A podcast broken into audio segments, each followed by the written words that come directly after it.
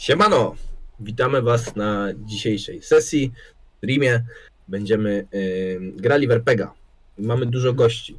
Ale chyba wszyscy. A nie, e, nie, nie, wszyscy chyba grali już u nas. Czy Denoi jest u nas pierwszy? gdzie nie. tam? y, No właśnie. Ja już nie byłem pewien, bo ja wiedziałem, że my razem graliśmy, ale czy u nas? W każdym razie. Ja jak zwykle. E, no to jak już zacząłem, to jest z nami mm, Denoi. Cześć I jest z nami Goślarz. Ja. Dzicy magicy z piwnicy. I jest z nami Nomiko. Siemaneczko. I Chochlik jest z nami z Carnival Team. Ejho. I Maciek, którego nie mogę nigdy wygonić, zawsze jest ze mną. Sorry, chyba cześć. Przepraszam.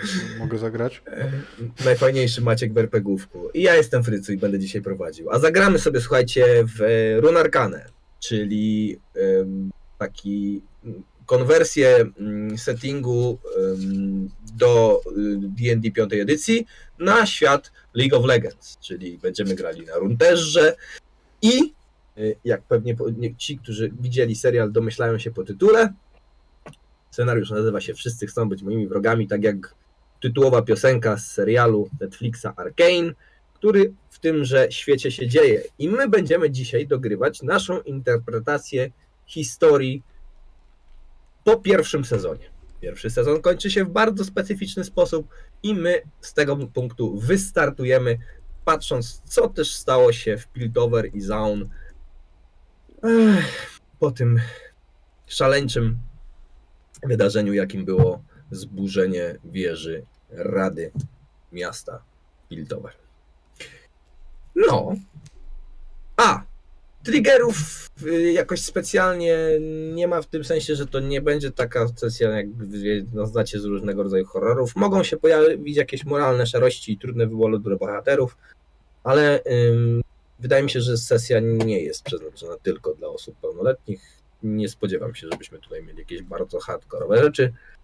Mm, Mogą się pojawić kwestie związane z uzależnieniami, mogą się pojawić jakieś brutalne opisy, ale to raczej najwięcej, co tutaj się będzie strasznego działo. Czy ja o czymś zapomniałem? O muzyce. Oczywiście, że o muzyce.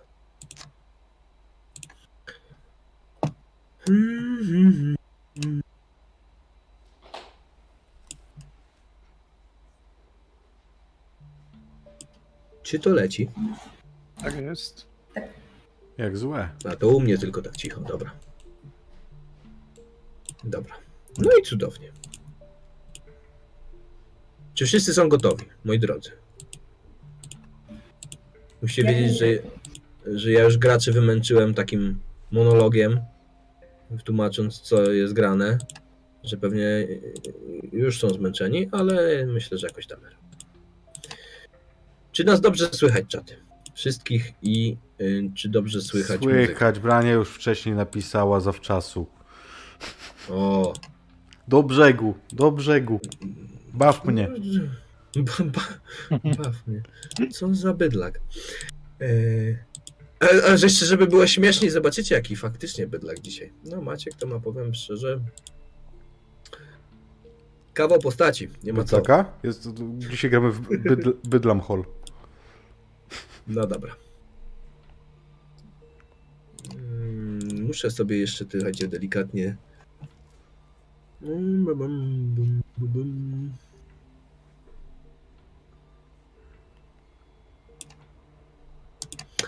No to lećmy w takim wypadku z tym tematem.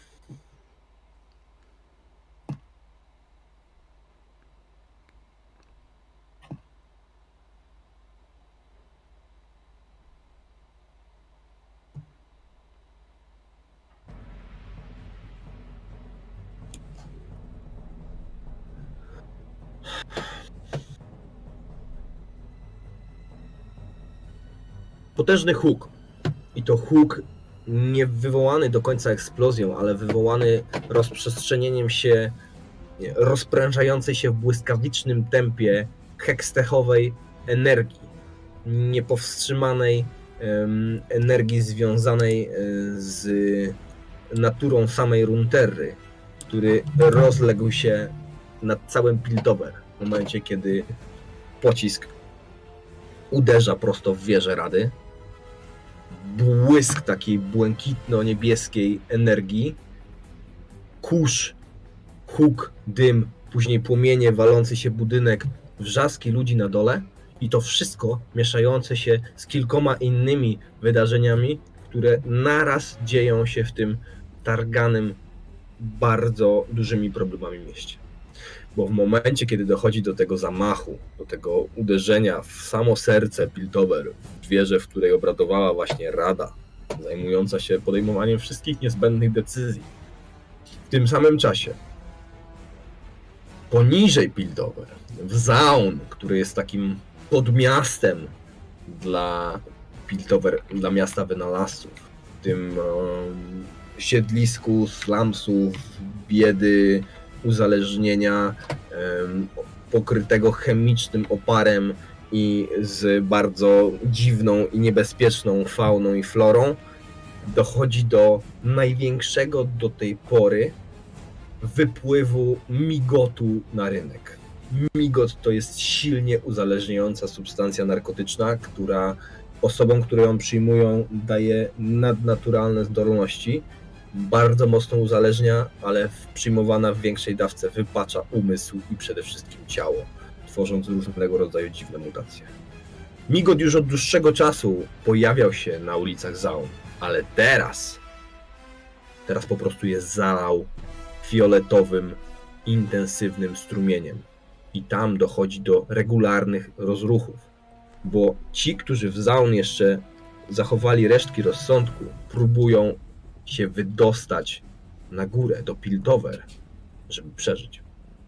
A na to wszystko pojawia się noksjańska armia. Imperium Noxus na początku przysyła tylko mm, ambasadora, można tak powiedzieć, w postaci em, matki Melmedardy, która jest jedną z radnych. Niestety nie wiadomo, czy przetrwała wybuch. Natomiast jej matka Ambessa pojawia się kilka dni wcześniej jako przedstawiciel Imperium Noxus. I tego samego dnia, w którym dochodzi do zamachu, wokół Piltover pojawiają się noksjańskie sztandary i jednostki wojskowe blokują miasto. Komunikat, jaki dociera do y, mieszkańców Piltover, to wsparcie od sąsiada Noxusu w tym trudnym momencie kryzysu. Jednostki pojawiają się, aby zapewnić stabilizację dla miasta. A Ambessa Medarda zaczyna wywierać nacisk na to, co zostało ze strzępów administracji Piltover, by poddali, by te poddały się woli Noxus. W takiej sytuacji zastajemy naszych bohaterów. I zaczniemy sobie od ekipy, która jest w Zaun.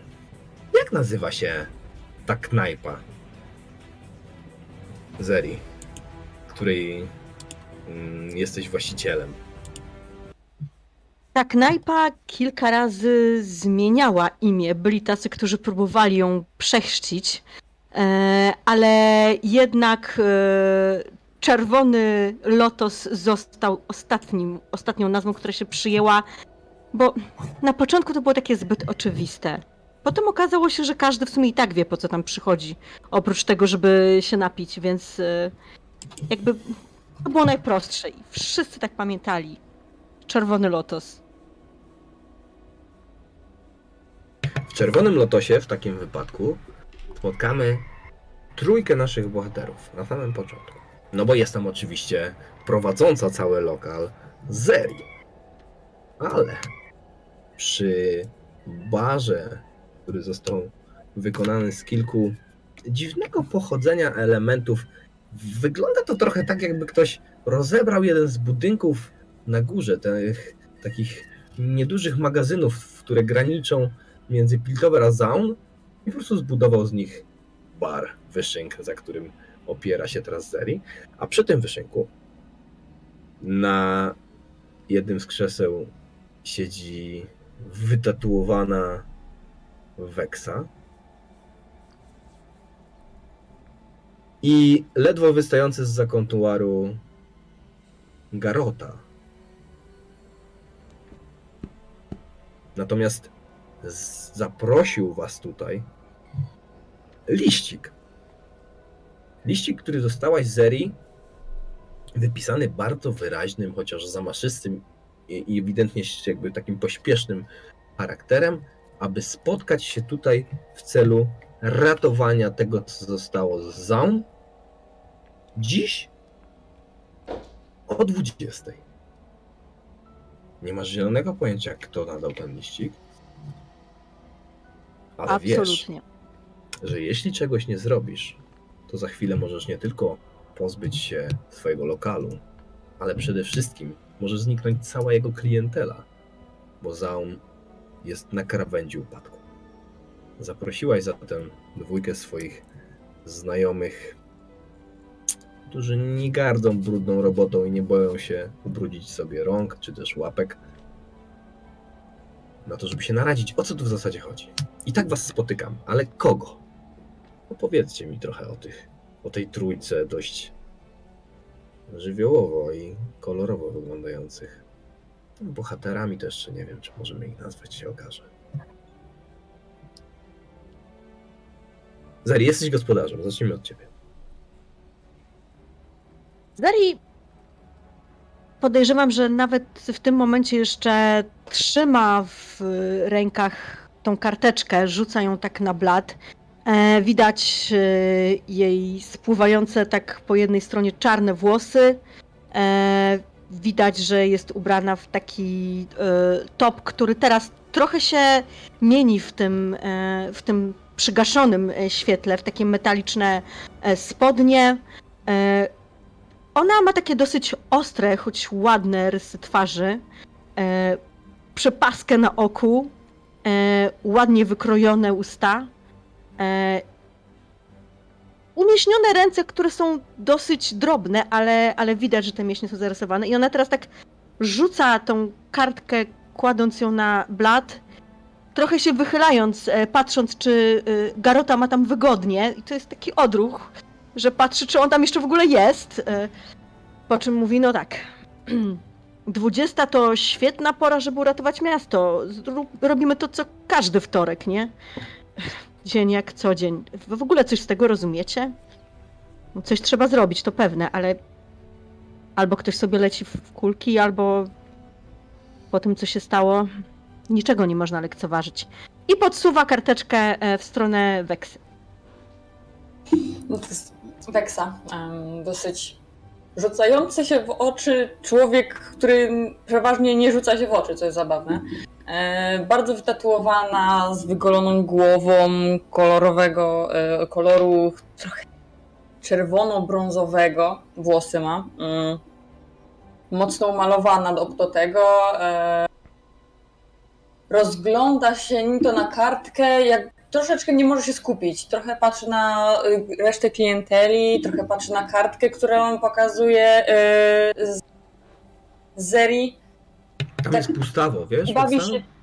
Niewielu ludzi jest. A nikogo nie ma? Czy tylko my jesteśmy? Nie, jest pustawo. No, może dwóch, trzech jakichś. Okej.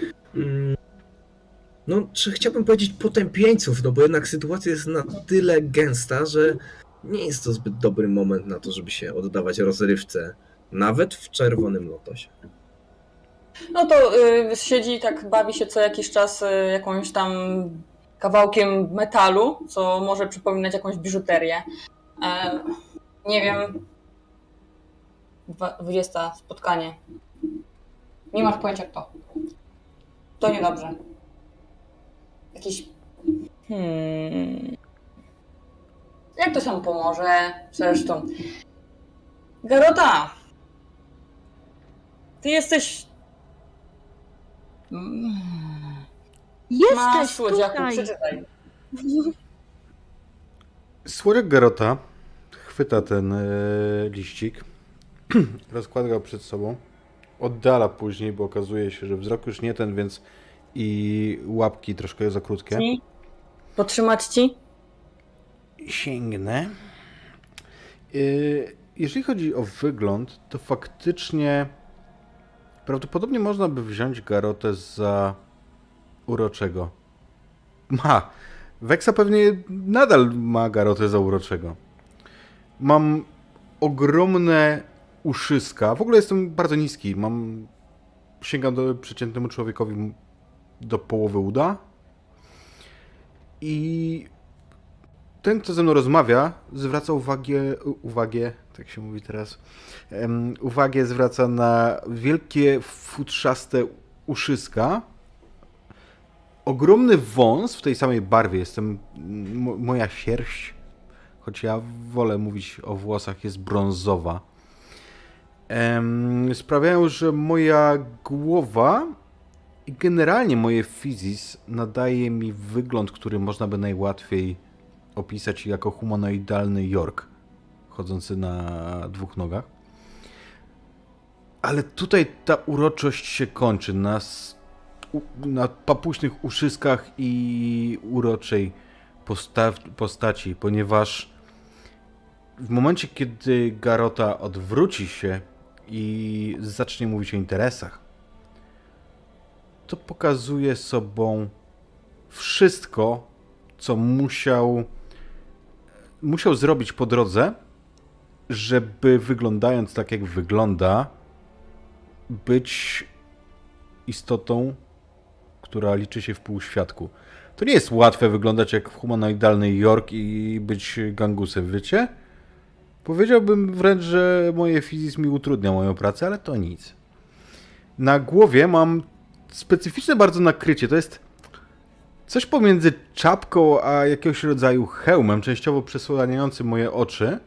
E, to jest czarna półsfera, nazwijmy to, która ma tylko wycięcia na moje uszy. Mm, czarna, powiedziałem. I na czubku swoim ma coś, co jest stylizowane na ląd, więc to nakrycie głowy sprawia, że moja głowa wygląda jak bomba z uszami, kiedy je noszę. Jest bardzo istotnym to, że nigdy nie widziałyście, żeby Garota to zdejmował z głowy. I wiecie o tym, że wszystkie Jordle mają hopla na, na punkcie tego, żeby mieć coś zawsze na głowie. Nie wiadomo dlaczego, ale tak jest. Czyli Weksa pewnie sądzi, że on po prostu tam nie ma głowy, tylko że jest to czapka i uszy i więcej. Na pewno to nie jest kwestia zakuli. E, natomiast e, przyglądam się teraz e, tej tej, temu liścikowi. No, może to wałek, a może nie wałek, ale jedno wiem na pewno, że nie ma załon, to nie ma ludzi, nie ma ludzi, to nie ma biznesików. A nie ma biznesików, to nie będzie pieniążków, nie będą krążyć te nasze pieniążki, w związku z czym jak najbardziej wszystkie, łap, wszystkie ręce na pokład. No lepiej bym tego nie ujęła. Yy, zero.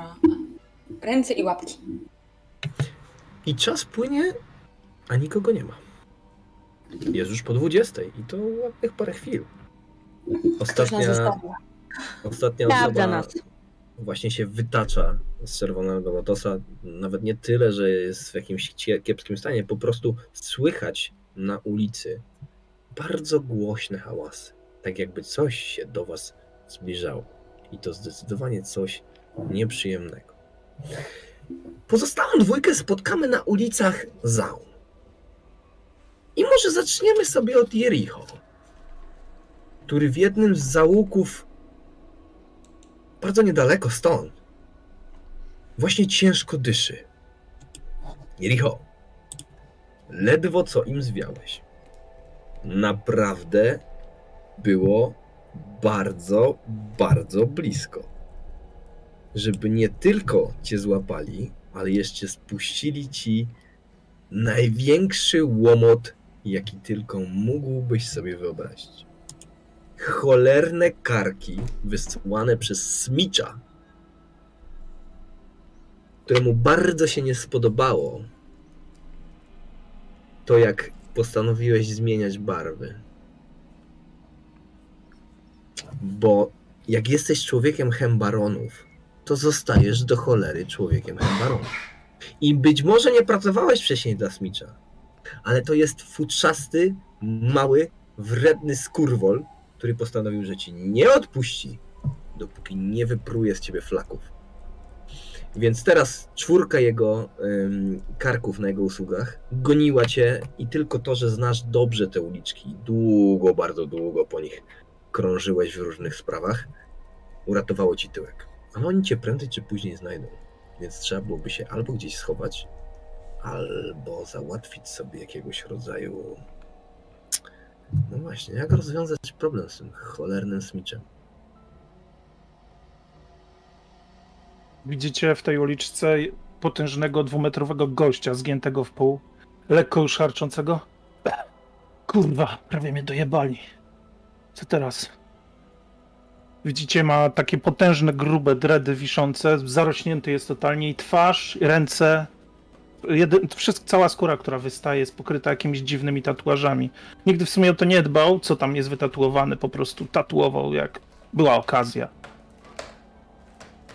Gdzie ja teraz kurwa mam iść? Rozglądam się, widzę coś. Coś się tu co? dzieje? Tak, dzieje się. Widzisz, jak na jednym z. Może opiszmy sobie jeszcze troszeczkę szerzej, jak to wygląda, żebyście też złapali klimat tego zaun. Po ulicy posuwa się taki zielonkawo-gęstawy dymek. Cholera wie, czy to jakieś chemikalia, czy wyziewy i od czego to się zabarwiło. Ważne, że większość z mieszkańców doskonale się już nauczyła, że tego nie należy wdychać i najlepiej trzymać się z daleka. Jak się trzymać z daleka, jak unosi się to wszędzie w powietrzu, tego jeszcze nikt y, mieszkańcom Zaun nie wyjaśnił. Niemniej, przechylające się do siebie budynki, zwykle budowane bez żadnego ładu i składu, y, także górne piętra niebezpiecznie wychylają się ponad przejścia. Zrobione tak, jakby ktoś w połowie drogi się rozmyślił i postanowił, że zrealizuje teraz inny projekt architektoniczny kradzionej blachy, kawałków kamienia, różnego rodzaju metalowych sporników, obsypane najbardziej świecącymi i jarzącymi się neonami, tak żeby ściągnąć jakiegoś rodzaju klienta, ściągnąć uwagę i spróbować przeżyć kolejny marny dzień. Neonów jest tu mnóstwo i to dzięki nim w zasadzie zaun nawet w nocy jest wciąż oświetlone tęczowym blaskiem mnóstwa kolorów. I teraz wśród tego y, unoszącego się zielankowego dymu i oświetleniu blaskiem neonów, widzisz jak na plac, który, z którego ty jakby skręciłeś w tą uliczkę, wysypuje się bardzo duża grupa ludzi. A w zasadzie to dwie. Jedna z nich się cofa, a druga wygląda tak, jakby na nią napierała, jakby ścigała. Rozruba jest nieunikniona. Dobra, kolejna rozluba mi nie jest potrzebna. Chyba, że widzę, że jestem w stanie się jakoś wmieszać i zmienić w ogóle lokalizację. To jest tutaj, możliwe. Żeby zgubić ich, e, To jest możliwe, słuchaj, zgubili. bo nie widzisz tutaj jakby na razie przynajmniej. Bo, albo e, jeszcze mam jeden pomysł. Ja pewnie znam tutaj te rejony, wiem, gdzie są jakieś pustostany i kojarzę, że niedawno mi się obało o uszy może, że moja dawna znajoma jakaś z dzieciństwa, dawno się nie widzieliśmy, to jest też trochę absurdalna sytuacja, może spróbuję do, ją odnaleźć w jej lokalu. Albo po prostu ich będę gubił. Mówisz o Lotosie? Tak. Ta znajoma to przypadkiem nie jest Zeri? Ta piękność, ale to- która tak za ladą... kup- Kupę lat się nie widzieliśmy, więc nie wiem, czy, czy jest w stanie mi w ogóle coś pomóc.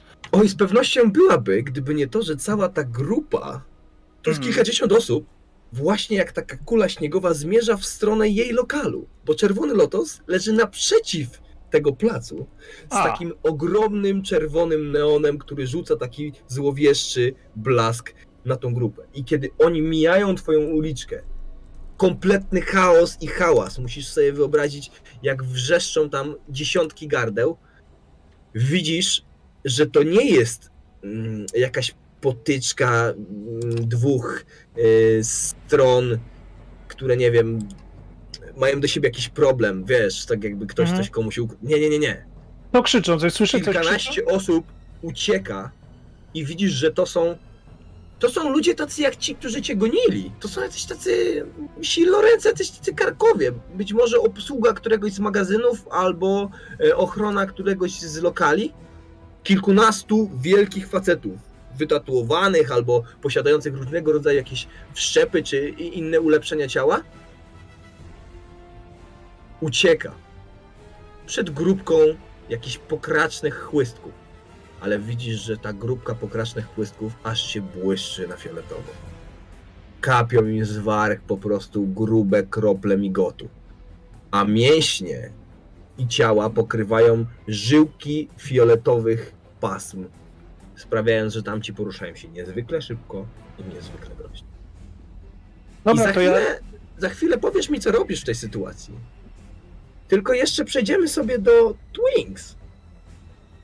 Bo tak się akurat niefortunnie zdarza, Twinks, że cała ta awantura to twoja sprawka. Zdarza się, prawda? Każdemu, Jak nawet zawsze. najlepszym. Testy Zawsze. tego jednego urządzenia nie poszły do końca najlepiej. Dogadałaś się z jednym z pomniejszych takich wataszków, który em, zajmuje się dystrybucją różnego rodzaju środków, już nie wnikając w to jakich, że załatwisz mu coś, co pozwoli w szybki sposób sortować paczki. I wszystko byłoby w porządku. Gdyby nie to, że przez twoje urządzenie, które było mniej więcej wielkości małej piłki do gry i rozkładało się w taki sposób, żeby te paczki można było na nie wrzucać i one je rozrzucało po okolicy. To genialny pomysł, jeszcze napędzany jakimś okruchem hextekowego kryształu. Fantastyczny, jakby byłaś przekonana, że to zadziała. No tylko, że jednego nie wziąłeś pod uwagę. Że to urządzenie w którymś momencie musi się zatrzymać. A ono tego nie zrobiło. Więc paczka za paczką, paczka za paczką, paczka za paczką, paczka za paczką naładowało tak dużą górę towaru, że on w pewnym momencie się zaczął przewracać. I wszystko byłoby ok, gdyby to były jakieś legalne dobra. I były, bo nie, nie współpracowałabyś przecież z kimś, kto handluje lewym towarem, gdybyś wiedziała, że pod spodem jest ukryta kontrabanda, a w niej nieduże fiolki z fioletowym płynem, który wylał się na pracowników tego magazynu. I te kilka, kilka, kilkadziesiąt osób teraz w krwiożerczym szale goni obsługę, czyli karków tego wataszki, z którym współpracowałaś i ciebie w środku. Nie do końca jakby biegnąc bezpośrednio za tobą, ale na razie nie udało ci się wyrwać z tego tłumu. Tyle tylko, że udało ci się przeżyć. Wytaczacie się na plac. Jest trochę więcej przestrzeni. Jak wygląda ta osoba, która w tej chwili jest otoczona przez dwie skrajne, zderzające się ze sobą siły? Ten genialny, e, genialna w zasadzie wynalazczyni. Jeżeli znacie taką sławną scenę, jak mały Simba ucieka w e, takim szale gnanych, to to mniej więcej tak wygląda. Obijając się od jednego do drugiego, krążąc gdzieś e, na klęczkach między, między nogami, malutkie, niemalże wyglądające jak dziecko, istota, kuderlak z torbą przewieszoną z jakimś złomem i prawdopodobnie jeszcze jedną może małą zarąbaną fiolką, którą trzeba jakoś zbadać. Przeciska się między tymi ludźmi, próbując tak naprawdę wykorzystać jakąkolwiek sytuację, żeby odbiec w bok, ale z drugiej strony, za każdym razem, kiedy tylko udaje jej się odbić za kimś, to albo dostaje z ramienia, a nie ma tyle siły, żeby się przebić, albo aktualnie wypada. Wygląda, że z tej strony biegnie ten fioletowy, więc postanawia jednak wmieszać się w tłum. I wygląda to jak taki przelot z jednej do drugiej strony. W pewnym momencie, ryzykując y, skopanie albo staranowanie, rzuca się pomiędzy nogami jednego z wyższych osiłków, mając nadzieję, że nie połamie jej nóg, jeżeli nie zdąży się przetublać pomiędzy nimi. Słuchaj, oni nie skupiają się w ogóle na tobie, tylko raczej na ratowaniu własnej skóry. Więc ten rzut, on nie będziemy rzucać, on ci się udaje. Tylko to się kończy tym, że ty żnurkujesz mu takim długim susem pomiędzy nogami, przelatujesz, bo on jest dosyć wysoki, bez większego problemu, przetaczasz się i już z zadowoleniem masz wstać, gdyby nie to, że nagle opierasz się o ścianę. Nie. Bo ten plac się nagle skończył. Przez te kilka chwil zaczęliście przebiec od jednej strony na drugą i teraz widzisz, jak te karki pochłaniane są przez tą, y, przez ten wściekły, y, wściekły tłum tych ludzi, którzy nie myślą w tej chwili absolutnie logicznie, są w takiej, no, po takiej dawce migotu, że zostało tylko szaleństwo w ich oczach i potężna siła w ich ciałach. Oni się jak taki y, y, ludzki pył rozsypują po prostu gdzieś przed tobą. Uciekając na prawo i lewo, widzisz, że jeden z nich złapany wlatuje właśnie przez okno lokalu. Siedząca trójka widzi, jak szyba się rozpryskuje i jakiś wielki facet ładuje się do środka, znaczy ładuje, wlatuje do środka, rozbijając jeden ze stołów, a tam na zewnątrz jest po prostu iste pandemonium. Myślicie, I to on? zatrzymamy się w takim momencie, momencik, zaraz do was przejdziemy, zatrzymamy się w takiej chwili, w której ty siedzisz teraz e, oparta tak, w takim przykucu o ścianę plecami tego lokalu. Nad twoją głową zieje dziura, przez którą właśnie przeleciał facet. Przed tobą fioletowy, wściekły tłum, który z jakiegoś powodu zatrzymał się na chwilkę. Może po prostu w tej chwili właśnie odwdzięcza się tym e, oprawcom za to, co się wcześniej działo. Za rogu wygląda Jericho, a wasza trójka ze środka widzi tłum uzależnionych i ewidentnie naładowanych po prostu po sam brzeg migotem ludzi. Ludzi to już jest trochę nieprecyzyjne określenie w tym momencie.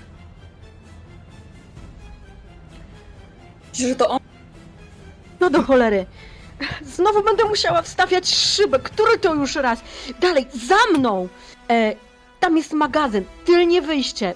Ich jest za dużo. Nie, nie mamy nawet czego próbować. Szybko! A ja... Ja jak- już mam opracowany ten system, więc jakby ja po prostu wyskakuję, e, nawet przeskakuję przez ladę i wołam ich ze sobą.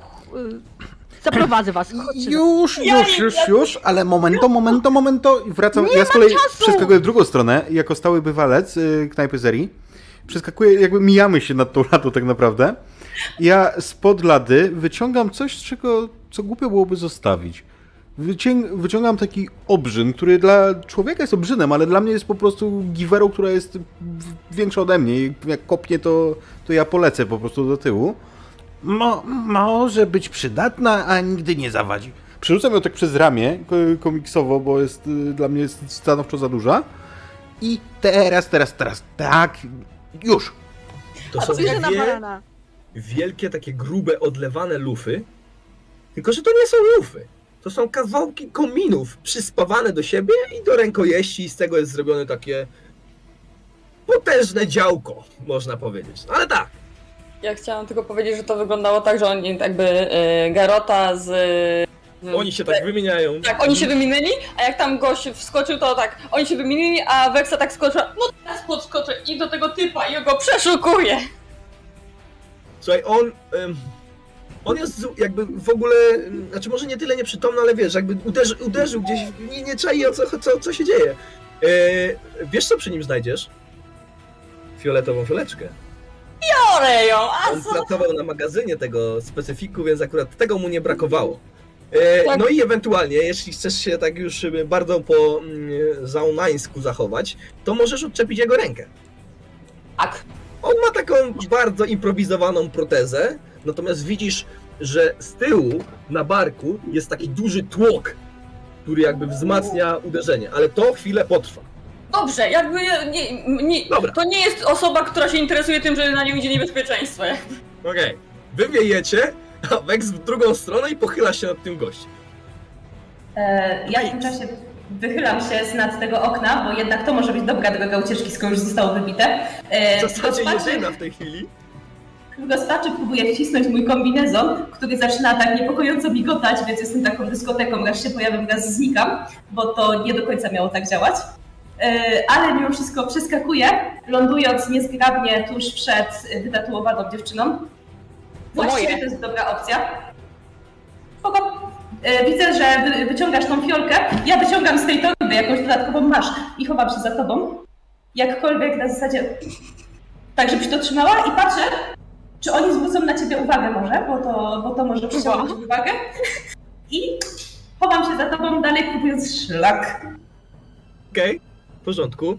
Kupuję to. Jakby przejście przez to okno nie jest, nie jest trudne, dlatego że z jakiegoś powodu ten tłum się zatrzymał tam na chwilę.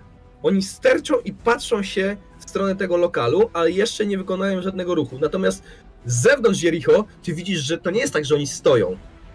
Tam się kotłuje w środku, bo tych typów wciągnięto po prostu do środka. Co się z nimi Aha. teraz dzieje, to pewnie żaden z was nie chce wiedzieć. Ale powiedz mi, co ty robisz, bo ty widzisz, że w lokalu Mhm. przez wybitą szybę ktoś jest.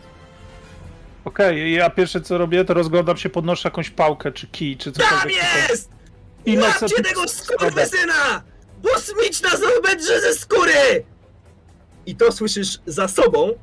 W momencie, Okej. kiedy ty wyglądasz za rogu, to widzisz jak nad płotem, który tam był taki z takich desek, improwizowany płot, zasłona, która miała rozdzielić uliczkę na dwie części, wystaje łeb i ktoś wskazuje na ciebie ręką. Jestem w stanie go Morda, szybko zakapiora, wielkie kartoflaste uszy. tym kijem, co mam? Jeszcze, czy po prostu jest za daleko? Jakbyś coś rzucił w jego stronę, to jest szansa. Dobra, nie, no to po prostu spierdalam. Wypadam za tego rogu i próbuję nie wpaść tych, co tam załatwiałem ich w środku na tym placyku i próbuję ich wyminąć. Jak trzeba, to kogoś zdzielę, ale nie wbijam się w największą, że tak Oni- powiem, bitkę. oni cię zignorują. I ty to widzisz, Okej, że cię ignorują, okej. dlatego że oni jakby. To, jest, to się. Musisz sobie wyobrazić. Kilkadziesiąt Mhm. osób, powiedzmy 20-30, tak? Mhm. Stojących w takim y, nieregularnym okręgu, ale takim, który jakby w ogóle nie. On pracuje jakby bijące serce. Mhm. Porusza się, ale w obrębie jakiejś sfery, tak jakby oni byli zakodowani Okej, do tego, żeby okej. nie wychodzić poza pewien obręb. On, nie wybiega nikt specjalnie. To jest Mhm. aż niesamowite, że oni się zachowują jak takie stado robali. Okej, no już mogłem coś jeśli podobnego widzieć gdzieś. To Wejść do Czerwonego Lotosa, mhm. to możliwe. Bocznym Tak. wejściem, ale jest możliwe. Dokładnie, chcę, jak jeżeli zasłaniałem to wejście, bo widziałem tam kogo, y, kogoś jak wpadł przez to okno i widzę, że tam się ktoś rusza. Jeżeli tam nie jestem w stanie, no to bocznym wchodzę w uliczkę jakąś i zaczynam szukać jakiegoś bocznego wejścia. Tłukę o te drzwi, nie wiem, może coś jest otwarte. Dobra. I poprosimy cię o pierwszy rzut. i To będzie e, atletyka. Czyli e, em, to jest. No tam z karty po prostu rzucasz e, atletykę. Athletics check chyba. 18. 18 to jest wspaniały wynik, więc na, e, e, bez żadnego problemu. Albo masz proficiency, więc rzucasz od razu z advantage'em. Wszystko jest ok. Mhm. Słuchaj, to nie tylko uda ci się przebiec, ale też jednym takim szybkim ruchu uderzasz w te drzwi, one się okazują otwarte, wpadasz do środka. Mhm. I to jest taka sytuacja, w której mm, ty, Zeri, właśnie miałaś się do tych drzwi, u... znaczy inaczej, nie do tych, bo drzwi są w ten sposób. Te są na zewnątrz, a te są na zaplecze. I ty stałaś pomiędzy nimi. Te drzwi nagle uderzają obok ciebie z hukiem i wpada jakiś facet. Co do cholery? Y, Ja ją poznaję, bo tak zakładam, że ja ją mogę poznawać, bo ja może nie, no, obserwować. y, na pierwszy rzut oka, tak? No, bo, Mhm. Nawet jeśli wy się dłuższy czas nie widzieliście, to Mhm. Zeri jest jedną z najbardziej rozpoznawalnych postaci w tej części Zaun, więc bez problemu. Aha. Grzeczniej tutaj dla gospodyni, ty, ty, ty kutafonie, co ty tu robisz? Co myślisz, że możesz tak wpadać i... I wiesz, jakby czujesz, jak coś cię poniżej kolana naparza, nie? E, e, Powiedz- e, Garota, Garota, spokojnie. Je- Jericho, to naprawdę ty? Dobra, sobie- moment, bo, to, bo, bo na ten dialog to nie za bardzo jest czas, To więc ja bym jeszcze chciał się zapytać, co, y, co robi Wexa, bo Wexa y, rozmontowuje tą rękę. Oczywiście, że tak! Odkręcam rękę! Dobra, posłuchaj. Kiedy ty odkręcasz tą rękę, jakby to jest improwizowana rzecz i to ma swoje wady i zalety. Nie jest trudno to oderwać, ale też nie ma tu żadnego jakiegoś sensownego systemu odłączenia, tylko po prostu trzeba to... Więc szarpiesz się z tą ręką, obserwujesz to Twinks, ale być może nawet będziesz trochę zainteresowana, bo to jest naprawdę ciekawe zrobione, jak, jak to, to musi działać, ten tłok wzmacniający. Ale zauważasz, że kiedy ta mm, dziewczyna, kobieta, z którą, za którą ty się schowałaś, mocuje się z tą ręką, w ogóle nie zwracają uwagi na zagrożenie, to przez tą szybę, przez którą ty przed chwilą wsuwa się łeb. łeb jakiejś osoby.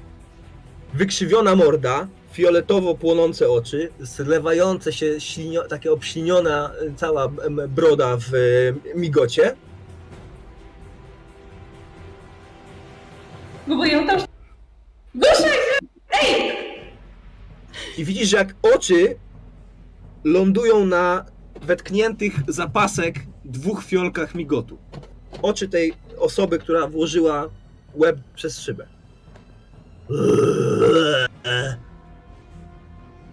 Więcej!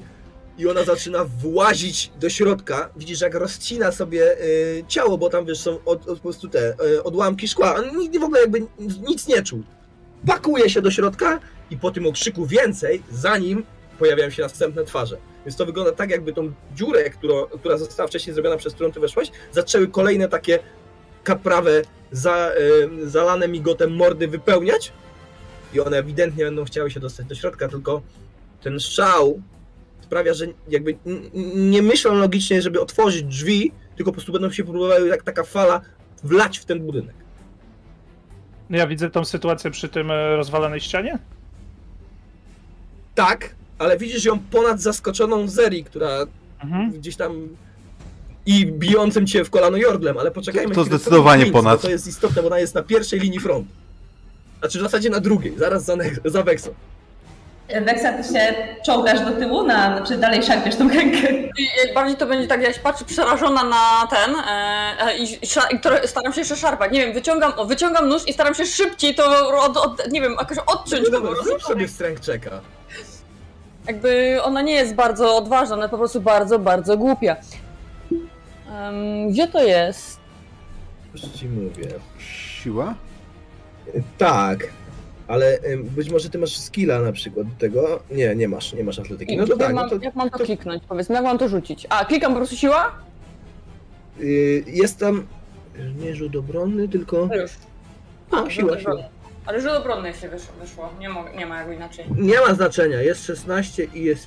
Znaczy, no, to, to z adwenty z tym. Nie wiem. W rolu.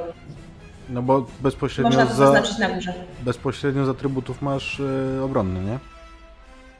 Dobra, jest 16, to mi wystarczy. Urywasz tą rękę, słychać taki metaliczny zgrzyt, taki klank i ona się po prostu u, u, odrywa, więc to, jest, to wygląda tak, Twinks, jeszcze raz z twojej perspektywy, jak ta baba wytatuowana ciągnie za tą rękę, szarpie, szarpie i w pewnym momencie ona puszcza i ona, wiesz, jakby ląduje na tyłku, pu- puszczona przez siłę grawitacji z, tą- z tą ręką, która tak wystaje jak taka gałąź.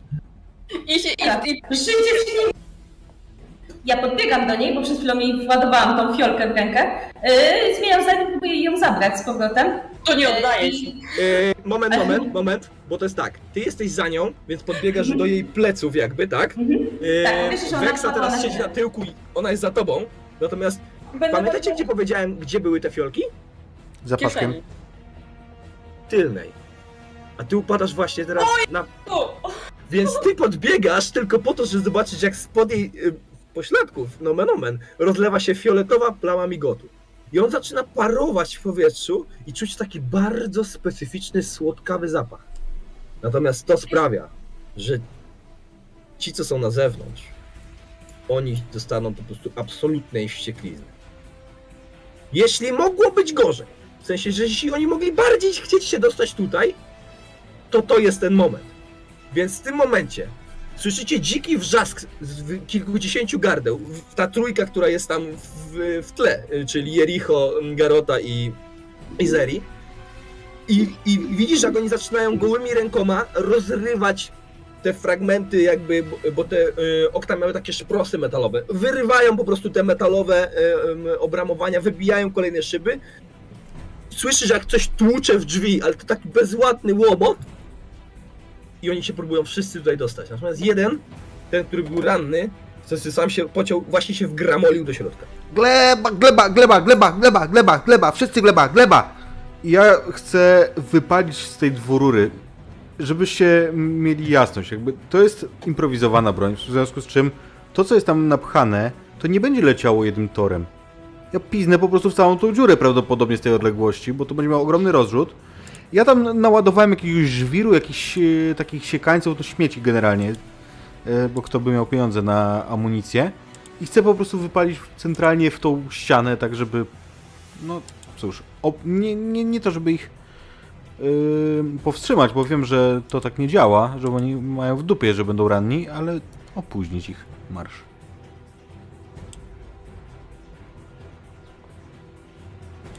Przykrywam Dobra, ja ci dodałem ci atak, powinieneś być w stanie im rzucić teraz. Yy... Aha. Czej, czej, czej, czej, czej, czej. A gdzie?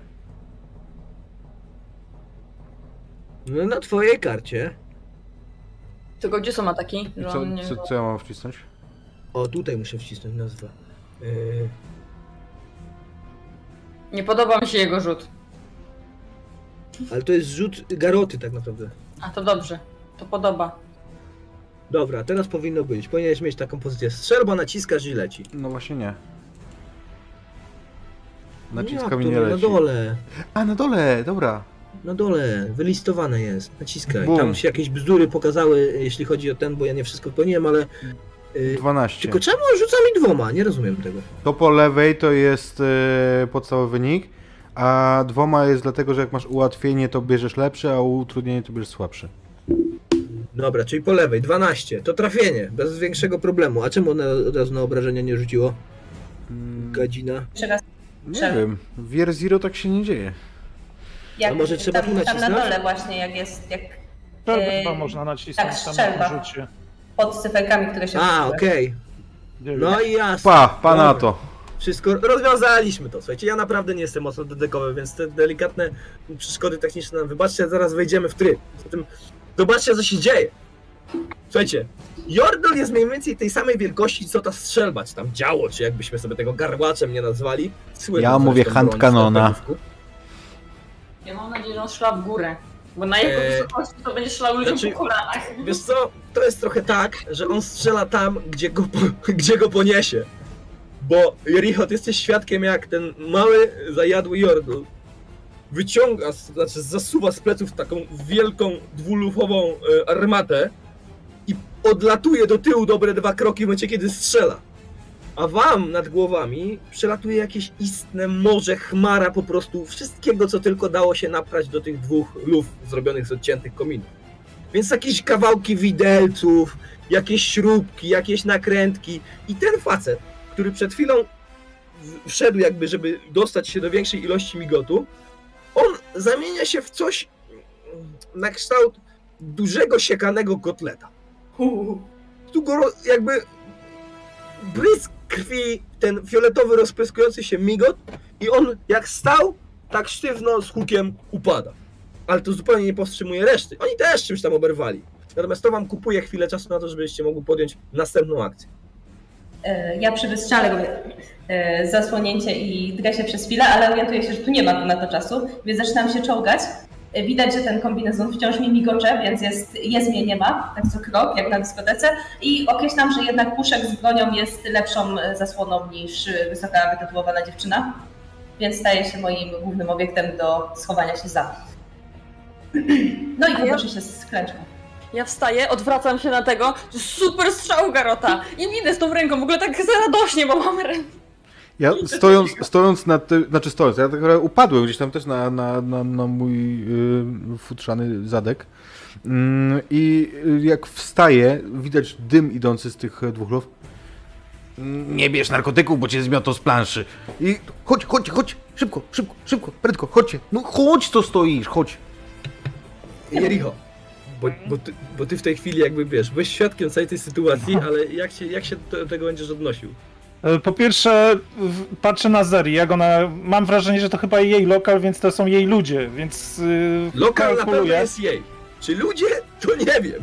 Oprócz nich nie widzę nikogo, a Zeri pr- przypuszczam patrzy na nich, co się dzieje, nie? Ten e, psiak też p- strzelał do kogoś, żeby bronić kogoś tam.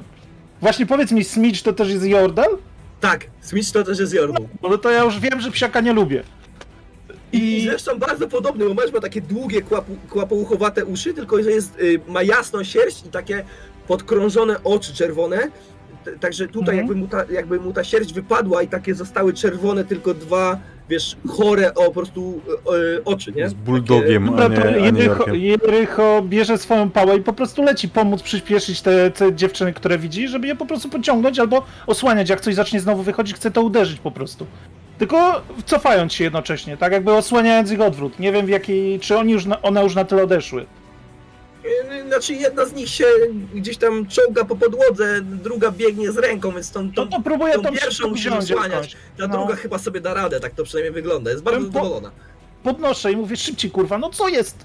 Musimy spierdalać, szybko! Zeri, Tak, ja zobaczyłam, e, że on próbuje pomóc tamtym, więc przepycham się trochę przodem e, i poklepując tak Garotę, to, to było naprawdę świetne. Ch- Chodu Mhm. tamtędy. E, I ja już nie staram się zatrzymać, oglądam się tylko przez ramię, patrząc, czy rzeczywiście nikt nie zostanie mocno w tyle, bo to jest moje miejsce. Rozwalone w drobny mak czy nie, ale ja tutaj nikogo nie zostawię, więc jakby wiesz co, nie. W momencie, kiedy Jericho się zaangażował i pomógł tej, tej e, dziewczynie, która z- wlazła przez okno, jakkolwiek nie byłaby to popieszona sytuacja, to nie. Nie ma, nie ma jakby, nikt, nikt już nie zostanie. Ale wy biegniecie na zaplecze czy na zewnątrz? ja prowadzę ich e, na... Bo, bo zapleczem jesteś w stanie jeszcze dalej gdzieś tam przejść No to na bardziej. zaplecze, na zaplecze, tak, tak. Dobra, słuchajcie. Zeri was prowadzi. Zeri, ty otwierasz drzwi i zbiegasz po schodach w dół, bo y, y, to zaplecze jakby ma dodatkowy jeszcze poziom.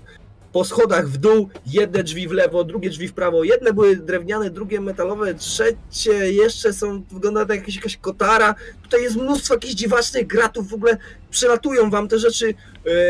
Obok głowy są jakieś zbiorniki, ym, jest jakiś taki wielki płaszcz. y, co, co to za jakaś graciarnia? To jedno, to ledwo się da przycisnąć w niektórych miejscach. Natomiast w pewnym momencie wypadasz Zeri do ostatniego pokoju i wiesz, że z niego masz ukryty włas, który wychodzi kawałek dalej y, w ogóle ym, pod, pod, pod jednym z y, po- podwórzy na tyłach y, budynku obok.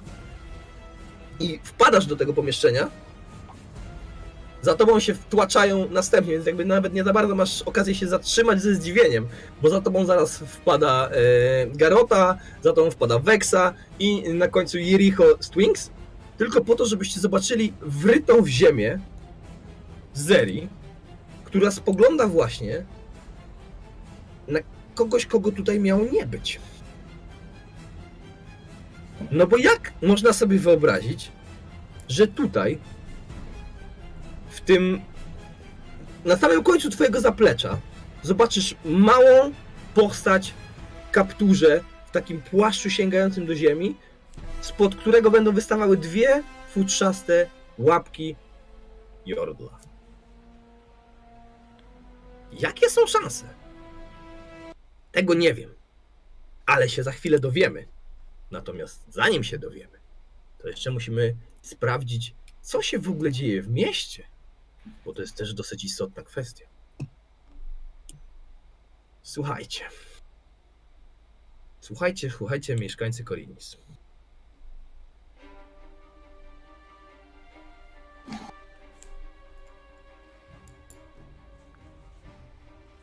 Jest sznur ludzi. Wygląda to jak jakiś pokraczny festiwal albo jakiś, nie wiem, marsz czy coś w tym stylu. Ci ludzie spływają z różnych stron zaułków, tych pomiędzy tymi neonami pokryty, zaułków pokrytych tym, tym zielonkawym dymem albo jakimś innym pyłem.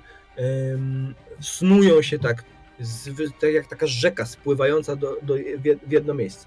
I idą całymi dziesiątkami, a może i setkami, kierują się w jedną stronę, tak jakby wiedzeni jakimś wspólnym zmysłem, albo e, jakby szli do jakiegoś ściągającego ich światła. Wszyscy poruszają się powoli, w taki bezmyślny, dziwaczny sposób.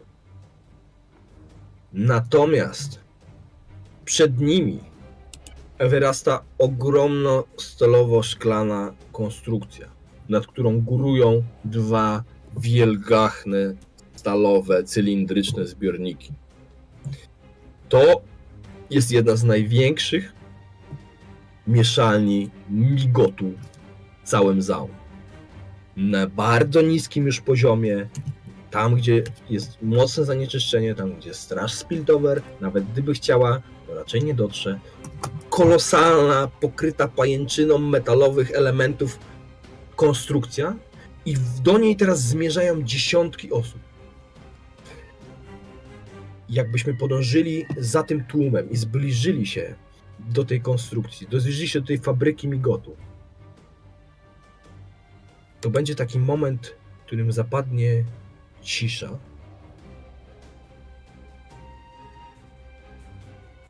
Przez chwilę nic się nie będzie działo. Ci ludzie będą dochodzili do ściany i zatrzymywali się póki co bardzo, bardzo bezmyślnie.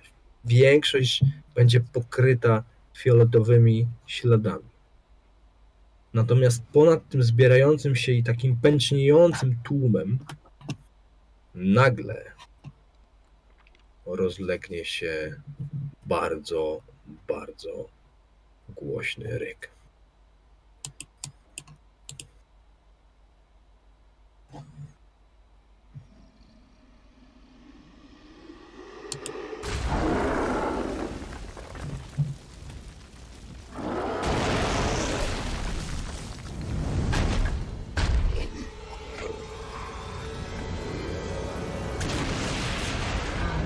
Sufit nagle się zawali, sprawiając, że w tysiącach, setkach tysięcy odłamków szkła odbije się fioletowy blask migotu, kiedy ten szklany sufit będzie się zawalał i zapadał, a ten ryk wydostanie się z środka fabryki i rozejdzie się po calusieńkiej okolicy. To jest taka krótka wrzutka tego, co dzieje się w zamku. Natomiast na górze, na górze w Piltover zbiera się rada. Tymczasowa e, rada Piltover. Złożona z kilku mniej lub bardziej przypadkowych osób.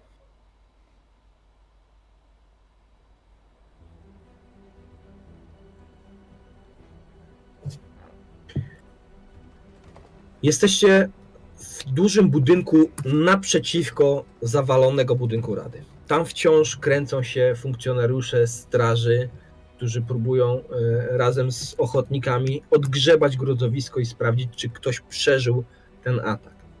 Ten niewyobrażalny zamach na strukturę waszego wspaniałego miasta, przede wszystkim na jego rdzeń, jaki stanowiła Rada, podejmująca wszystkie najważniejsze decyzje. W momencie, kiedy chorągwie Noxusu, Noxusu pojawiły się za murami Piltover, zapadła decyzja. Natychmiast musi powstać jakieś inne ciało, które będzie w stanie zarządzić tym, co się dzieje w mieście, bo jesteśmy na krawędzi kryzysu. Mało tego, Ambessa Medarda ciągle jest w mieście i wysyła posłańca za posłańcem propozycją rozwiązania tej sytuacji przez siły Noxusu. I teraz zbieracie się wszyscy w jednej sali, nomen omen okrągłej, w starym gabinecie jednego z byłych radnych, profesora Heimerdingera, który był genialnym wynalazcą, Jordlem, który przez setki lat był jednym z członków Rady i stawiał fundamenty świetności całego Piltover. Potem usunięty z Rady zniknął. Nie wiadomo, co się z nim stało. Natomiast jego komnata jest na tyle duża, że można było ją zaadaptować na, na to tymczasowe posiedzenie. I jest tam siedem osób w tej chwili. Zacznijmy od waszej piątki. Ktoś wypadł? Już czwórki. Zaczekamy chwilkę na Nomiko. Rzekłbym, że robimy tutaj błyskawiczną selekcję. I musicie zauważyć, że słowo selekcja zawiera w sobie słowo elekcja, co nie jest bez znaczenia. No i już ją mamy z powrotem. Sali szczęśliwi, wracamy. No to w takim wypadku, skoro się tak bardzo, moja droga, wyrywasz, to zaczniemy od ciebie. Super, nie słyszałam co zupełnie o, o co, co mówiłeś zanim, e, jak powiedziałeś o tym ryku. Po ryku nie słyszałam nic, Hmm. ale To chwilkę. No to No, chwilkę ale- cię przycięło, tak, ale to nic się nie martw. Jesteśmy, Mhm. słuchaj, w sali zebrania Rady Tymczasowej. I kto tam w twoim imieniu wystąpi? Kto to jest?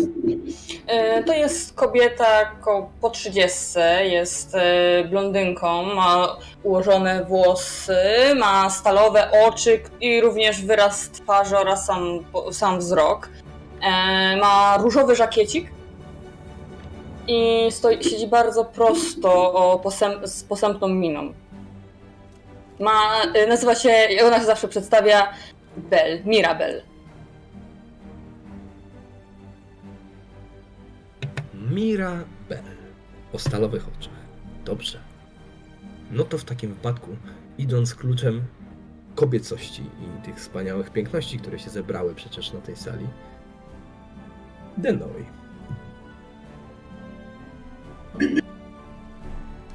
Już wyprostowana, ale nie w aż tak mm, sztywnej pozycji, siedzi kobieta, zdecydowanie starsza, już prawdopodobnie po pięćdziesiątce. Jej krótkie włosy, nieskazitelnie ułożone, są opuszczone siwizną. Widać, że strój, który ma na sobie, podkreśla zdecydowanie, że jest z lepszej klasy, a przynajmniej chce na taką wyglądać. Więc wszelkie ozdoby, biżuterie sprowadzane pokazują, że jest odpowiednią osobą w odpowiednim miejscu i że w końcu nadarzyła się okazja, by długo oczekiwane miejsce w Radzie mogło przypaść z jej udziałem. Więc nie, nie wygląda na zestresowaną, bardziej zadowoloną z sytuacji, o dziwo, mimo że nie jest ona najlepsza.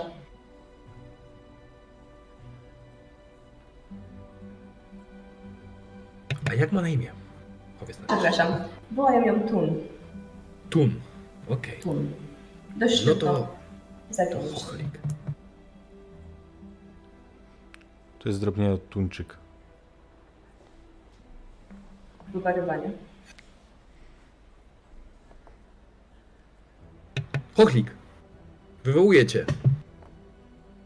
Edna Lor to kobieta chyba e, wiekiem zbliżona do Mirabeli, chociaż może nawet trochę młodsza, e, o ciemnej skórze, e, takich orzechowych oczach, kręconych brązowych włosach, które praktycznie każdy kręci się w inną stronę.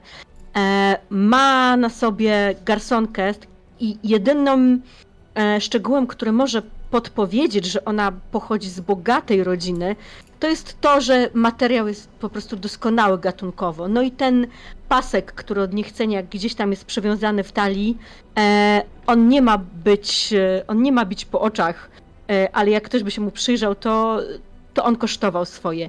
I ona, e, widać od razu ten, ten zadarty nos, e, nawet na tej ciemnej karnacji widoczne takie lekkie e, piegi, e, ona rozgląda się tak jakby nie czuła się tutaj na miejscu, rozgląda się trochę z e, takim przerażeniem, ale i e, taką pasją naukową w oczach. To jest, e, to jest młoda naukowczyni, która e, jest tutaj po to, żeby z tej sytuacji zaczerpnąć to, co się da, aby udowodnić, że nauka w połączeniu z magią może pomóc tym ludziom, czegokolwiek oni teraz potrzebują. I ona tak rozgląda się dosyć ciekawie po, po pozostałych.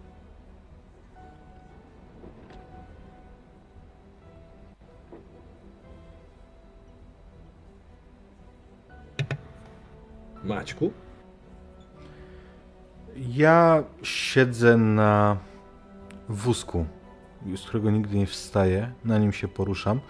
To jest y, wózek, który kompensuje mi utraconą zdolność chodzenia, ale jest w pełni funkcjonalny. Mało tego, y, on jest też samobieżny. Widzicie z tyłu y, napęd taki parowy, w związku z czym jak ja gdzieś chcę się szybko przemieścić, to słuchaj, to taki du- du- du- du- du- du- du- trochę jak ciągnik. Mężczyzna, który siedzi na tym wózku, jest chorobliwie otyły. Ja wypełniam sobą po prostu każdy fragment tego wózka. Jestem łysy i na swojej łysinie noszę coś, co jest jakimś rodzajem biżuterii. To są złote łańcuszki, które są w jakiś sposób przytwierdzone do mojej głowy, przylepione, które tworzą jakieś fantazyjne kształty na tej, na tej potężnej, e, okrągłej glacy. Ubrany jestem w nieco egzotyczną szatę, zwiewną, bo no, cóż, nie narzekam na to, żeby bywało mi za zimno. Na każdym z palców, które przypominają serdelki, mam sygnet lub pierścień, którymi bardzo często bawię się w trakcie rozmowy. Rozmowy prowadzonej dość zniewieściałym głosem i niespecjalnie pasującym do tak dużej osoby, ale ja nie tyle jestem wysoki, co, co właśnie rozlany. Eee, na imię mi Makario i jestem królem silników parowych w tym mieście. To znaczy handluję nimi. A imię? Makario. No to guślarz, dopełnij. Madeusz Sol, niski, ciemnoskóry mężczyzna, nie siedzi na krześle. Stoi obok niego, wyprostowany, rozgląda się, pa patrzy na was, taksuje was. Wy go kojarzycie, bo to jest jeden z bardziej znanych aktualnie kupców e, w, w Over. E, ma dość dobrą renomę, solidnego zarządcy i słownego człowieka. E, jego ubranie jest ciemne, czarne zwykle, z jakimiś drobnymi elementami złotymi, jakieś nici nie wygląda nawet za bardzo, żeby chciał siedzieć. On chyba będzie stał i patrzył z góry na was. On jest niski, więc to tak trochę dziwnie wygląda.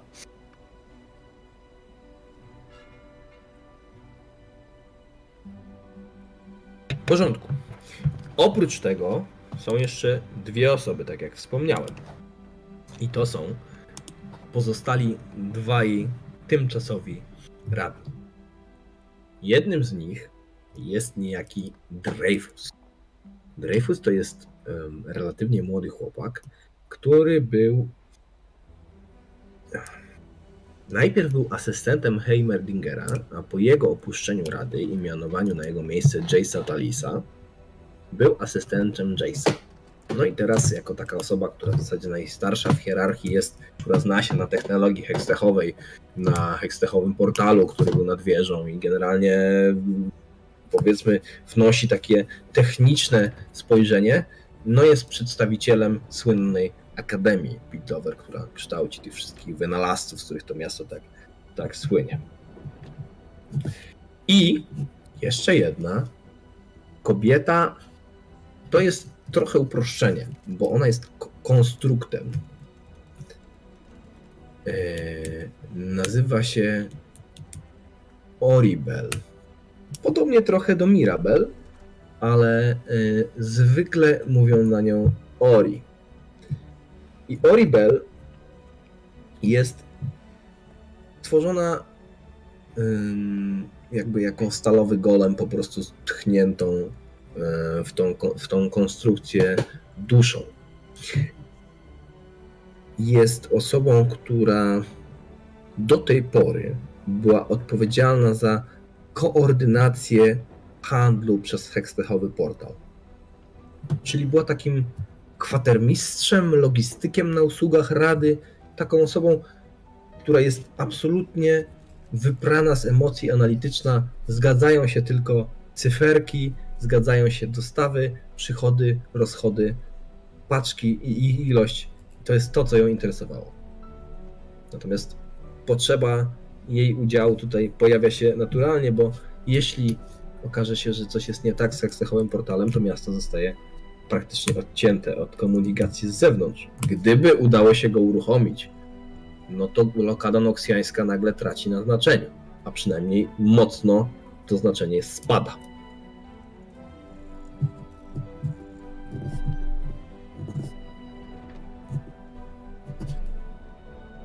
Debatujecie już krótką chwilę. Zostały podane jakieś napoje, może jakaś, jakiś nieduży poczęstunek. Natomiast nastroje są raczej ponure, trzeba przyznać, bo no cóż, dobiegają was bardzo, bardzo niepokojące wieści. To znaczy, yy, okazuje się, że w całej tej sytuacji, no cóż,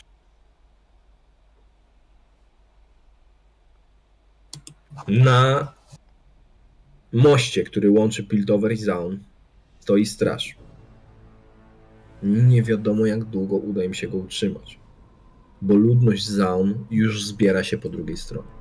A przynajmniej ci, którzy jeszcze nie oszaleli, bo dochodzą do Was takie doniesienia, że ilość migotu, który wylał się na ulicę, przekroczyła wszelkie normy i tam dochodzi do regularnych walk.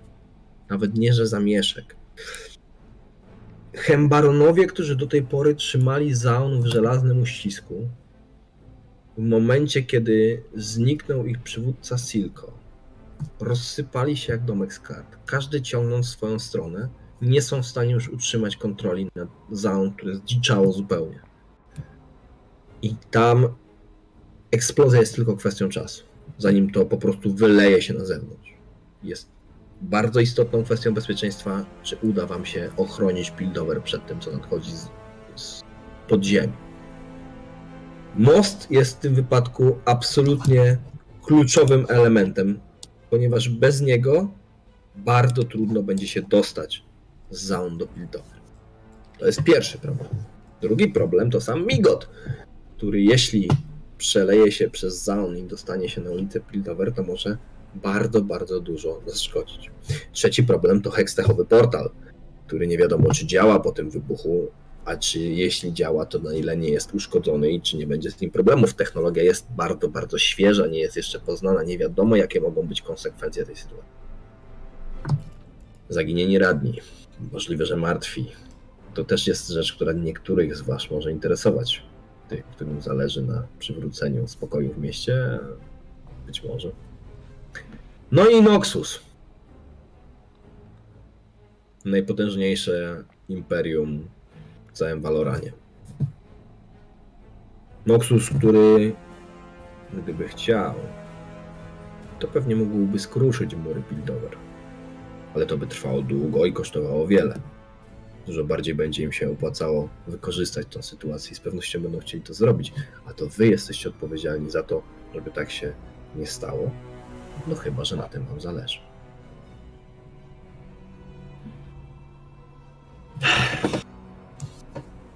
Posłuchajcie mnie teraz wszyscy bardzo uważnie. To, to nie jest zagrożenie. To jest dla nas szansa. Musicie to zrozumieć. Kostniała rada, która blokowała wszystkie nasze decyzje, wszystkie technologiczne rzeczy, które moglibyśmy uzyskać, nie istnieje. Jeśli teraz zgodzimy się wszyscy, że Nomiko musi wrócić, żebyśmy mogli kontynuować, to będziemy kontynuować jak tylko wróci. I czy nas słyszy? w Akademii pod kuratelą Jace'a powstał, powstały egzemplarze prototypowe broni napędzanej przez technologię hekstechową. Jeśli teraz ją wykorzystamy, to nie tylko będziemy mogli obronić się przed Noxusem, ale też uspokoić zamieszki w Zaun i raz na zawsze zaprowadzić tam porządek. To jest szansa, słuchajcie, to jest szansa! Dreyfus jest absolutnie przejęty. Dreyfus, Dreyfus, Dreyfus. Dreyfus. Dreyfus.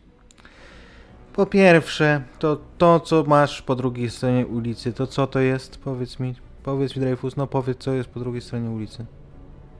No ruiny. A czego to jest wina? Hekstechu oczywiście.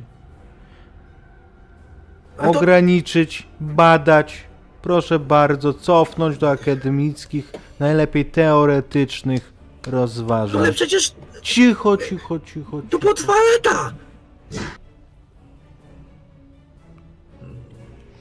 gdyby nie Hextech, to na pewno by się Racz nie mi wydarzyło. wybaczyć, drogi Mercario, ale bez źródła hekstechowej energii najprawdopodobniej zostaną wstrzymane wszystkie dostawy towarów, które są niezbędne do funkcjonowania naszego miasta.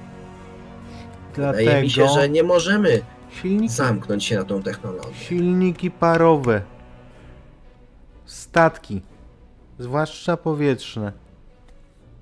Czy ja wam to wszystko muszę tłumaczyć? To jest technologia, którą znamy, która jest sprawdzona, która nie zawodzi, która nie sprawia, że cała rada, tutaj tak z, z w stronę każdego z pozostałych, cała rada wylatuje w powietrze, no. Natomiast jak już jesteśmy przy tym, No ale przecież to był, to, to był atak z zewnątrz, to, to był jakiś zamach, to, to, to nie, nie, nie plączmy rzeczy, Mercario, Mac, Ma- Macario, Jakby nie Hextech, to by tego zamachu nie było. Wierz mi, że nie byłoby po co atakować, gdyby nie te szalone pomysły Jace'a. Ale jak jesteśmy przy wysadzaniu rzeczy, nie wiem, czy się ze mną zgodzicie. Pewnie tak, bo nie jesteście głupi. Most trzeba wysadzić. Zgadzam się. I w jednej, i w drugiej kwestii. Po pierwsze, sytuacja obecnie nie jest wystarczająco bezpieczna, żebyśmy mogli eksperymentować z fanaberiami młodych. Trzeba ustabilizować sytuację, zastanowić się, co zrobić z tymi szumowinami na dole i przemyśleć sytuację Nexusu. Wydaje mi się, że wysadzenie mostu ograniczy na nasze zdolności przepływu towarów o jakieś 12,7%. Co w obecnej sytuacji nie powinno być utrudniające dla utrzymania dostaw dla Piltover, ale jeśli Noxus na nas naciśnie, wtedy to może się stworzyć mm, pewien problematyczny precedens. I to jest trzeci punkt. Z Noxusem oczywiście, że musimy się ułożyć. Zdecydowanie przyniesie to najwięcej korzyści dla wszystkich. Obecnie potrzebujemy ich siły, bo nie wiem, czy zauważyliście, na dole jest jakaś dzicz. A To jaki już nie jest Nexus.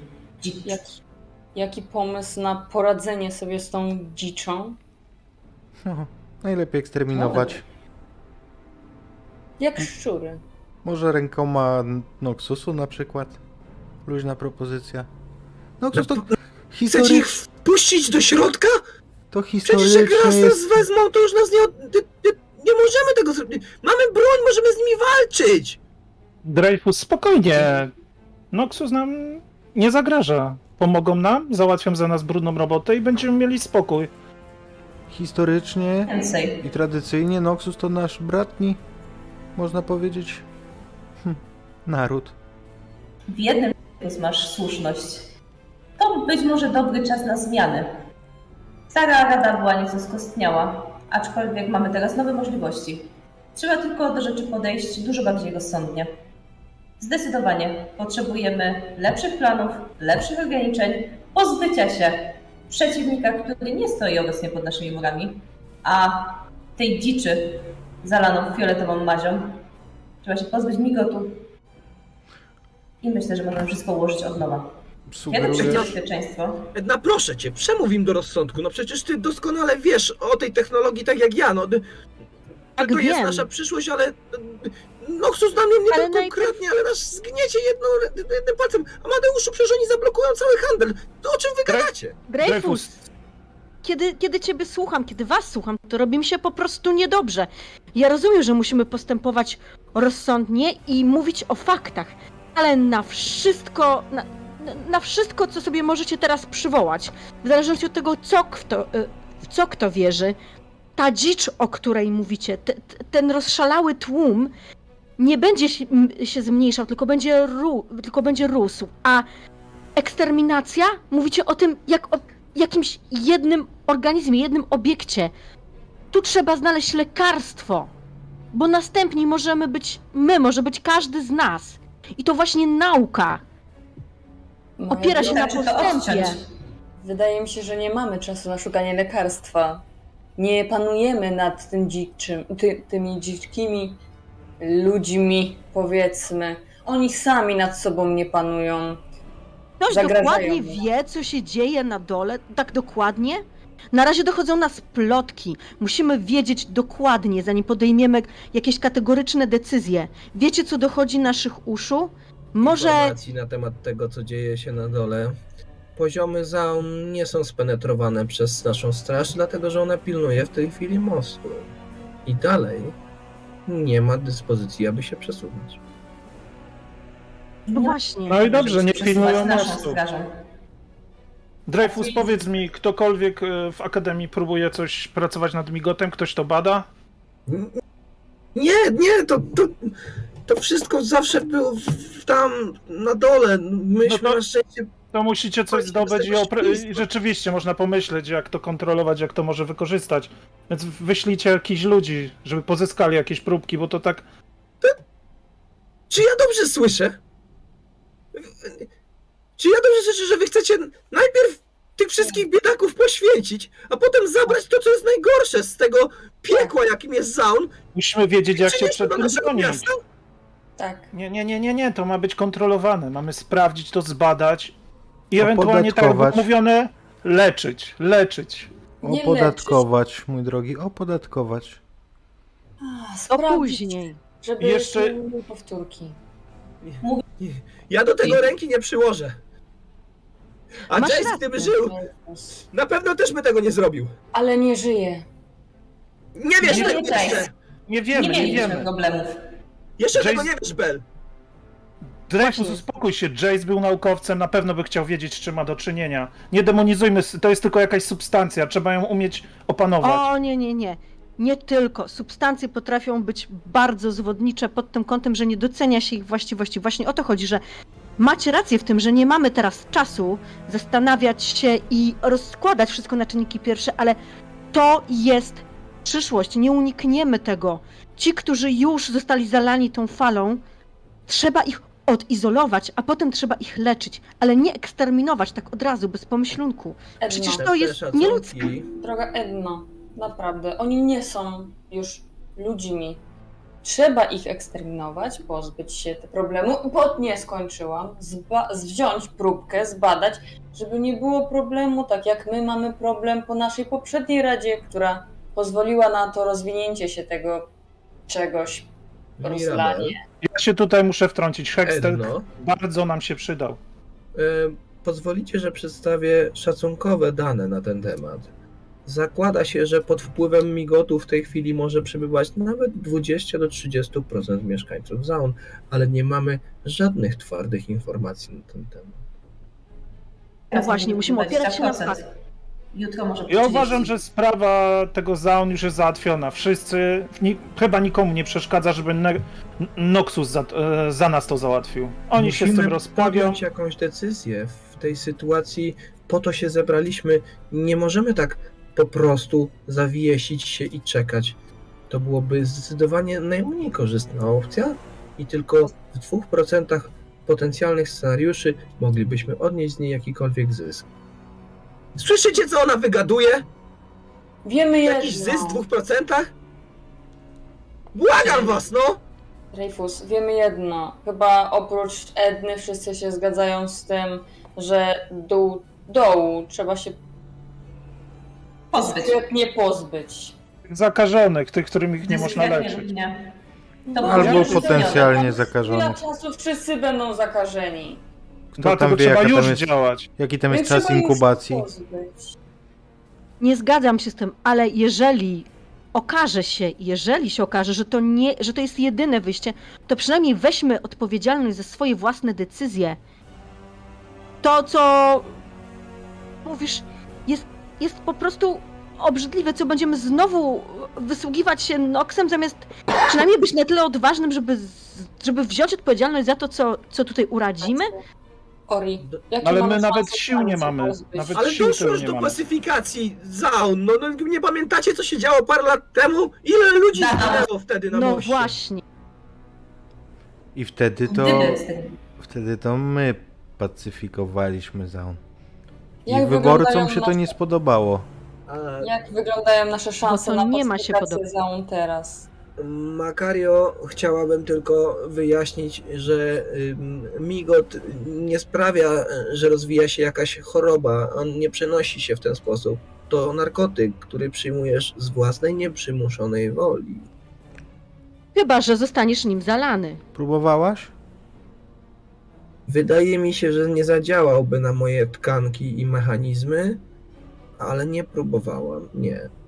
I może dobrze. Żaden z nas tego świństwa raczej nie próbował. Więc pozwolę sobie zauważyć. Przepraszam, przepraszam bardzo, szanowna rado... Odsuń się, chłopcze, odsuń się. Witajcie, tymczasowi radni. Tak was kazali nazywać? Naprawdę nie mogliście sobie wybrać lepszego tytułu? Mo- Może być Ambessa. pełniący obowiązek. Chyba rzeczywiście am- lepiej brzmi. Słuchajcie, Ambessa Medarda to jest naprawdę potężnie zbudowana kobieta. Umięśniona w takich lokach, z blizną na twarzy, w takim bardzo wygodnym, prawie że wojskowym trykocie. Na, na jakby uda jej zakrywa taka suknie, sukienka, ale to jest też, przepraszam, spódniczka, ale to jest też taka, wiecie, jakby w wojskowym kroju, tak żeby wygodnie można było w razie czego się poruszać mocno zbudowane mięśnie, widać blizny i ślady po wielu stoczonych walkach, takie bardzo mm, bujne włosy z przetkniętym jednym em, siwym, takim jasnym pasmem, mocne spojrzenie, no i ten krok, ona wchodzi tutaj jak do siebie. Nie rozumiem, dlaczego ignorujecie moich posłańców. Jednego za drugim, jednego za drugim. Ileż można czekać na odpowiedź, by przyjaciółka mogła wam udzielić pomocy? Moi drodzy, Droga pani, my tutaj radzimy. Na pewno otrzyma pani odpowiedź. no właśnie po nią przyszłam. Wydaje mi się, że najwyższa pora, żebyście udzielili Imperium Noxus jasnej odpowiedzi na temat waszego stanowiska. My przybyliśmy tutaj, aby pomóc Piltowe. Ale wasze stanowisko po cięciu. Będziecie mieli troszeczkę czasu, żeby się nad nim zastanowić, bo Ambessa Medarda pojawia się tutaj zdecydowanie próbując wywrzeć na was nacisk. No zobaczymy, co udaje się osiągnąć. Wrócimy do Zaun, żeby zobaczyć, jak przebiega spotkanie z tym nieznajomym, dość mikrej postury, napotkanym na zapleczu Czerwonego Lotosu po krótkiej przerwie. Ojej. A, zaskoczyłem! Ojej! Słuchajcie, takie 5-10 minut e, higienicznej przerwy na uzupełnienie wody, jakieś tam inne fizjologiczne e, rzeczy. Zaraz do Was wracamy. Siemano, wracamy do Was po krótkiej przerwie. Jesteśmy w Piltover, a w zasadzie w tej chwili to bardziej w Zaun. E, Gramy w Runarkane e, w settingu e, stworzonym do League of Legends z mnóstwem gości i, i w ogóle jest, słuchajcie, dość intensywny to czas. Natomiast, żeby szybciutko przypomnieć, nasi bohaterowie, którzy są w Zaun, czyli taka zbieranina różnego rodzaju mniej lub bardziej szemranych osobowości, ale oczywiście z szczytnym celem. Zwiewając z Czerwonego Lotosa przed bandą uzależnionych od migotu jakby silnego narkotyku szaleńców, ucieka przez y, zaplecze tylko po to, żeby natknąć się na dziwną, małą, lekko futrzastą postać w długim płaszczu i kapturze, która stoi tuż przed wyjściem na powierzchnię. A tam dziwną, dziwną, od razu, żadną tam dziwną. Kto ty jesteś? Ty wysłałeś liścik? Co tu chcesz? Odpowiadaj. Owszem, to ja wysłałem ten liścik. Zdaje się, że będę potrzebował pomocy, żeby uratować mieszkańców Zaun. Sięga tymi swoimi futrzastymi łapkami, żeby zrzucić kaptur. I widzicie białe wąsy, takie mm, rudawo-brązowe loczki, duże uszy, ale schowane w takiej przypominającej trochę bańkę głowie ze względu na tą gęstą sierść. Duże oczy patrzące z takim e, bardzo przyjaznym i spokojnym em, wzrokiem. No, znacie tą twarz. Jakby niemożliwe jest, żebyście byli mieszkańcami Zaun i nie znali. To jest profesor Heimerdinger oczywiście. A pan to chyba zabłądził, co? To niebezpieczna Wręcz okolica. przeciwnie, mój drogi, wręcz przeciwnie. Jestem dokładnie tutaj, gdzie być powinienem i z tego, co mi się wydaje, dzięki moim planom jest tutaj nawet więcej osób niż potrzebowałem. Tak, To co, mamy kogoś wyprosić? A tak biorę tą rękę, a pomocną dłoń trzeba? Właśnie to samo chciałam spytać. co prawda nie do końca spodziewałem się takich osobistości po tobie, ym, moja droga Zeri. Niech będzie co ma być, tak? Pomocna dłoń też się przyda, panienko. Tak, wszyscy chyba nie spodziewaliśmy się z tego, co tam. Trudno mi jest o tym mówić, szczególnie jako człowiekowi. ym, Znaczy, jak myślę o ludziach, którzy razem ze mną tworzyli radę, ja wiem, jak wiele zaun wycierpiało. Ale to może być ostatnia szansa, żeby je ocalić. To mielibyśmy zrobić. Na razie widzi profesor, co się dzieje na ulicach. To, to już przekroczyło wszelkie granice. Jeszcze nie, moja droga. Jest jeszcze przynajmniej kilka sposobów, na których można byłoby zatrzymać to szaleństwo. Ja tylko do końca nie wiem, który z nich może być skuteczny. Całe życie poświęciłem studiowaniu magii arkanów, technologii. Nie wiem, jak funkcjonuje Zaun. Nie wiem, jak zachowuje się jego ludność. Jest mi trudno wczuć się w tę sytuację, a jednocześnie czuję, że jeśli nic nie zrobię albo nie pomogę w tym, to nie tylko Zaun upadnie. Ma pan rację. Mm, Do I brzegu, do brzegu. To wiemy wszyscy, co ty powiedziałeś. Wiesz, to wszyscy wiemy i takich rzeczy nie musisz nam mówić. Weksa nawet to wie. Prawda, Weksa? Że pomóc chce dlatego, że to nie tylko nas dotyczy? Tak, dlatego, bo nami się by nawet nie przejął. Posłuchajcie mnie teraz, moi drodzy. Doszło do mnie kilka bardzo niepokojących wieści. I to są właśnie te powody, dla których chciałem się z tobą spotkać, Zeri, i twoimi przyjaciółmi. Wierzę, że wy możecie coś zdziałać. Na dolnych poziomach zaun podobno funkcjonuje fabryka migotu, która wymknęła się spod kontroli. Gdyby udało się powstrzymać wypływ tej, nie boję się tego słowa, śmiercionośnej absolutnie substancji, to być może jest jeszcze szansa dla tych, którzy nie zostali zarażeni. Czyli, że co? Dla tych, którzy Że nie dali się złamać. Mamy się postawić Silko? Przecież Silko... Silko zniknął. No, po to się czasami znika w zaunie, żeby się potem puh, pojawić. Nie. Nie, nie, nie, nie. Mój drogi przyjacielu, nie rozumiesz. Dlatego właśnie cała sytuacja wymknęła się spod kontroli, że nie ma już kogoś, kto by ją mógł utrzymać w uścisku. Nie ma Silko? Nie. No nie ma. Hm.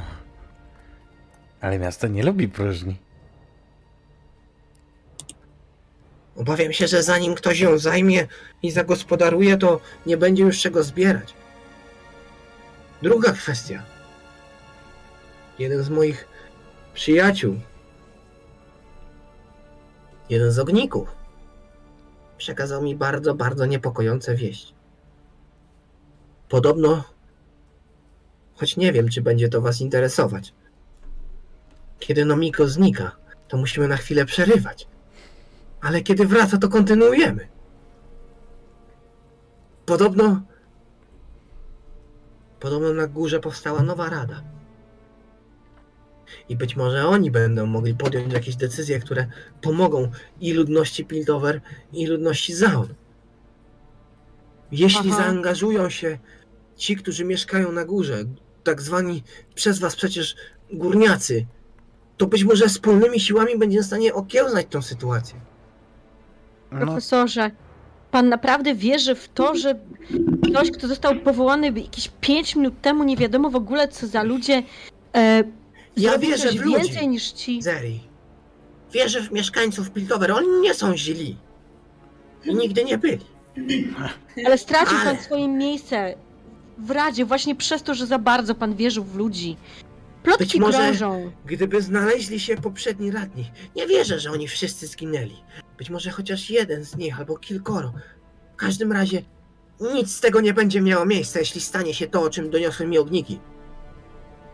Przeklęty Noxus. To ziarno wojny. Oni podobno chcą napaść na tych biedaków. Wszystkich ich zabić. To Tylko bardzo do Noxusa podobne, w ogóle mnie to nie dziwi. No i znowu. Swojego regenta na, na, u władzy Piltover. To też możecie powstrzymać, ale ja nie wiem, jak to zrobić. Zaun będzie ginąć za Piltover, tak? A oni wtedy ustawią swoją radę i ja, jeżeli oni będą po naszej stronie, to byłaby pierwsza sytuacja w historii, kiedy usłyszałbym, że są jakieś grabie, które grabią od siebie. W końcu jest jeszcze jedna kwestia. Jeszcze jedna. Most. Gdyby udało się otworzyć most, być może mieszkańcy Zaun mogliby wydostać się z tego piekła, jakie tutaj na dole się pojawiło. Może mogliby uciec przed migotem i wtedy by, mielibyśmy więcej czasu, żeby poradzić sobie z tą przerażającą sytuacją. Ale most jest teraz pod kontrolą straży. Gdybyście zdołali w jakiś sposób ich przekonać. Ja wierzę w to, że między tymi dwoma tak od wielu lat niezgodnymi stronami tej samej monety jest w stanie zapanować zgoda. Żeby zapanowała zgoda, to musi być równość, a tutaj tej równości nie ma. Oni pogrzebali nas już dawno temu. Ale Zaraz, ale nie wierzę mu, kompletnie. I nie wiem, które z nas jest bardziej głupie w tym, że myśli, że e, oni w ogóle się zajmą dołem. Nig, nigdy nam Ale- góra nigdy nie pomogła. Tak, właśnie, ale jedną rzecz powiedział mądrą albo interesującą. Jeżeli pozbędziemy się zapory na moście, możemy sami uciec. Ale straże w mieście to na pewno nas zaraz nas złapią i z powrotem tu wykopią. Wszystkich teraz nie dadzą radę złapać. To zbyt duża ilość osób. Poza tym Noxus stoi u bram. Oni muszą w jakiś sposób zareagować. Góra nam nie pomoże. A my zostaniemy z tymi dzikusami, tymi fioletowymi, e, co oni. O, on w ogóle on się rozwalił i w ogóle nie, nie czuł tego. Właśnie, właśnie, może jakoś fioletowych wyślimy na górnych. Ty Niech o- most oczyszczą. Nie, nie, proszę was. Uniknijmy tylko niepotrzebnego rozlewu krwi. Przecież to tylko o to chodzi Noxusowi. Oni tylko czekają na to, żeby doszło do tych zamieszek. Ja się tak tego boję. Nie róbcie tego, błagam was. Wykażcie się chociaż odrobiną rozsądku. A fioletowa chyba, to nie wiem, czy powinniśmy tu stać. A tak, idą za nami. By- Były jakieś władze czy coś zamykane, bo w Wiecie sumie co? tak... Ale nie słychać, żeby oni was gonili. A. To miło. chwilowo, A tak w ogóle to ty wcale nie jesteś głupia, Nie słychać, żeby on się przesuwał w dół. Dzięki. To jest zbyt skomplikowana ścieżka, żeby tak łatwo było ją podążyć. Profesorze, pan, Nie pan wiele mi, głupia. ryzykował. Pan wiele ryzykował przychodząc tutaj i to znaczy, że naprawdę panu zależy. Ja nie do końca rozumiem, jak my moglibyśmy zmienić kolej rzeczy, ale w naszym interesie jest też to, żeby przynajmniej spróbować. Moja droga, bohaterem nie zostaje się dlatego, że się podejmuje taką decyzję, tylko ze względu na czyny, jakie się wykonuje. A ja nie chcę zostać bohaterem, ja chcę przeżyć. A to jest drobna różnica. Ale nie zawsze najważniejsze jest tylko twoje życie, moja droga. I nie przez przypadek ten liścik trafił do ciebie. Wierzę, że jako jako osoba, która jest tak bardzo związana ze społecznością Zaun, nie zostawisz jej na marne i na pastwę tego, co nadchodzi. A jesteście atakowani ze wszystkich stron. Zeri, nie No, Temu akurat nie da się zaprzeczyć. Zeri, nie daj mu wejść do głowy! Zary, rzeczywiście, no przypadkiem to trafiłem, ale to wszystko brzmi jak jakiś stek bzdur. Chodźmy stąd, lepiej zajmijmy się sobą. On ci wprost powiedział, że twoje życie nie zawsze jest najważniejsze! Czekajcie. Ja Dziewczyno, co cię ulica nauczyła? No nie słuchaj górniaka. Ja wiem, że to jest znany jakiś profesor z góry, ale nie słuchaj go, no co... wiesz jak u nas wygląda życie. Oni On nas tylko dojeżdżają. Jedyny futrzak, którego może słuchaj, to Garota. O, ale on Ty też im powiedział, przemów do rozsądku. już Też mówię, jesteś Jordlem, powinieneś to rozumieć. Żyjesz na tym świecie już wiele lat. Masz Widziałeś rację. to wszystko. słusznie, To przemówię jest im do moment zmiany, mój drogi. Rozsądku. Zmiany! No właśnie, on mówi, że już nie ma Silko. A jak nie ma Silko, to ktoś musi zająć jego miejsce. Ach, na wszystkie hekstechowe portale, co za dureń! No jak- Myślisz tylko o własnym interesie w takiej sytuacji? Przecież nie da się utrzymać tego, co tutaj się za chwilę wyleje, nie rozumiesz Czy ty jesteś tego? głupi? Przecież powiedziałem, może, że z tobą w ogóle rozmawiam! żebym mógł sobie władać moim przestępczym imperium, które sobie przejmę po panu Silko, którego szanowałem całkiem, całkiem. Flaku, ale co zrobić To- z fioletowymi? No Jak właśnie! No to przecież Zaun musi istnieć, musi przetrwać, no bo kim ja tu będę zarządzał? No nimi. Puśćmy fioletowych na górnych. Seri! Moi drodzy, słyszę już sygnał. Ogniki po mnie przyleciały. Ja nie mogę właśnie o nich chciałam zostać. spytać. Wierzę, że zrobicie to, co słuszne. Pok Znaczy co? pokładam los, Zaun i całego Piltover w waszych rękach. To jest coś, co przyniosłem, żeby wam pomóc. Zróbcie z tego dobry użytek, proszę. I wręcza wam takie zawiniątko, które mimo tego, że wydaje się niewielkie, to kiedy Weksa łapiesz je, bo wyciągasz pierwsze ręce, to prawie upadasz do samej ziemi, takie jest ciężkie. Mm. A czy to jest jakieś zawiniątko, no tak to jest na, zie- na ziemi, to próbuję to rozwinąć wobec tego materiału, czy co to jest? nie? Niebieski blask kryształów hekstechowych bije ze środka. To są sferyczne, ustabilizowane kryształy hekstechowe. Cztery sztuki.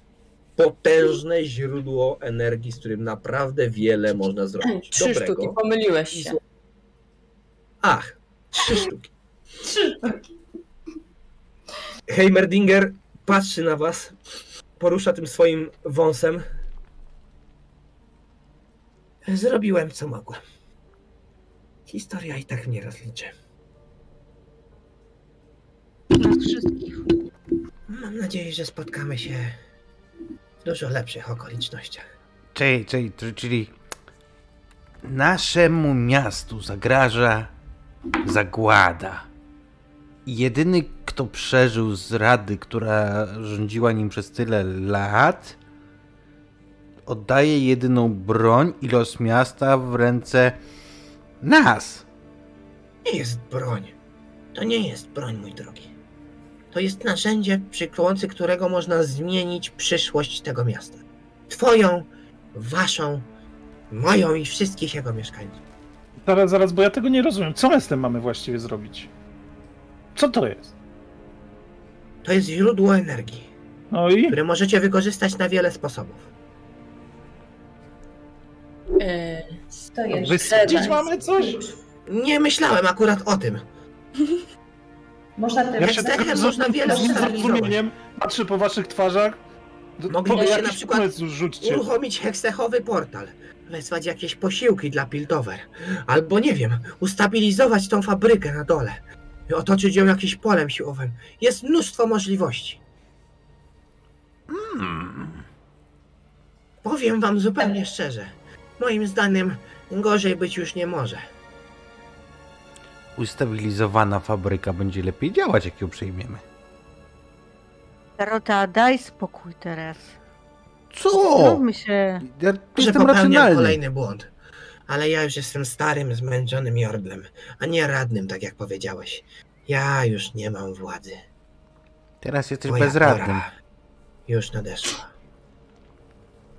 On, słuchajcie, odchodzi i kieruje się w stronę tego włazu, żeby wyjść. Chyba, że któryś z was miałoby zamiar Tak, ja pobiegnę za zatrzymać. nim. Wiesz co, ja pobiegnę za nim. To jest parę kroków. I ja go, ja go po prostu tak bardzo krótko, to jest takim zakłopotaniem, ale ja go tak e, przytulę, mówiąc po prostu dziękuję profesorze.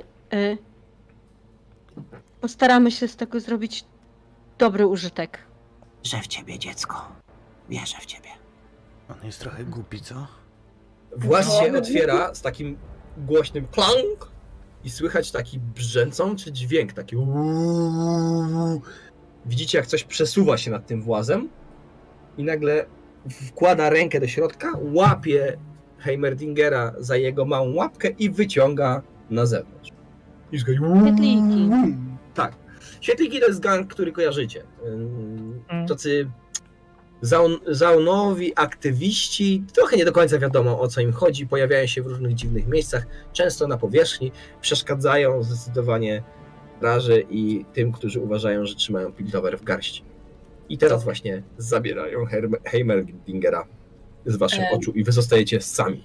Z Ej, ja mam- trzema hekstafowymi kryształami i problemami do rozwiązania i decyzją do podjęcia.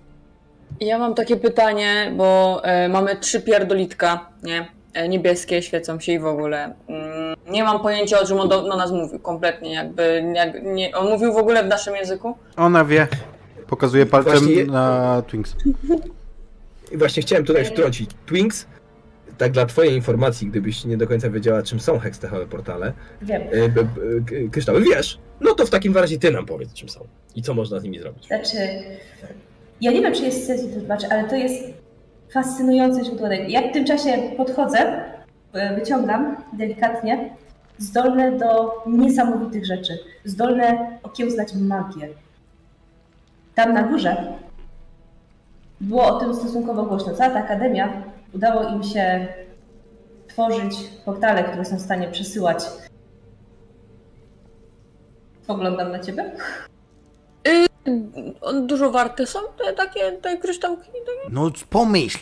Pomyśl, pomyśl, pomyśl, Weksa, pomyśl. No to pytam Portale. właśnie, bo myślę, że dużo, więc się pytam, ona wie. Masz, W stanie stworzyć masz tryfny towar i nie musisz go przenosić przez ulicę, gdzie możecie zgarnąć straż, tylko wchodzisz w portal i wychodzisz gdzieś indziej, spieniężasz ten trefny towar, wracasz z pieniędzmi przez portal. To jest sobie może one są- z nieograniczonym. bezcenne absolutnie. Tutaj nawet Szczególnie nie teraz- sensu sprzedawać.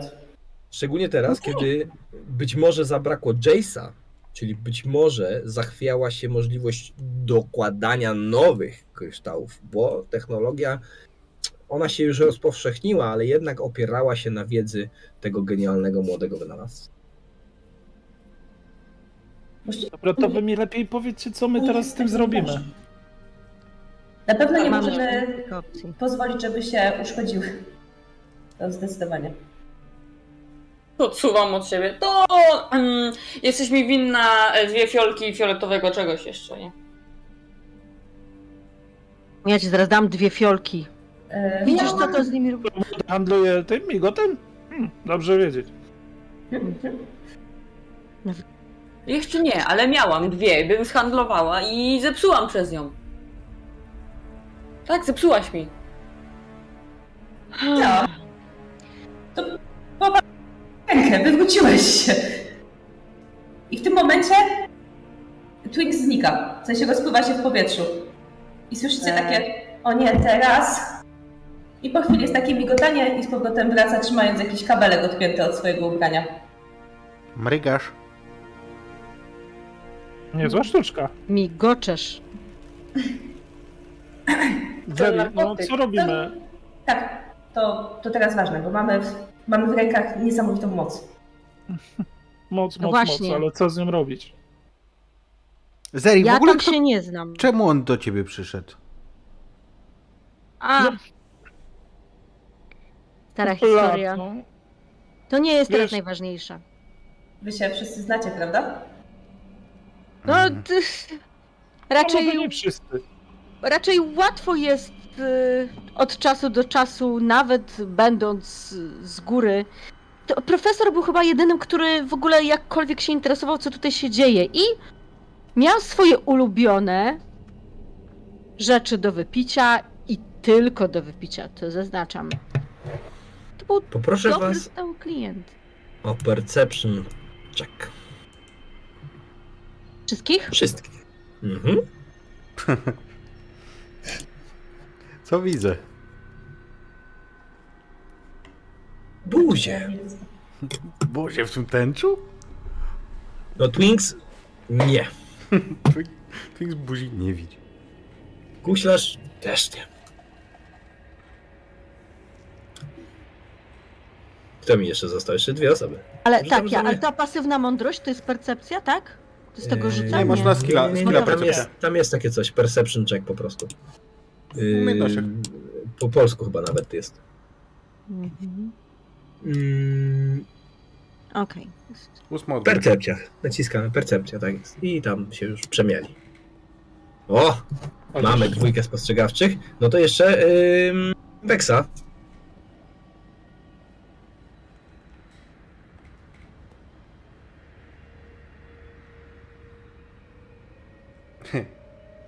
Weksa nie widzi. Płoszyła się. Zgubiła się, zgubiła się. Nic nie będę rzucać, ja już mam swoją rękę, nic mi więcej nie potrzeba.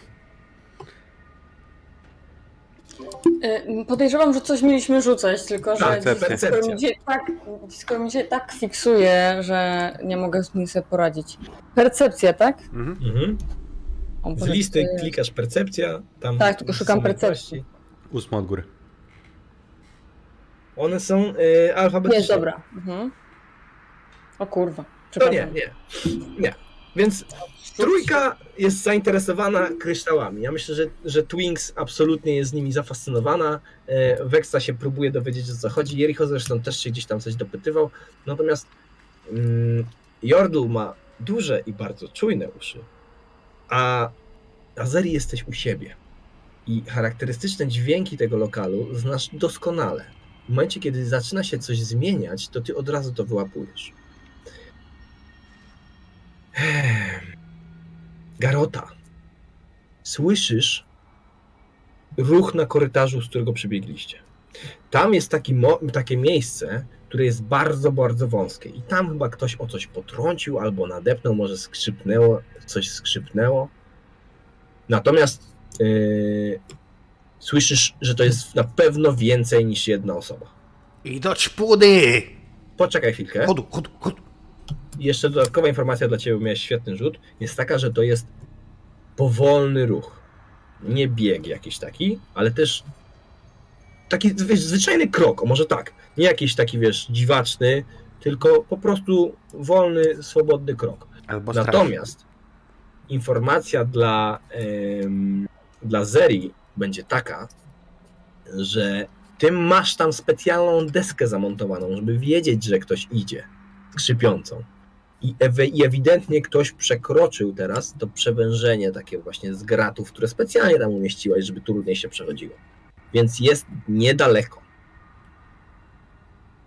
Nie mamy dużo czasu. Chodu, W chodu, zasadzie to chodu. macie kilka uderzeń serca, kilka To jest chwil. To, to ja swoją Najpierw trzeba wyjść przez klapę na górę. To idźcie, ja będę was osłaniał. Szybko. Szybciej.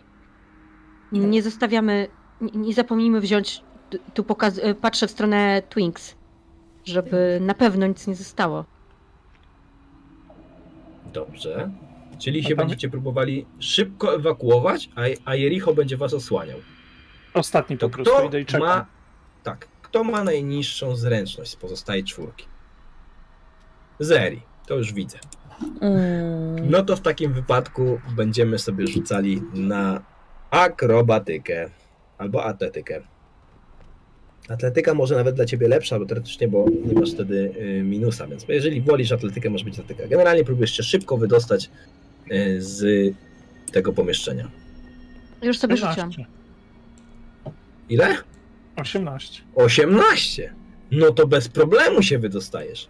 Jako osoba, która ma, ma cechę najniższą, e, robisz na tyle sprawnie, żeby nie przeszkodzić innym, więc wy się faktycznie wszyscy wydostajecie. I ty, Jericho, zostajesz ostatni. By- Stojąc już przy włazie, widzisz, jak ktoś wchodzi do środka wolnym krokiem. To są dwie postacie. Jedna jest niska, a druga jest wysoka. Proszę, proszę, proszę. W końcu cię znalazłem, Jerio. To jest Switch. Powiedz mi, powiedz mi tylko, czy ja Zdążysz mogę już wyjść? Zanim on tu wejdzie. Mhm. No to nie, no to ja nawet z nim nie gadam, wypieprzam i zam ten właz za sobą zasuwam i czymś próbuję zasunąć jeszcze. Łapcie go do cholery! Za dużo Słyszysz, tu jak jak- Czymś zasunąć coś? I wychodząc mówię spieprzajcie? Możesz go czymś zawalić jakimiś tu gratami. No, no to zawalam, mówię spieprzajcie, idą. To jest zaon. Tak robię. Uciekacie? Jak, Znaczy, ja, ja nie, bo widzicie, że Jericho jak oparzony wyskakuje z tego no, włazu, zawala to czymś. idą za nami, no to wołam tak przecież. Ja w pierwszym momencie, jak on zaczął tak spieprzać, to rozważałem takie profilaktyczne wypalenie z tego mojego prowizorycznego garłacza tam w, w, w dziurę. Ale jeżeli nie, nie pojawi się łeb jakiś nad tym, to nie. Jak widzę, jak się nie ruszacie, przebiegam tam 5 metrów, no Ja co, biegnę. na co stoicie? A, no to... Widzicie, jak ta klapa robi takie. Te, te jakieś tam skrzynki, które rzucił na to Jericho, się podskakują, bo ktoś próbuje ją ewidentnie od środka otworzyć. I wrzeszczy tam ktoś strasznie w środku. Taki stłumiony jest tego dźwięk.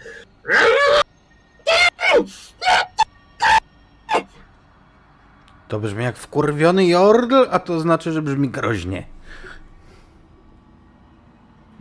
Ale ja ci już nie ufam, chłopcze. Na tym braku zaufania, tak sobie stoicie. Jericho jest parę kroków od was. Znaczy, E, My nie stoimy. Ja nie a, wiem, co się... Zostawiasz ich? Znaczy, po- odwracam się i czem- pytam, czemu nie lecą, nie? Nie, no my się oddajemy Kiedy się bez troski i odwracasz, to widzisz spierdolcy taką chyba. sytuację. Wy jesteście takim z- jakby y, w wyjściu od strony y, podwórza za dużym łukowatym budynkiem, takim znaczy łukowatym, w kształcie litery L. I wy wychodzicie jakby od środka.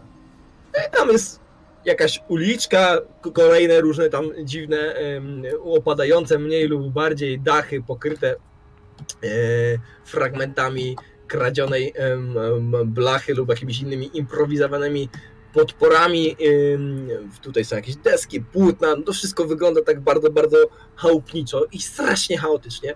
Unosi się wszędzie ten opar, raz zielony, raz jakiś dym, czasami taka mgiełka. Więc wy jakby wypadacie na to, e, na to podwórko z tyłu. E, Tam, e, Zeri, ty się czujesz w miarę bezpiecznie. Wiesz, że to jakby nie jest jakieś, wiesz, no specjalnie ta klapa została zrobiona tu, a nie, a nie gdzie indziej. Natomiast jest bardzo, bardzo pusto i cicho. Zwykle to tutaj byłoby słychać jakieś dźwięki z e, okolicy, no bo tam na ulicy stoją jakieś stragany, ktoś sprzedaje jakieś obślizgłe żarcie, e, handluje się różnego rodzaju towarem, em, więc coś powinno się tutaj dziać, coś powinno być. Po- Potem jak ci lokalsi powinni gdzieś się tutaj kręcić. Nikogo nie Właśnie nie podoba mi się ta cisza. Jericho, ty stoisz przy, wylotu, przy wylocie uliczki. Tam, jakby wy, wy- wybiec już z tego podwórka i wy, wybiec poza, poza tą przestrzeń. Kiedy dobiegasz tam i odwracasz się, zobaczysz, że oni stoją i z jakiegoś powodu nie biegną za tobą specjalnie zbornie, to już wiesz, dlaczego nikogo tutaj nie ma. I już wiesz, dlaczego tutaj jest tak cicho. Mhm. Dlatego, że po ulicy przesuwają się wolno, ale nieubłaganie sylwetki. Takie same jak te na placu. Ten tu, Mam nadzieję, że albo nie się zauważyłem rozproszył, mnie jeszcze. albo to jakieś inne postacie. W Mhm. każdym razie widzisz, że jak takim wolnym, dziwacznym krokiem snują się po prostu po całej ulicy. Jest ich kilkanaście. Nie, nie one. To nawet nie jest kwestia tego, że one nie są zbyt spostrzegawcze. No, Masz wrażenie, że to są ludzie, którzy są absolutnie odłączeni od rzeczywistości. Okej. Widzisz? Dlatego nie powinnaś tego brać, Weksa. Ty tego nie widzisz. A, myślałem, że Ej, wszyscy to ja im macham, no ja jestem kilkanaście metrów, coś takiego i macham im, może by, tylko już nie krzyczę ani nic, tylko... Ja podbiegam do Jericho, ale tak y, jestem skulona i tak y, bardziej przemykam niż biegnę. Zeri. Kiedy ty odbiegasz, to słyszysz głos. Za sobą, z okna. Tylko najpierw jeszcze chciałbym zobaczyć się, co robi, co robi reszta. Też biegniecie? Tak. się skradać. Twinks, a gdzie masz yy, kryształy heksechowe? W sensie w tym zabiegu. Tak, ale ty chowasz to zawiniątko, czy niesiesz to zawiniątko w rękach? Yy, znaczy, mam je w zawiniątkach i trzymam go w rękach, jednak nie chciałabym, żeby mi się obijało Dobra. w torbie. Dobra, w porządku. Więc kiedy odbiegacie, Zeri nawet możesz biec pierwsza, to kolejność nie ma znaczenia. Natomiast za tobą ewidentnie ktoś woła. Zeri! Zeri! Od, odwracam się szybko. Kto to woła? Wiesz, ty jesteś tutaj bardzo, bardzo rozpoznawalna. Większość osób cię zna. Ym, Większość osób, które tutaj mieszka, uznajesz za swoich sąsiadów. I to jest córeczka jednej z samotnych matek, która tutaj mieszka. Widzisz, jak ona stoi w oknie, ta dziewczynka przed nią zwiesza się przez parapet i woła Zeri! I, już do was biegnę. Cze- czekajcie. Y, Jak one się Musisz nazywają? wtedy. Tak, ja, ja w tym momencie, kiedy rozpoznaję ten głos, kiedy widzę, co tam się dzieje, to ja się nie waham. Ja po prostu biegnę w tamtą stronę. Dziewczynka nazywa się Pam.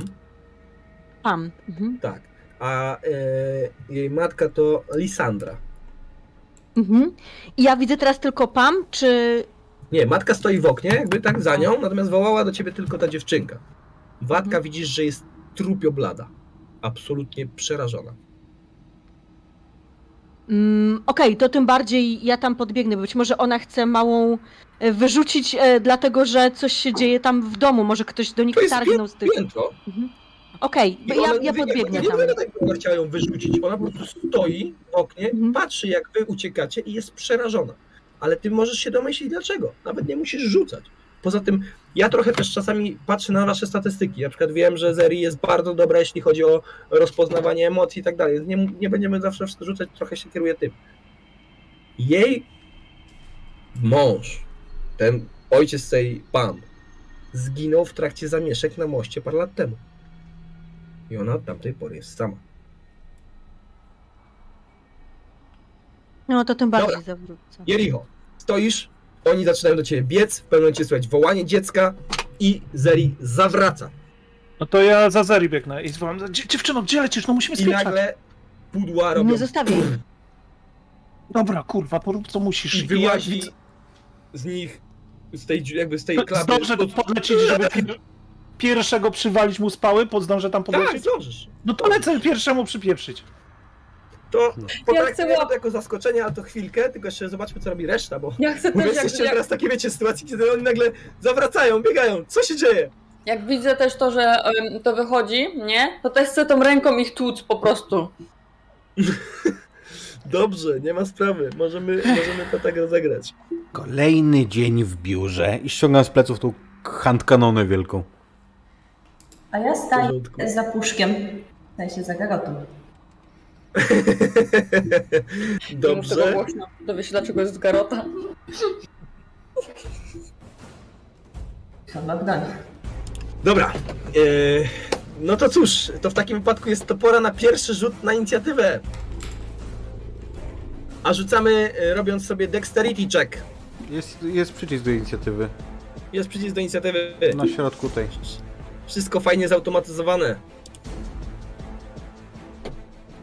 Gdzie na środku, bo chyba ślepy jestem. Widzisz klasę O, pancerza klasę na takiej pancerza. tarczy? tarczy? Klasa... Powiedz co ale w widzisz której tu części? na górze. Teraz na patrzę górze. na aktualne PW. Słuchaj, y, pe, Pod, znaczy nad. wyżej. Jest Nad tym. inicjatywa, dobra, okej. Pięć. Wow. O Jezu. To wyścigi ślimaków. Dobra. Yy, Dexa?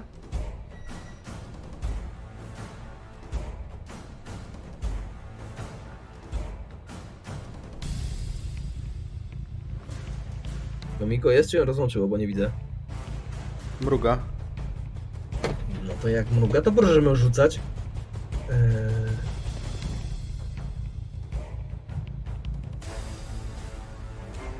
Mam wrażenie, że to kilka razy było tak, że Nomiko się ruszała, a później się okazało, że ją rozłączyło. Czyż może szukasz inicjatywy, no Miko? Poczekaj, pomachajmy, bo ona nas chyba nie słyszy.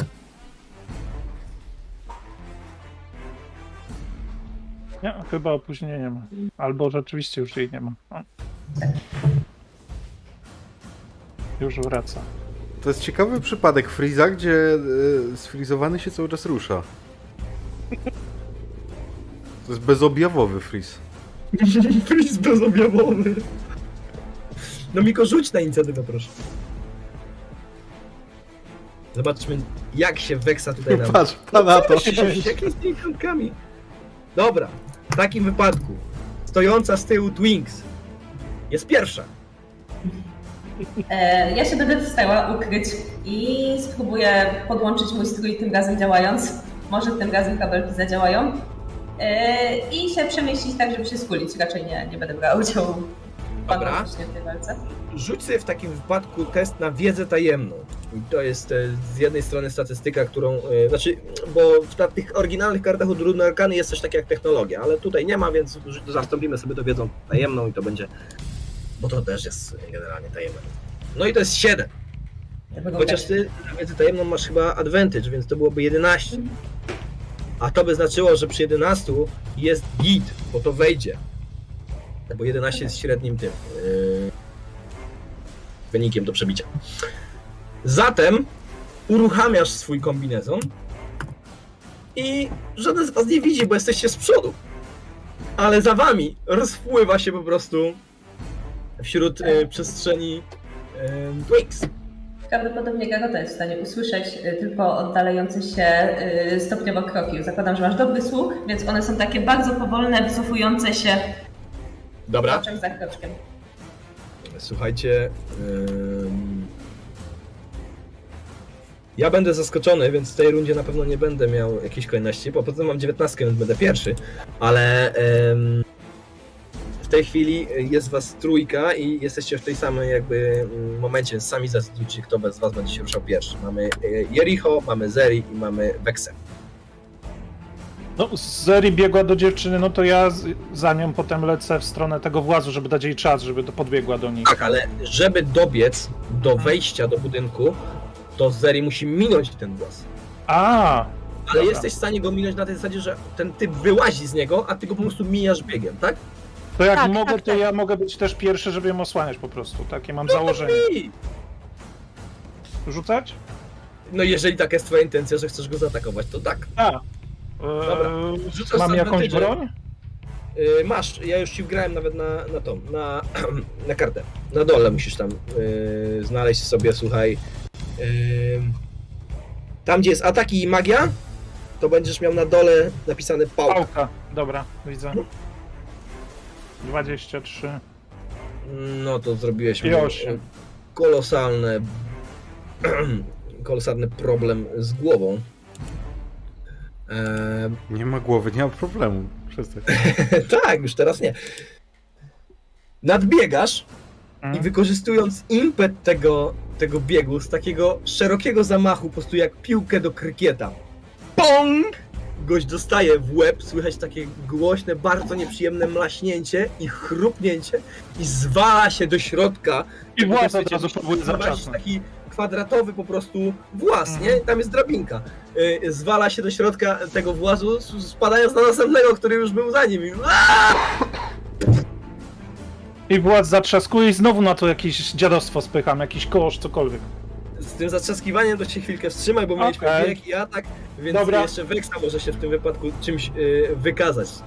Tak, jeżeli ja widzę, że on e, wcisnął go, że on On upadł, dostał w łeb i spadł bezwładnie do no to, środka. prób, no to próbuję jakby on zamknął ten włas, Nie, Możesz jeszcze nie. no to, no to staram się zamykać ten włas, po prostu popychać go. A to bez problemu, nie ma, jakby wiesz, to, to, to poświęcasz akcję to, żeby go zamknąć, więc staję na nim. I jak w takim, z takiej totalnej synchronizacji Wexa po prostu zamyka go teraz za tobą i zadowolona na nim staje. Tak, i trzymam rękę jakby w tak, gotowości. I wołam, Zeri, pośpiesz się! Nie mamy czasu! Staram się! To już wołasz ze schodów, będąc gdzieś tam e, na pierwszych stopniach. Natomiast co w tej sytuacji zrobi Garota? Wiesz co, Garota był no, zareagował najwolniej, bo ściągał tą wielką flintę z pleców. I teraz jak na mnie patrzycie, to widzicie mnie tak naprawdę z perspektywy takiej, że przede mną są te wylotowe wyloty luf. Wiecie co? Głupi ludzie mówią, że jedna lufa jest na ludzi, a druga na potwory, ale to nieprawda. I z powrotem umieszczam ją na plecach. Obie są na ludzi? Czasami na jordle. Czyli potwor. Ym, Plaży, plaży, spokojnie. No dobrze. Słuchajcie, ta sytuacja nam się delikatnie sama z siebie na chwilę przynajmniej rozwiązała, więc żeby nie tracić impetu, Twins, odsuwasz się krok, potem drugi, potem trzeci, potem czwarty i w zasadzie jesteś już w takim stanie, że czujesz się w miarę bezpiecznie i wpadasz na coś. Plecami. A w zasadzie to na kogoś. Eee, eee. Przekrwione oczy, żyły pokryte fioletowymi błyskami, duże takie poprzerastane mięśnie, ale w taki naturalny sposób. To nie jest umięśniony mężczyzna, tylko to jest, on wygląda jakby mu ręce spuchły, takie bańki. Tors ma zwykły i nogi ma zwykłe i głowa się robi groteskowo mała przy tych wielkich rękach. Eee. Nie, on ci nie zauważył. On cię nie widzi. Ciebie nie widać. Jego percepcja jest bardzo ograniczona. Nie słychać, jesteś wytrzona. Bo jego percepcja tak jak- jest bardzo ograniczona. On jej nie słyszy. To tak jak się od niego odbiłam plecami, tak postępuję ten krok do przodu i schodzę mu z drogi. Zakładam, że on gdzieś szedł. On, Czy on szedł w wylazł z tej uliczki I on idzie w Jak- stronę moich? i tak włas na to podwórko, nie? I jakby jego chyba hałas yy, zwabia tutaj. No bo ty wiesz mniej więcej, jak się zachowują ludzie po migocie. Dopóki nie wezmą bardzo dużej dawki, to zwykle będą tacy mm, otumanieni. To jest, to jest jakby, wiesz, biorą to, bo to jest bardzo przyjemne i daje też takie efekty właśnie dużego wzmocnienia energii i tak dalej. Po wielkiej dawce zaczyna się trochę rozjeżdżać fizyczność z psychicznością.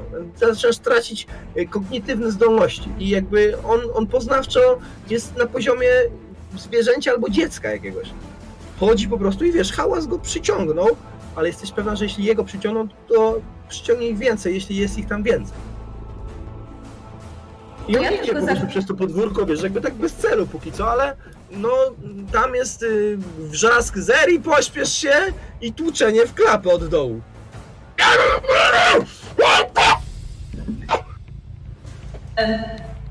Ja zacznę od tego, że ja go spróbuję wrócić, bo zakładam, że przy, przy moim obecnym stanie podłożenie mu po prostu nogi, czy tam czegoś pod nogę będzie wystarczyło. On się, jakby wiesz, nie musisz rzucać, to musisz sobie wyobrazić jakby totalną taką Tak. kłodę w ten On się po prostu przewróci i zacznie pełznąć po ziemi. E, I biegnę z powrotem e, do Wiesz, garoty. tymi wielkimi Ja łapami zostawia takie niego. głębokie ślady. E, Ja dopadam do, do garoty, po prostu szarpię go za to futrzaste ramię z tą bronią. Musicie się podśpieszyć i zamknąć, oni tu lezą! Jezu, niewidzialność mnie szarpie. Ale poznaję głos oczywiście. W związku z czym z tą, jakby ja odwracam się w kierunku słów, więc y, teraz ty widzisz te dwa wyloty wielkich luf. Nie we mnie, w nich! Soraweczka. Jeden um, uzależniony się czołga.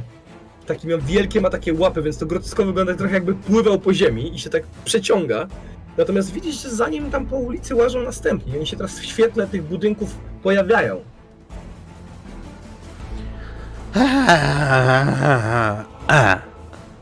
Będę osłaniał odwrót. I od, czekam po prostu jak on będzie w takim dystansie, żebym y, na pewno go trafił, to no to wtedy otworzę ogień. Chyba, że po drodze się znudzi, bo uśnie. Celu. To jesteś cholery! Jeszcze tylko porozmawiać! Mam dla ciebie propozycję! Uratujesz życie! Ten włos! Nie wiem na ile to było zrozumiałe, ale jeśli nie było, to trudno, bo on woła do ciebie przez głaz, więc... em, Prawie nic Jericho nie zrozumiał. I tylko Wiesz co? dociska, dociska. Chyba krzyczał, że ma dla ciebie tylko coś inkwizycję. A propos życia, propozycji i otwieraj. O kurwa, chcę. Zeri. Padasz po schodach, jak taka ym, ubrana wciąż jeszcze elegancko barmanka torpeda. Przelatujesz do drzwi. y, to nawet nie jest tak. Korytarz jest tak rozwalony, że tam w tych mieszkaniach nie ma drzwi, jest tylko taka zasłonka, żeby oddzielić się po prostu od, y, od re, jakby reszty tutaj mieszkańców. Widzisz, że w ogóle część ścian to nie są już ściany budynku, tylko są zasłonięte jakimiś kawałkami blachy albo no, ten budynek jest sam w sobie w opłakanym stanie. Padasz do środka, kobieta stoi do ciebie tyłem, yy, dziew- dziewczynka jakby wyrywa jej się z ramion i, i, i biegnie w twoją stronę. Zeri! Zeri! Pam! Co się dzieje? Chodź. Ja tak wyciągam do niej ręce i patrzę na. Przypomnij, jak się nazywała matka? Jeszcze raz? Lisandra. E, Ja przygarniam Pam, jeżeli ona biegnie do mnie, na zasadzie takiej, że ja mogę tam ją wziąć na ręce, czy, e, czy tak po prostu właśnie przygarnąć. E, I mówię tak ciszej, bo ona się nie odwraca na mój widok, Lisandra, Nie. tak? Jak rozumiem. To nie, to ja. Mhm. No bo ona będzie mówiła, nie? Jakby jak ty bierzesz pam i ona biega, to ona bez odwracania się, patrząc się cały czas przez to okno. Zresztą słyszysz hałasy tam na, na zewnątrz. Nie ma już dla nas nadziei, prawda? Lisandra, nie ma teraz czasu, żeby pozwolić sobie na beznadzieję. Musimy działać, rozumiesz? To znaczy Odwróć. co zrobić? O, Odwróć się, popatrz na mnie. Tu jest twoja córka, widzisz? Ona się odwraca. I jaki co ja widzę? Czy ona jest. Mhm.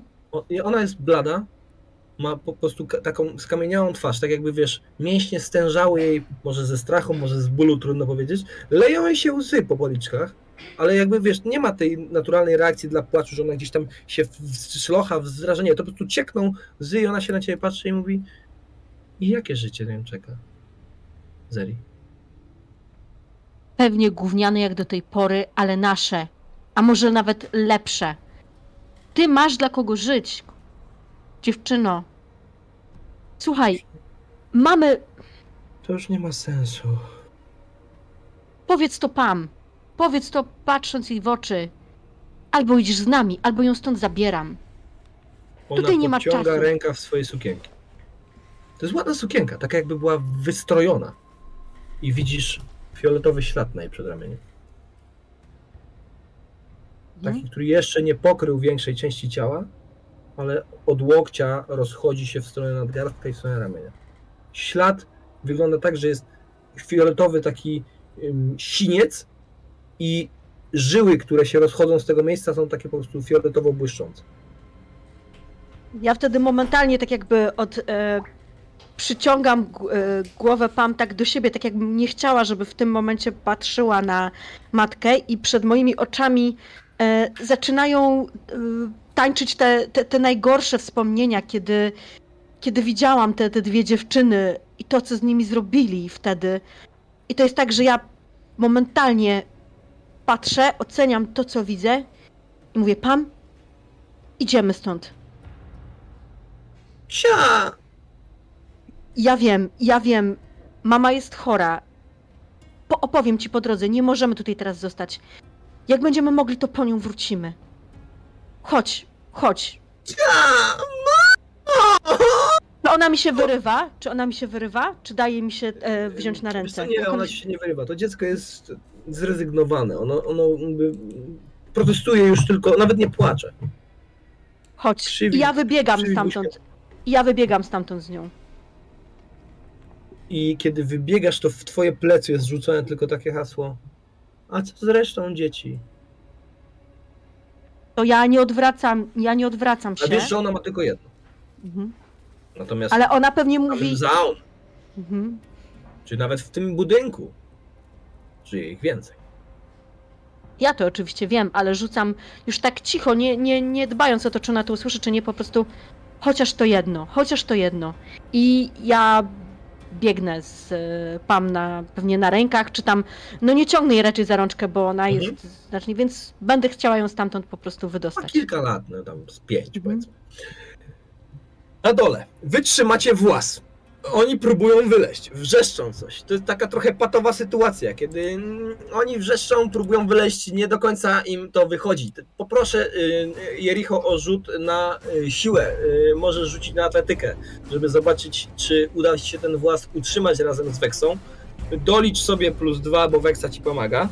Natomiast zostaje nam jeszcze kwestia Twinks i Garoty, którzy widzą, jak zaczyna się coraz więcej y, tych uzależnionych od y, migotu y, mutantów, to chyba tak już należałoby przynajmniej niektórych nazywać, wsypywać na to podwórko.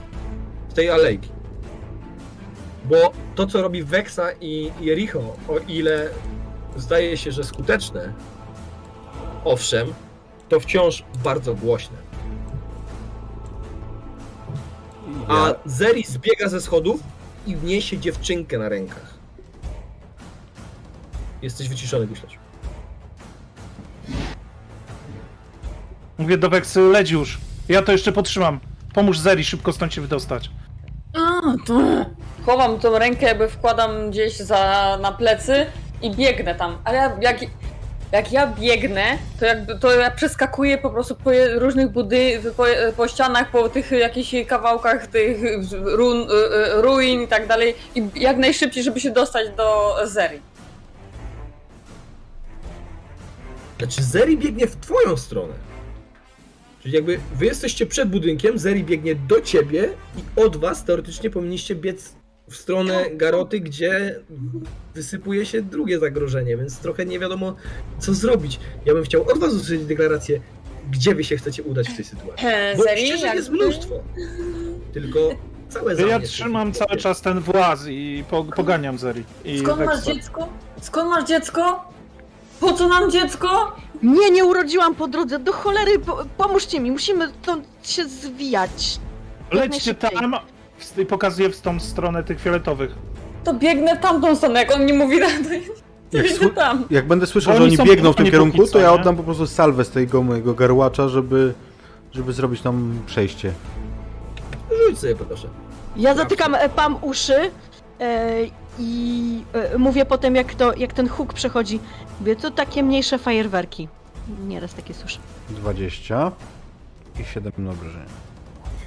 to jest głośny huk i taki blusk ognia, tak jakby... nie chcecie wiedzieć, czego on tam naładował do tych luf.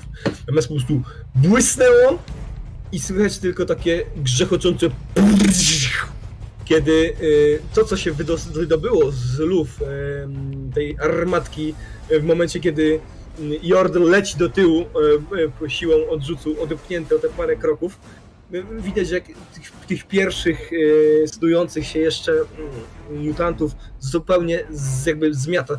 Albo y, zostają uszkodzeni w takim stopniu, że nie są w stanie funkcjonować, się poruszać, albo są w stanie, ale się przewracają y, i wiecie, jakby kilku tych pierwszych, których się wtoczyło, po prostu będzie niezdatnych do tego, żeby was zatrzymać. Oni będą się poruszać i będą konać tutaj w cierpieniach, tak jak ich Garota zostawił. Natomiast y, no nie będą stanowili dla was przeszkody. Co innego ci, którzy się zaczną gromadzić z ulicy, ale to jeszcze chwilę potrwa, to wam kupuje czas. Twinks? E, Ja w takim razie e, czekam aż oni biegną, no i ja biegnę koło nich e, niewidocznie. Ale chcę poczekać na resztę. A Na powiedz tyle, mi, co ty na to, żeby wasza karta wychodzę wolny z więzienia, to był twój drugi gadżet. Co ty na to, żeby Twinks była wynalazcą najgłośniejszego przenośnego rogu, jaki widziało całe zaon? Ja myślałam, że wystarczy mi, że będę tam stać i się drzeć, jak już przebiegną. A Możesz, przebieg możesz, też nie jest dobry. Także e, myślę, że włączę taki alarm na zasadzie małego przycisku, który jest niczym Budzik to jest alarm ogłuszający. pierwotnie budzik. Tak. Pierwotny budzik, ale budzi trzy osiedla. No jest to, To jest- przerażająco upier... u, u, Boże, upierdliwy też pewnie, ale u, upiorny jazgot, który zaczyna się wydobywać z tego niedużego przedmiotu, który y, ty go trzymasz, czy nim rzucasz? E, klikam go i rzucam nim w drugą stronę, żeby wpadł Mhm. gdzieś między nich. On leci takim lobem po tej ulicy, odbija się od jednej ściany, kruszy jakiś neon, ktoś tam zaczyna wrzeszczeć ciszej! Natomiast to po prostu jest taki jazgot totalny, który sprawia, że te istoty absolutnie zgromadzają się jakby w tamtym kierunku, robiąc wam wolną przestrzeń. Wybiegacie stamtąd i jesteście przynajmniej chwilowo bezpieczni. Z dzieckiem na rękach, pościgiem w postaci wkurwionego hembarona, nie do końca jeszcze chyba wiedząc, co ze sobą zrobić.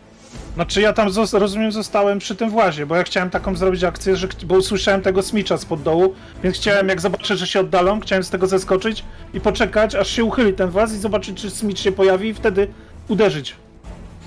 Ale tam, znaczy jesteś przekonany, że tam nie jest sam, więc tam raczej pojawi się, wiesz, No ale na ktoś... drabince pojedynczo wchodzą, nie? No, no. No to kogoś kolejnego, żeby spadł i wtedy Myślałem, że znowu będziesz lecę. mordował do skutku, aż on się pojawi. Okej, dobra. Yy, przyjmijmy, że, że, że nie będziemy Tak. rzucać. Ty jesteś jednak najbardziej wojowniczą postacią i ten rzut jest do niczego niepotrzebny. Yy, wręcz mógłby mi utrudnić, gdybyś tam jeszcze został. Także uderzasz yy, w jeszcze kolejnego z, z tych gramolących się tam karków.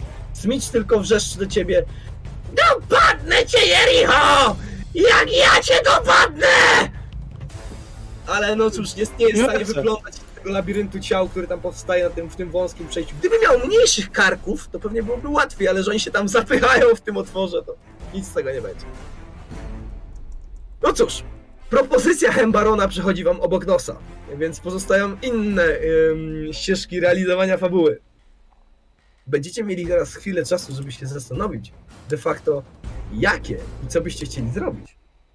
No bo w reakcji na wasze ruchy wracamy na radę. Tam przecież ciągle trwają negocjacje. Pojawiła się nasza słynna Ambessa i rzuca propozycjami.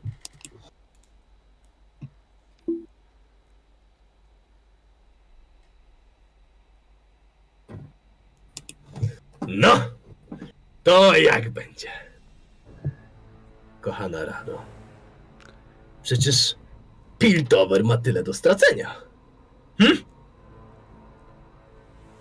Przejdźmy No, do konkretów. no przecież, że się na pewno dogadamy, ale pani siądzie, bo tak pani stoi, jakby pani na wesele prosiła. O tu. Za stara jestem, żeby siadać. I za młoda, żeby siadać. Jeszcze jest wiele do zrobienia, mój drogi. Ale widzę, że wyglądasz mi na rozsądnego człowieka, który wie, jak można dobrze zarobić. Umiem zarabiać. No, proszę, proszę. Ona nie ujmując, ale na wesele, żeby prosić, to też pani jest trochę za. yy, zbyt zajęta. Podobasz mi się. Konkrety. Słucham. Przede wszystkim obecna tu rada musi zostać oczywiście u steru. Z namaszczenia. Chyba myśmy się nie rozumieli, mój drogi przyjacielu. Rada, jak sama nazwa wskazuje, jest ciałem doradczym dla kogoś, kto miałby zaprowadzić tu porządek. Kto będzie rządził, ten będzie rządził, ja mówię tytularnie i finansowo. W jakim składzie będzie rada?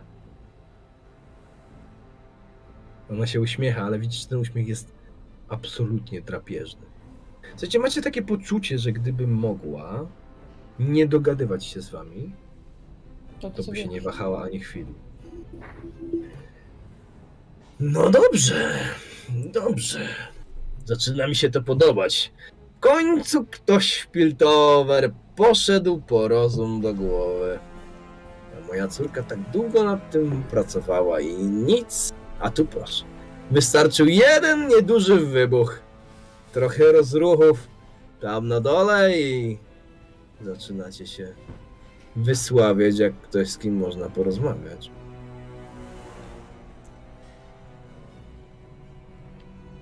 gwarancję. Potrzebujemy Czyżbyś- gwarancji? Jako głos rady, bo widzę, że reszta milczy. Obawiał się, że słowo przedstawiciela Imperium Noxus nie wystarczy? Chciałbyś mnie obrazić? Jesteśmy ludźmi interesu. O, szanowna, to nie jest Ty obraza. jesteś marnym człowieczkiem interesu. Ja pochodzę z arystokratycz- arystokratycznego rodu, z Imperium Noxus i moje słowo więcej niż cokolwiek, co mógłby ci tutaj ktoś zagwarantować.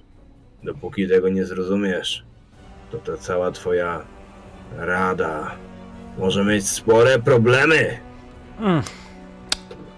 I po co to od razu tak, tak na ostro? Naprawdę chcecie się zgodzić na to, co ona proponuje? Przecież jak wpuścimy tutaj noksjańskich żołnierzy, to oni już stąd nie wyjdą.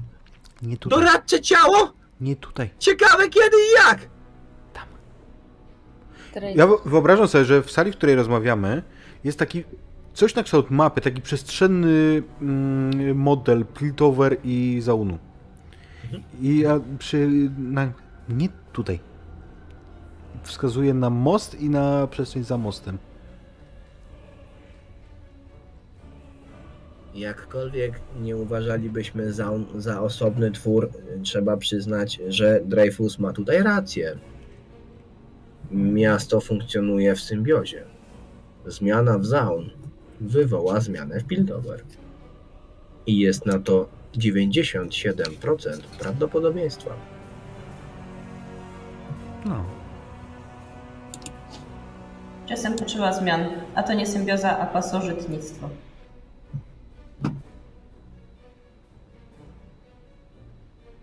Moja, To nie jest taki. Trudniej mi się zgodzić. moja macocha zmarła na raka, wiesz? On żył na jej ciele tak jak Zaun na Piltover i puch, puch, puch i wiesz co? Cała macocha umarła. Obawiam się jednak, e, Makarie, że tak patrzę na naszą towarzyszkę, która ten przyszła do nas, że to nie będzie lek na raka. Precyzyjne cięcie wykonane przez tysiąc noksjańskich mieczy wyleczy was od ręki. Prawda? Tak, amputacja chorej kończyny, tylko wszyscy wiemy, co to znaczą fantomowe bóle. To nie jest tak, że zrobisz jedno ostre cięcie i wszystkie problemy znikną jak za dotknięciem czarodziejskiej różdżki. To tak nie działa. Z całym przeproszeniem, moja droga, ale nie mam zielonego pojęcia, co ty pierdolisz. Jakieś tam bóle i tak dalej. Uwierz mi, że jedno dobre cięcie rozwiązuje mnóstwo problemów. I trzech moich byłych mężów doskonale się o tym przekonało. Bo nic innego nie znasz, bo oddaliłaś własną córkę, dlatego że os- ośmieliła się myśleć inaczej niż ty. A my teraz No i musimy co myśleć tego przyszło? Nawet nie wiadomo, czy żyje. No właśnie. Ale jeżeli żyje, to myślę, że nie, nie zgadzałaby się potulnie z tobą. No to niech się nie zgadza. Ona jest radną Piltover, a ja noksjańskim generałem. Ciekawe, kto ma większe wpływy. Wasza dwójka wygląda rozsądnie. Przemówcie reszcie do rozumu. Macie godzinę. Wrócę tutaj i chcę usłyszeć coś, co mnie zadowoli. Albo to tysiąc noksjańskich mieczy, o którym wspominałam, zamiast dokonać precyzyjnego cięcia, rzuci się na wasze cielsko i je rozszarpie. Ech, interesy uczą jednego. Żeby przychód był duży, a nie dochód.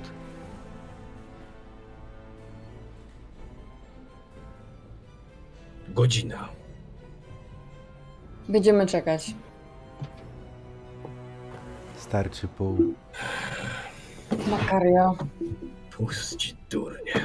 Ona się odwraca, zawija tylko taką peleryną krótką, którą ma przerzuconą przez jedno ramię. Dzwoni jej odbijający się o biodro sztylet i takim prężnym krokiem wychodzi. Barki z tyłu ma takie jak facet.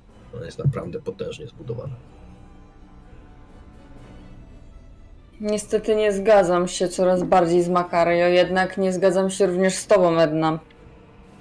Nie, jest problem, nie są problemem bóle fantomowe, bardziej margines, z jakim zostanie odcięta ta zakażona kończyna.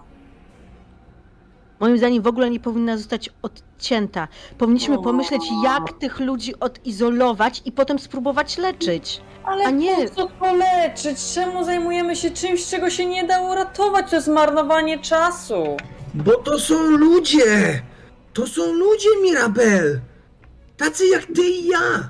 Co? O Nawet nie! Ori to rozumie, a nie jest człowiekiem. Po prostu mieli Proszę. mniej szczęścia. Co z tego, że to są ludzie?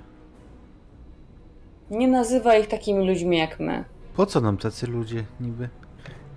Naprawdę? Po to powstała ta nowa rada, żeby pójść dokładnie tym samym torem, co poprzednia? Że Natomiast, jesteśmy lepsi niż inni? żeby Właśnie, trzeba się... była jasność, ja nie zamierzam usługiwać temu e, royalistycznemu tyrańskiemu kurwisku. Wybaczcie język. No pewnie, bo zaraz się znajdzie dwóch młodych masażystów, którzy tak już jej usłużą, że nie wróci do nas za godzinę, bo będzie jej za dobrze. I oby tak było. Że Sięgam pod swój mm, ten e, wózek i demonstruję im, uchylając mm, taki na zawiasie płaszczyznę, która jest czymś na zasadzie szafki po prostu wbudowanej w jego ściankę, kuszę. Samą powtarzalną kuszę. plan, Makario. Karion, czy ty nie przesadzasz? Co chcesz ją zabić? I co, i wtedy co? No, Po prostu nas zaatakują, tak? Tak to widzisz? Jest Nie, ale gdyby- pewności, że Noxus zaatakuje nasze miasto, jeśli zginie ich ambasador. Tak, tylko I wtedy... 0% pewności, że w dłuższej perspektywie obronimy się przed inwazją Imperium Noxus. Małe Ja nie to. Pozbywanie się problemów z z zaunu to źle. Y, Skrytobójstwo też niedobrze. Ludobójstwo Tylko, wam się nie podoba. To co wy chcecie? Nie ona do nas, ona do nas przyjdzie, a ty do jej strzeli z kuszy. No Ciekawe, Właśnie, kto nie zgadnie, że to my zrobiliśmy krzywdę. Dlatego bardziej bym y, się skupiła na tym, Wydaje Żeby- mi się, że 99% ludności Valoranu może nie zdawać sobie z tego sprawy, że jesteśmy za to odpowiedzialni. A- Naprawdę. To Pamiętajcie, przytłaczająca statystyka. pamiętajcie, że armia tygrysów dowodzona przez baranka będzie słabszą armią niż armia od kiedy ty owiec. jesteś takim poetą. Od zawsze, moja droga, od zawsze. Nawet sponsoruje, się- sponsoruje niewielki teatr. Tun, Owce masz pomóż mi, proszę cię. Przemów im do rozsądku. Ty jesteś już doświadczona, wiesz jak to się skończy. Jeśli wpuścimy tutaj Noxu, Noxus, to to nie pójdzie po myśli e, Makario. To nie pójdzie po niczyjej myśli. Ja nie chcę ich tu wpuszczać głąbie. Amadeuszu! No naprawdę! Interesuje mnie jedna. O jakiej owcy ty mówisz? Liczysz, że Bez generała będzie im trudniej nas No oblegać niż z generałem. tylko nie Ale to można myślisz, tego że za chwilę nie przyślą nowego? Nie- To jest jakieś... I To jest absurd, to co mówisz, Makario. No, Generałowie nie rosną wykorzystajmy na... ich, cały czas od początku mówię, drzewach. wykorzystajmy ich. To tak Niech jak z załatwią mężami nasz- stanu, jak ja albo... Takim jak ja. Niech załatwią sprawę Zaun. Potem się będziemy przejmować co dalej. To O jest to, nie. co nas pali. To najbardziej... Bo zaraz tu ich będziemy mieli. I co wtedy? Ale, Amadeuszu, możemy nie mieć czasu potem się zastanawiać nad tym. No to dobra, prze, prze, e, omówmy to teraz, ale musimy się jakoś z nimi dogadać. Przecież nie mamy sił takich, żeby spacyfikować przecież Zaun. Czy mamy? Absolutnie No może zgadzam. wiem, że ma, mo, może nie wiem, że mamy. Dreyfus, I- mamy takie siły? Znowu się otwierają. Dreyfus zdąży ci tylko powiedzieć, że nie, ale mamy nowoczesną broń. Ja mam pomysł, jak moglibyśmy to rozwiązać. I wchodzi kolejny kontrus, konstrukt. Tylko tym razem konstrukt, który jest wam doskonale znany. Lekko wgięta, duża, taka owalna y, czacha, powykrzywiane elementy, y, no nie pancerza, po prostu jego ciała, metalowego ciała. I to jest Bolbok, jeden z e, radnych e, ze starej rady, który jak widać przetrwał wybuch, może dzięki swojemu mechanicznemu e, ciału. I on właśnie w tej chwili z takim zgrzytem, bo widać, że coś tam niedobrze jest, jeśli chodzi o jego mechanizm, wchodzi zwolna do, do tej sali. A, mm, e, mm, po, po, powinniśmy rozwiązać jeden problem przy pomocy drugiego, Właśnie. No ale statystyki wspierają zdecydowanie ruch pod tytułem Wypuśćmy to, co w Zaun na Noxus, a nie to, co w Noxus do Zaun. Czyli co, przeniesiemy walkę tutaj do górnego miasta? Nie, nie, wypuśćmy to za miasto. On nie jest głupi. A jak się wyklepie, to będzie nawet przydatny. Musicie wiedzieć, że Rada miała układ z Zaun. Hembaronowie trzymali wszystko w ryzach w zamian za to, że pozwalaliśmy im prowadzić swój proceder. Jeśli się do nich zwrócimy i pozwolimy im zalać całe Zaun migotem, a potem wypuścimy to, co powstanie na żołnierzy Noxus, to prawdopodobieństwo tego, że Noxus polegnie jest wysokie. Mam tylko jedno pytanie. Co zrobimy z tym, jak już to pokona Noxus? To absolutnie wykluczone. To nie będzie wtedy problem Piltover.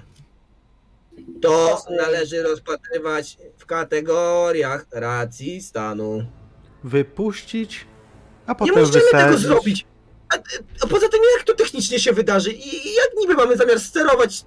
y, y, Nie mówiąc już o tym, że zarażenie, znaczy Daj pół, no narażenie spokojnie. Ja też, na ja też się na to nie zgadzam. Nie zgadzam się też na to. Przecież... Przecież co, zakazimy jeszcze więcej ludzi? Przecież to jest totalnie bez sensu. Jak szczury laboratoryjne. Nie ludzi, tylko dolniaków. Wykorzystajmy tych dzikusów, żeby Nie. pozbyć się innych dzikusów. No to powiedz mi, jak to dookoła wygląda tego miasta? Mam? Jak do tego dookoła miasta wygląda? Bo ja nie wiem, e, w, w sensie co Wiesz tam co, jest. e, Piltover leży w takim trochę pagórkowatym terenie i No, dlatego no. Zaun jest poniżej, że to jest takie, Mhm. są, przycinają to miejsce liczne wąwozy i Zaun jest właśnie w tych wąwozach pod Piltover. Natomiast Aha. z jednej strony jest też dosyć duża nizina i tam Aha, czyli jest jest. skupiona większość wojsk Noxusu. Okej, okej, dobra, teraz kumam. Tylko Wylać i wysadzić most. Ale czemu ty chcesz wysadzić most? Żeby to Most potem, jest- jak napierdoli tamtym, nie Ale zobaczymy. po nas. Po ciebie, Most zawsze- Most Ale zawsze... masz gwarancję, że im napierdoli.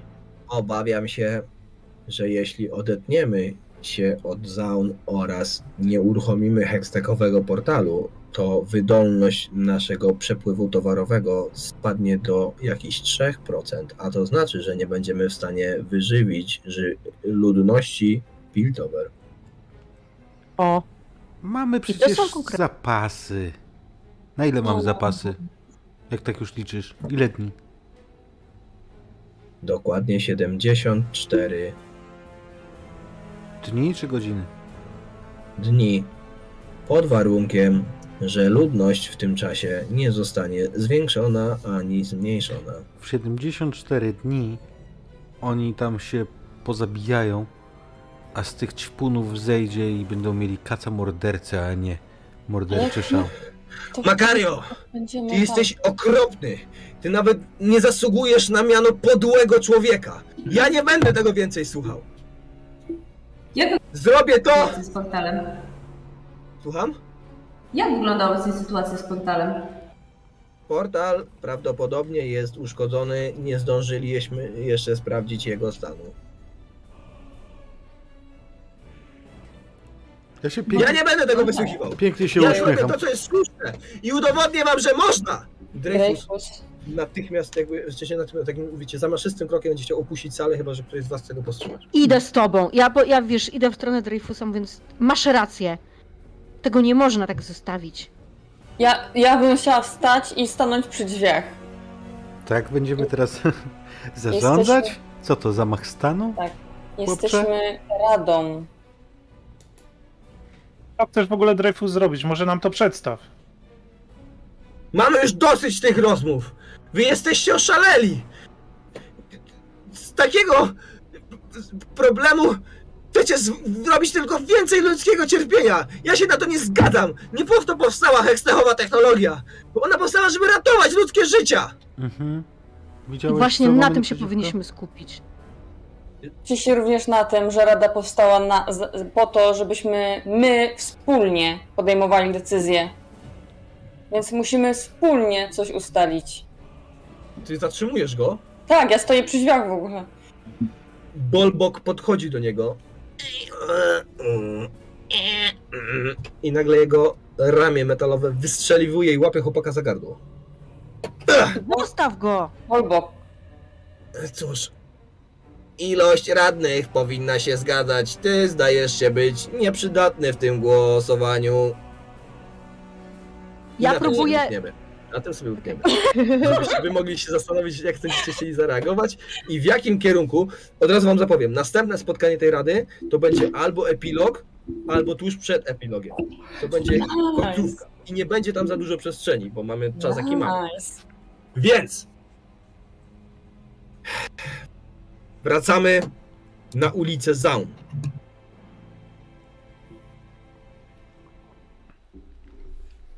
Gdzie trwa chwila zwodniczej ciszy i spokoju. Nic się nie dzieje. Uciekliście z okolic Czerwonego Lotosu. Wydarliście się i mutantom, i Hembaronowi Smi- Smiczowi. Być może jesteście bezpieczni. Może tak naprawdę jest jakaś nadzieja. Wiesz co, ja się trzymam za Zeri, tak żeby iść za nią, jak ona niesie tu dziewczynkę. Nie chcę. Y, Nie, tutaj nigdy nie można się czuć bezpiecznym. I to widać w sposobie, jaki ona rozgląda się, idzie i to jest tak jakby wzięła kilka głębszych oddechów, e, jakby chciała sama sobie dać to przyzwolenie, żeby, że jest ta chwila ciszy i spokoju, ale nie. To jest cały czas czujność, to są cały czas napięte mięśnie i Widzisz pomiędzy nachylającymi się budynkami, pomiędzy tym całym bałaganem i chaosem, z jakiego tak naprawdę wyrasta Zaun, że w coraz większej ilości miejsc widać porozbijane części neonów, jakieś poodpadane dziury w budynkach i w ścianach oraz coraz więcej pojawia się dymów bijących w stronę tych przestrzeni, bo ponad budynkami Zaun zwykle jest tak, że jest po prostu otwarta przestrzeń, gdzieś wysoko, wysoko są ściany tego wąwozu i jeszcze jakiś taki prześwit nieba, który często jest zasłonięty jakiegoś rodzaju oparem czy chmurą, ale tam właśnie ucieka teraz coraz to więcej słupów ym, dymu. E, Ja y, obchodzę tak naprawdę resztę, z serii. E, No i w tym momencie zrywam jeden kabelek, gdzieś tam go odpinam, więc się pojawiam. I co teraz? Y, Ja uznaję ją za szefa tej ekspedycji. Czy chcemy się wykupić tymi jednak heksterem? Chcemy się wykupić? Chcemy wejść do góry? Chcemy stąd uciec? Czy jednak chcemy coś przejmować? Czy może jednak chcemy stąd uciec? No właśnie. Nie, nie, nie spodziewałam się, że, że sytuacja się tak rozwinie, ale musimy. Ja muszę przynajmniej y, dostarczyć w jakiś sposób Pam do, do świetlików. Przynajmniej na chwilę. Oni świetnie umieją się ukrywać i, i zajmą się nią Czasu? przynajmniej. Możemy nie mieć, nie mieć w ogóle czasu?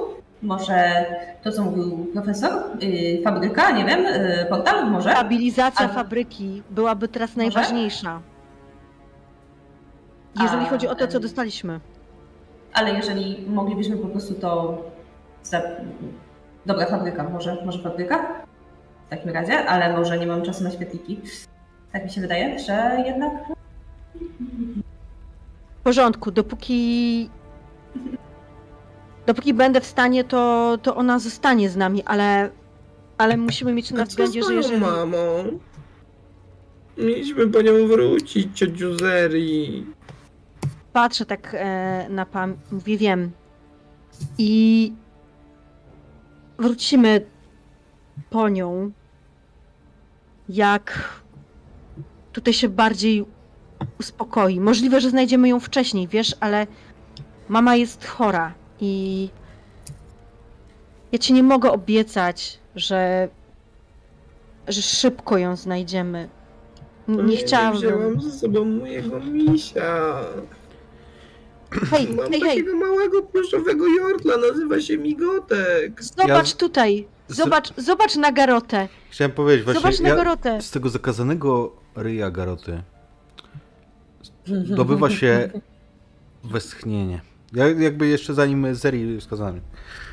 Zresztą chciałem wcześniej już trzymać się za nią. I w tym momencie na tej skwaszonej gębie robię coś, czego nie widzieliście. Kaprys, który jest najbliższy uśmiechowi jak się da. I swoimi długimi uszem, u, uszami zasłaniam sobie oczy. A kuku. On jest fajniejszy niż Migotek. No widzisz. A ja po- półgłosem, tak żeby dziewczynka nie słyszała. No kurwa. Uznajmy, że, y, że mała będzie przez chwilę zajęta. Mhm. Tak, ja się na tym skupiam, żeby ją zabawiać właśnie e, tak. Ja, go Ja też tak chciałam- mówię cicho, dzięki Garota. Wiszę ci dużą przysługę. A ja tak wstaję, tarmoszę go za ucho i siadam obok małej, nie? I tak patrzę na Znaczy, nie siadacie, tylko ja rozumiem, że wy idziecie jednak mimo wszystko. Gdzieś tam No, ulicami, Idę tak? obok małej. Nie możemy Mhm. się zatrzymać. Możecie, jasne. Zeri, to co do fabryki? Czy co robimy? Jeżeli No się coś wszyscy zgadzamy, to mi się wydaje, że tak. Nie wiem, co... A po co my idziemy do fabryki? Żeby ustabilizować to całe jebutne wypływ. Tak. Ale to wciąż będziemy mieć całkiem sporo osób y, zombie na, ulicach. Ale nie będzie Tak, ale- rosło. No, No, nie będzie nowych, to może coś To pomoże. raz. A dwa, że fabrykę będzie będzie jakiś- można wtedy uruchomić ponownie, jak przyjdzie na to czas. No To tak. dwa. tak w ogóle, bo może to niezbyt dobry moment, ale jestem Twinks. Komple- Sorry, Twinks. Y, faktycznie do tej pory się nawet nie przywitaliśmy jakoś tak oficjalnie czy tak. coś. Zeri pewnie znasz, bo Zeri każdy zna, a jak nie znasz, to chyba jest z ciebie jakiś konfident. Znam. To jest Jericho. Po prostu Jerry, starczy Jerry. Ta piękność to Weksa. A na mnie kumple mówią Garota. Albo słodziak. Tak do mnie mówi Ale to Weksa. ja. Dobra, to jak to mamy? Miło mi. E, fabryka? Mhm. Szybko. Stabilizujmy Słuchajcie, fabrykę. Do tej, do tej fabryki. Przesuńmy się tam, żeby nie marnować za bardzo czasu. Kiedy zbliżacie się do, do dolnych poziomów, dzieje się kilka rzeczy naraz. To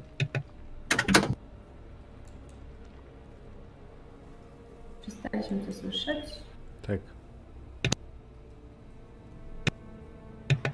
O, teraz.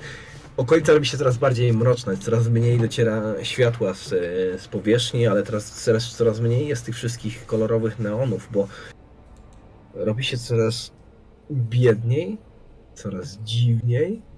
Dużo tych okolic to są po prostu takie zaułki w tych wąwozach, w których jakieś klecone z resztek y, śmieci, y, jakiś szmat, takie szałasy przewracające się są jedynym schronieniem, jaki, jakie mają ludzie. I tutaj na tych dolnych poziomach żyje już taki totalny margines wyrzutki nawet ze społeczności Zaun.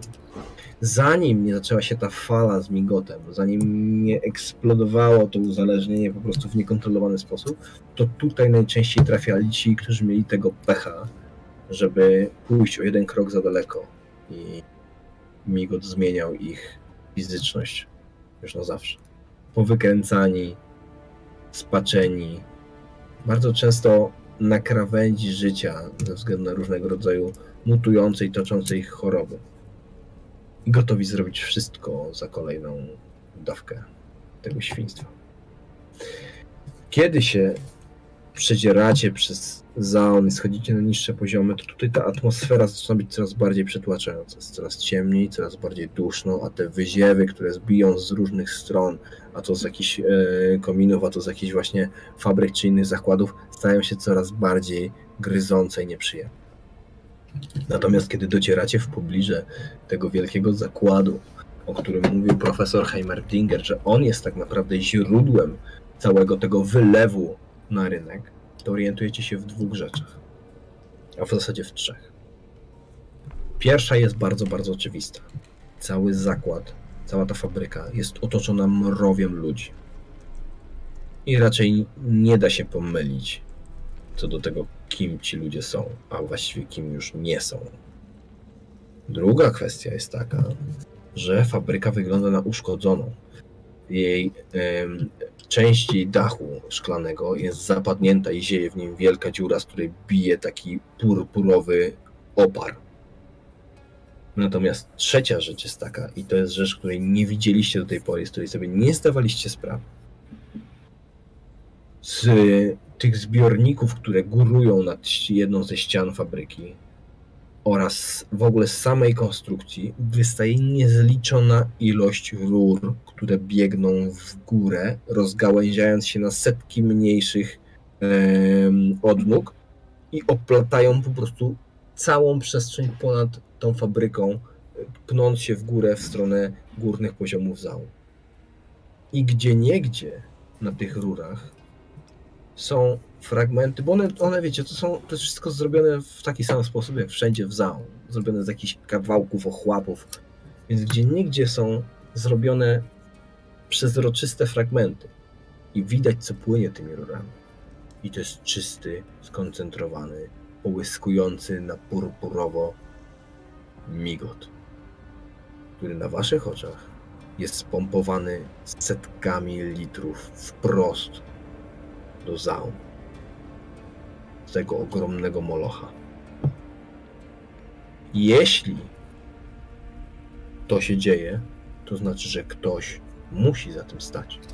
Bo fabryka, żeby działała, musi być w jakiś sposób uruchomiona i obsługiwana.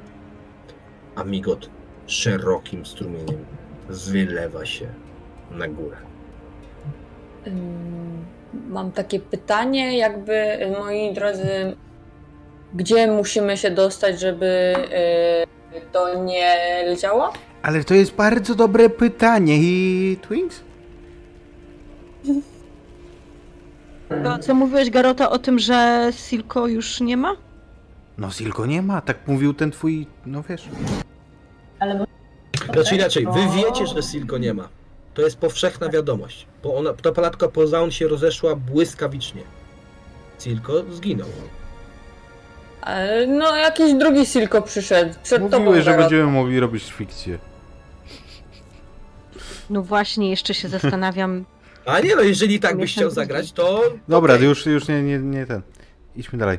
Mm, Twinks. Gdzie musimy się dostać, żeby zatrzymać to? Zdecydowanie do centrum fabryki. Dobra, a y, centrum w sensie, że na środku, czy jakieś centrum dowodzenia? Może po prostu po, za rurami chodźmy. Muszą wychodzić z głównej części. Tak Ej, więc... I tak rozglądam się po tych wszystkich ludziach, sam tam. Tak, dostanie się tam nie będzie takie łatwe. Czy się, ja pewnie się tam dostanę. Umiecie się wspinać? Pewno coś znajdziemy, jakieś kanałami się tam dostaniemy jakoś. Musi chyba być coś, nie wiem. Ktoś coś wie, słyszał? Czy ja się umiem wspinać? Spójrz na mnie. Podnoszę łapki, żeby pokazać, jakie mam krótkie Mm. łapki. Tak właśnie myślałam. Ta Chyba, fabryka, z znajdziemy- Ale nie jest najszczęśliwsze rozwiązanie. Ta fabryka jest z każdej strony otoczona tymi ludźmi, czy Nie, absolutnie. jak to wygląda? One, oni, Oni wchodzą tam, czy jakby- tak jakby... Oni, wiesz co, to jest trochę tak, że wy teraz, schodząc na te dolne poziomy, schodzicie tak jakby trochę w dół po takim z, z krawędzi takiego z, y, ściany. On może tak, ta, ta, ta droga jest tak jakby wykuta mm, w skala, ona się takim zygzakiem kieruje e, na, na ten dolny poziom. Tam są już rzeczy, różnego rodzaju jakieś kładki, jakieś takie windy na bloczkach, no, no różne sposoby na to, żeby zejść na ten niższy poziom. Natomiast, Dobra, e, uprośmy, czy widać po prostu jakieś przejście luźne do tej Widzicie, fabryki? że ci- te, te, ten, ten tłum, on jest jakby z jednej strony tak jakby nadszedł i nabrzmiał na jednej ze ścian fabryki. Mhm. Gdyby wam się Mhm. udało w jakiś sposób przedostać y, na drugą stronę, no to tamten dałoby się dużo prościej wyjść. Ale wciąż to będzie wymagało pewnego rodzaju sprawności fizycznej, o której wspominała Vexa, no bo przedostanie się przez gąszcz tych rur i obejście samego kompleksu, no to nie jest taka prosta sprawa. Ja mogę. Ale co wtedy, jak ja tam wejdę? Mam zrobić Próbuję się hałas znaleźć. w innym miejscu po prostu, żeby ten tłum nagle sobie gdzieś poszedł i otw- wej- wam otworzył wejście tutaj? Właściwie jakby jakiś kawałek dalej lekko odstrzelić rurę, to oni by tam nie poleźli. Powiedzcie mi, co mam zrobić. No może e, byś nam zrzuciła na przykład sznur? Albo linę? Mm. Albo drabinkę? Albo... Mm, Nie mam drabinki, Garota, skąd ja wezmę drabinkę? Mam dużo rzeczy w, to, w swojej torbie, ale drabiny to ja nie, wło- nie włożę tam. A sznurki? No sznurek prędzej, no. Mam sznurki. Pytanie jeszcze, jaki to jest sznurek? Czy, czy to jest sznureczek, czy to jest sznur? Nie, taki do wiązania ludzi, w sensie y, taki, no, z, Wyobraziłem sobie, jak taką pętlę szubieniczną wyciągnę. y, taki. Znala, znalazłam, Ko, już mu nie była potrzebna. Czyli się nada. Teoretycznie. Jakbyśmy zrobili jakimiś takimi, no wiesz, szczebelkami, to na dwóch takich sznurkach będzie łatwiej niż na jednym. Mhm. No to ja mam tak, co mam, wejść do środka i wam rzucić sznurek przez okno? Tylko trzymaj z jednej strony. Ale Nie, kuwa. Zostawię go. Żeby ci troszeczkę namalować obrazek, jakby to musiało wyglądać, to po części z tego rurociągu musiałabyś Mhm. się przedostać, potem Mhm. dojść do ściany skalnej, o którą opier- oparta jest część Okej. kompleksu i Okej. z tej ściany skalnej jakby rzucić im wtedy ym, tą linę, żeby oni mogli się wspiąć, bo tak to no, po ścianie skalnej spinać się będzie trudno. To ja tak zrobię. I wtedy dostajecie się tak jakby no gdzieś tam do wnętrza kompleksu z zupełnie niespodziewanej strony, to jest raz, a dwa, y, że omijacie cały ten tłum. Tak zrobię, mam pomocną rękę, klepię, w ogóle mam tą rękę, ona tak mi w plecy jest za, za, za plecak, jak trzymam za koszulkę wciśnięta, klepię sobie jako piąteczkę, idziemy. Rozumiem, że reszta zaaprobowała po prostu ten szalony plan, jakby nikt z Wexa nie dyskutuje. Ja idę. Dobra, słuchaj Wexa, to będzie w takim wypadku e, Mhm. dosyć, tru, dosyć trudny e, challenge roll na Mhm. akrobatykę albo atletykę, co masz wyższe, co sobie życzysz. Akrobatykę. Zdecydowanie No i akrobatykę. to jest 16. O kurde, dobra, no trudno. Natomiast Proszę, 17. nie handluję, z, nie handluję po prostu z Vex się nie handluje z Vexą, bo po, można oberwać w ryj pomocną dłonią. Tak. Dobra, słuchaj, widzicie dosyć kuriozalną sytuację. Bo o ile część tych rur jest okropnie gruba, taka, że trudno byłoby ją ramionami objąć, to niektóre są cieniutkie takie, że są cieńsze niż przedramię. I ta wariatka, bo inaczej się tego nie da określić, w pewnym momencie wchodzi na taką jedną z takich grubszych rur, która wystaje gdzieś w pobliżu tej, tej, tej drogi, zeskakuje na nią, przebiega kilkanaście metrów, potem łapie się jakiejś jednej z tych, tych e, cieńszych rurek, robi taki półzwis, skakuje na następną i gdzieś tak przedzierając się tymi rurami, dociera do skalnej ściany, po której potem jakimś cudem, nie macie zielonego pojęcia jak, bo to jest dosyć dużej odległości, Więc nie widzicie, że Wexa ma tam jakieś jakby miejsca, gdzie można trochę się podeprzeć. To, to nie jest jednolita, gładka ściana, yy, tylko wciąż jakiegoś rodzaju konstrukcja kamienna, bo tutaj da się wspinać. Przesuwasz się po tym i wyłazisz tam po prostu na jednej z tych rur, tak że jesteś ponad tym yy, kompleksem, tak że, że jakby wiesz, yy, jesteś w stanie zrzucić po prostu tą drabinę i reszta będzie się tam w stanie wspiąć. Macham tą Je- ręką im. Jedyne, co okaże się trudnością, to jest to, żeby zdążyć się tu wspiąć, zanim coś przez przypadek się wam przyplącze. I to będzie rzut dla osoby, która ma najniższą e, zręczność dla Zeri e, na e, akrobatykę lub atletykę, żeby Ja zdążyć... powinna mieć jakieś minusy, bo ja jeszcze e, mam dodatkowo. Znaczy ja zakładam, E, że dziecko dajesz komuś, nie? No, Jerry No. weźmie to dziecko, żeby... Ja sobie- zakładam, że dziecko się Jeżeli ona, lepiej niż jeżeli ona się. Tak, jeżeli ona się zgodzi, to jak najbardziej tak. Absolutnie nie chcę tego zrobić, Mhm. ale ją- to jest powód, dla którego wydarza się rzut. Bo ona zaczyna Mhm. wrzeszczeć, że ona bez mamy nigdzie nie pójdzie, a już na pewno bez cioci nie da się nieść jakiemuś obcemu facetowi i wrzeszczy i to przyciąga mutantów. Winx, Dobra, masz jeszcze dziecko. tą zabawkę? Tą taką hałasującą? Tak. No możesz... Odciągnijmy ich jakoś. Posłuchaj, my, my, my będziemy tuż za tobą. Proszę cię. Ja przepraszam. Pam, pam, patrz na mnie. Tak, wiem, wiem, posłuchaj. Ja, ja jestem tuż za tobą.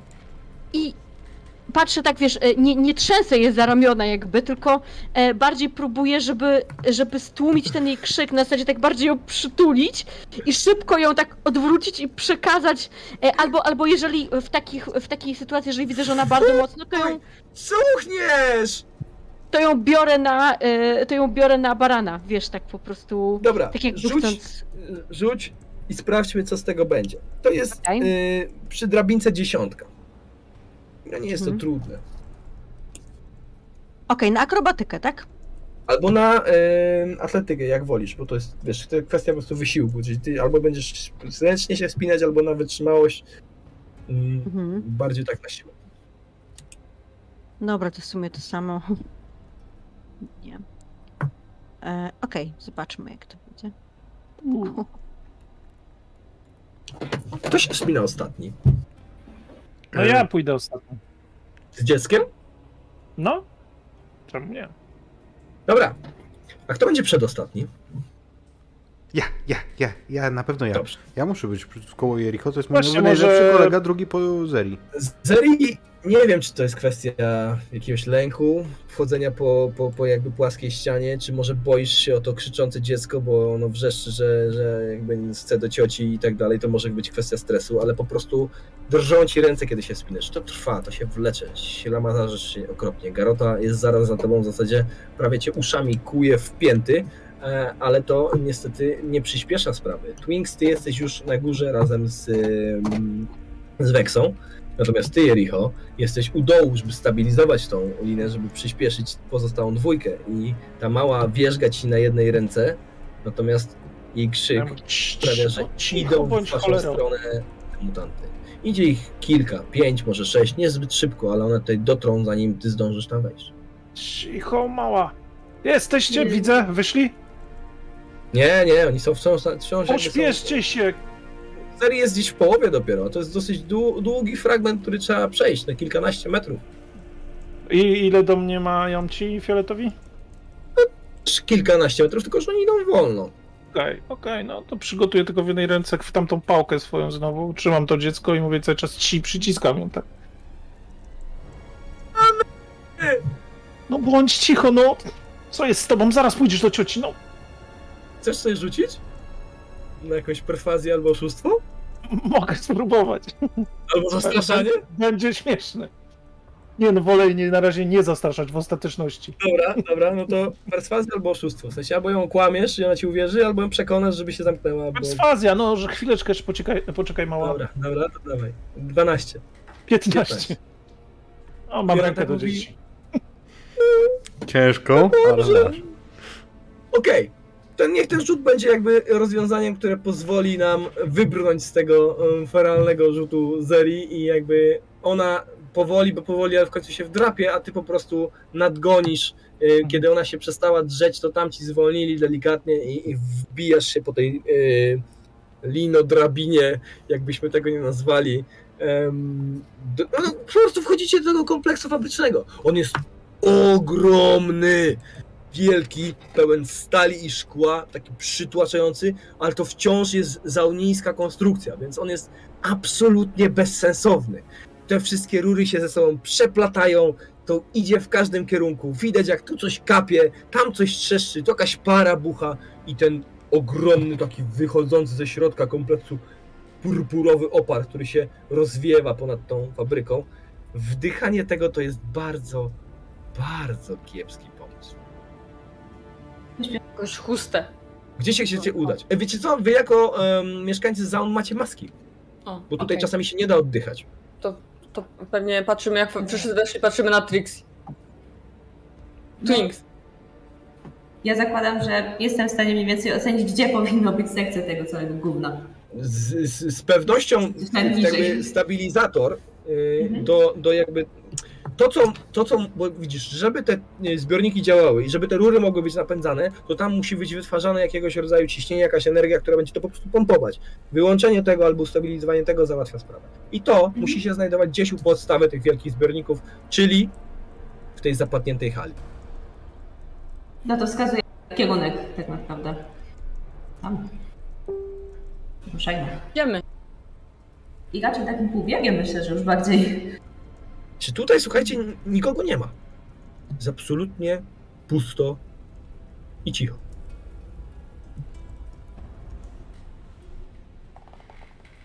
Zawalone będzie się tam trzeba dostać.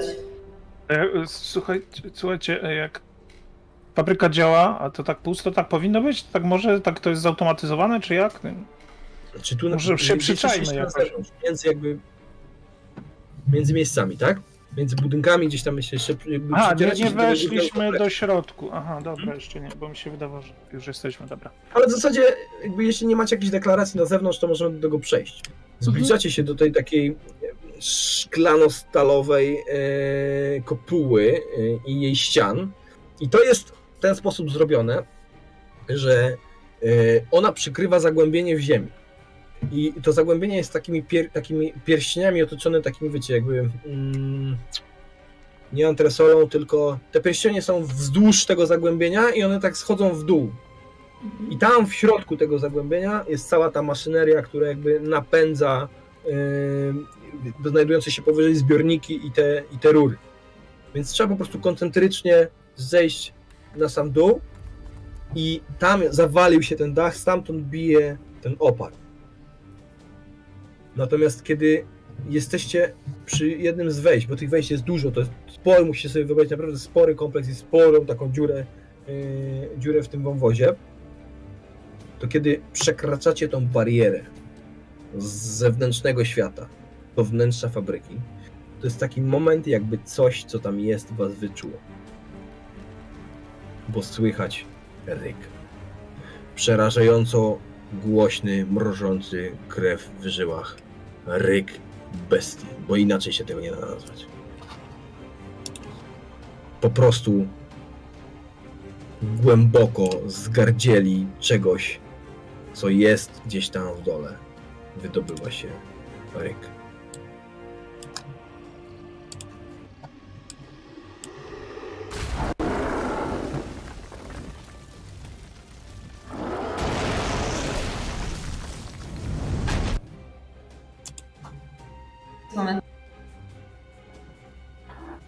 My tam chcemy iść? Jeżeli to ustabilizować, Przerwało cię, Dunoj. jeżeli chcemy to ustabilizować, to tak. Ale, ale to brzmi jak jakieś zwierzę. No, zwierzę, chcemy. zwierzę, a ja ci wyglądałem jak zwierzę, a teraz jestem twoim najlepszym przyjacielem. On może nie. Nie brzmiało jak pluszak.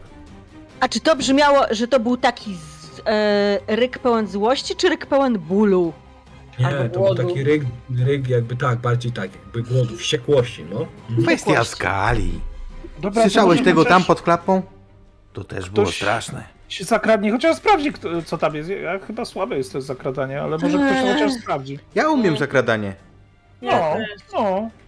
Świetnie. No możemy i pójść. Ja jedną stronę, ty w drugą stronę. Wiesz, zaczynałem jako profesjonalny skradajło. Rzućcie sobie proszę w takim wypadku e, test na skradanie. O, Ja ja sobie skradanie. Rzucę... e, 19. Co myślę? Na liście umiejętności. Tu Ja sobie rzucę natomiast przeciwstawny test, żeby określić trudności. Trochę gorsza.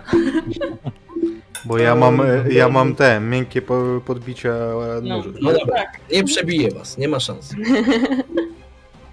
Słuchajcie, bo dostrzeżecie tak naprawdę dwie rzeczy. I z racji tego, że jest was dwójka, to was podzielę tą, tymi informacjami, może będzie trochę bardziej e, ciekawie. Zbliżacie się do krawędzi i zaczynacie się rozchodzić po łuku. Wy jesteście, pozostała trójka zostaje przy wejściu, szczególnie, że ta mała tam ciągle coś jojczy i, i jakby no, trzeba na nią uważać. Ja jej od razu, jak tylko ten ryk, bo ja się spodziewam, że ona może się przestraszyć, to ja jej szybciutko tak. Ona no. się zlała w gacie. Więc ja po Dalej prostu. trzymam. Nie, jak tylko, wiesz co, jak tylko się tam spiliśmy i tak dalej, to ja ją e, będę chociaż na chwilę chciała przejąć i Mhm. teraz jak widzę, co się dzieje, ja jej szybko zatykam usta, głaszczę po głowie mówię, cichutko, proszę cię teraz, cichutko. to ją na, na, jakby na chwilę ją uspokoi, no, ale jest roztrzęsiona. Natomiast dwójka, która wam zaczyna powoli e, znikać z oczu, zagłębiając się w trzewia tego, tego kompleksu, tutaj jest mnóstwo jakiegoś rodzaju, wiecie, takich maszyn, stoją jakieś, jakieś takie duże zbiorniki, znaczy duże, we wnętrzu duże wielkości przykład człowieka albo dwóch ludzi, część przezroczysta, część metalowa, dużo biegnie różnego rodzaju właśnie jakichś rur, tu ciągle coś syczy, tu jakieś machiny chodzą, Więc wy się przedzieracie pomiędzy tym, tym jakby labiryntem tych, tych różnych sprzętów, żeby skierować się w stronę tej, tej dziury wielkiej, która jest w środku. I tam nasz drogi Jordl, który no, ma te zmysły dosyć wyczulone ze względu na swoje, e, na swoje pochodzenie.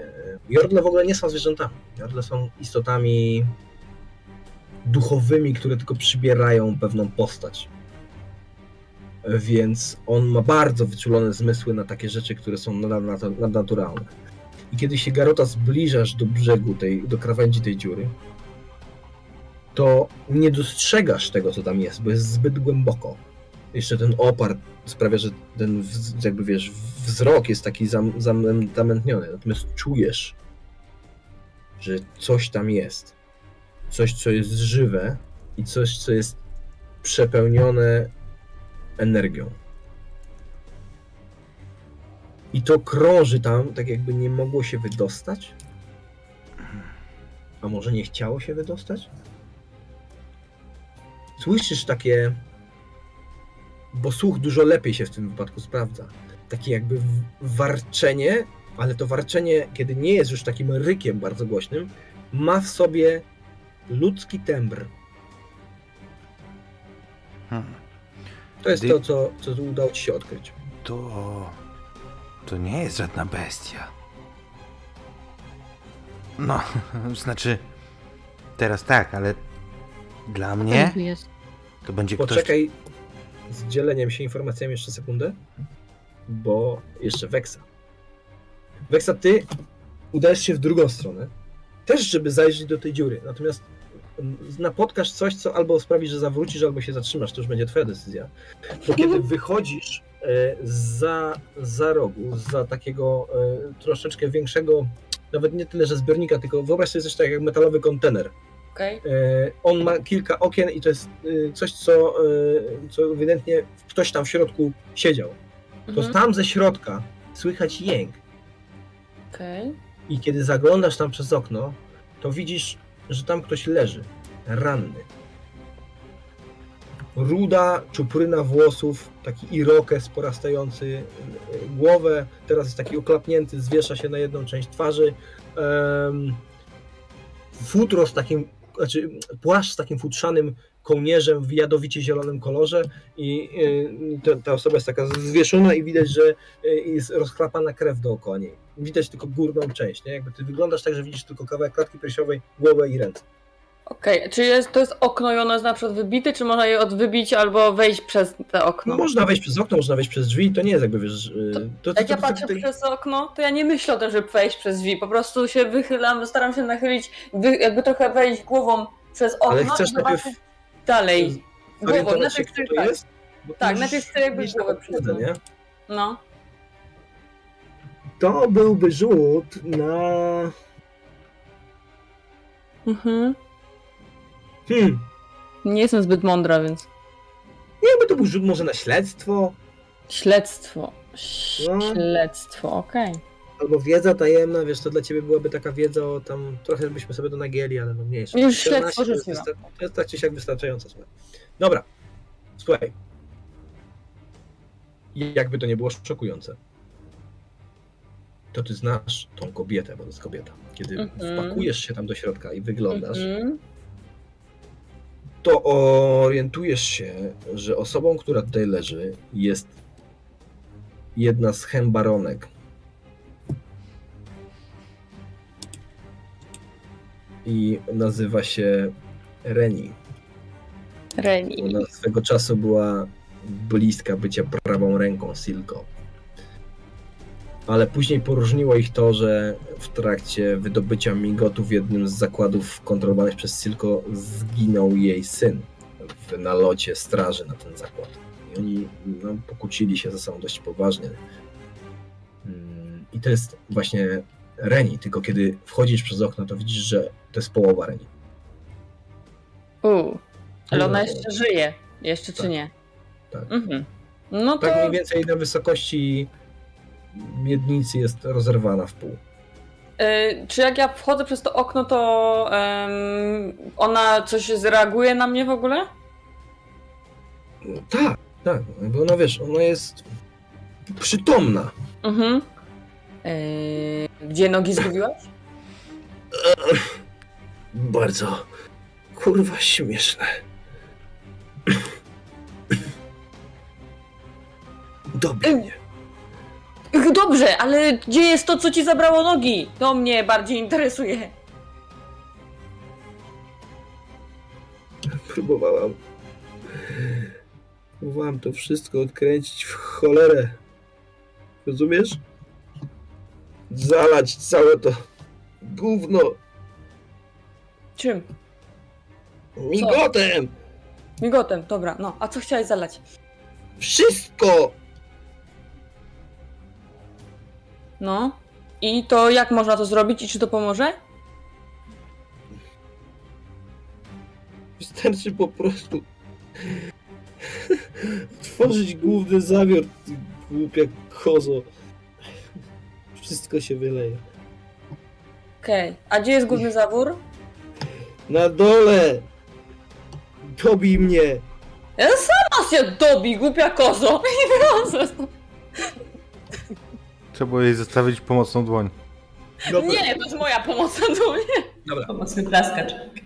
Słuchajcie, no to zróbmy tak, że... No...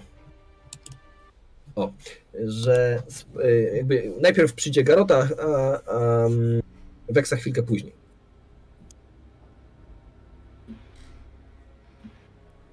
Mnie to wygląda na kogoś tak nafuranego migotem, jak jeszcze nigdy nie widziałem. Znaczy, wygląda. Brzmi tak. To brzmi w ogóle jak coś, czego nie chcielibyśmy zobaczyć. Ale pewnie będziemy musieli.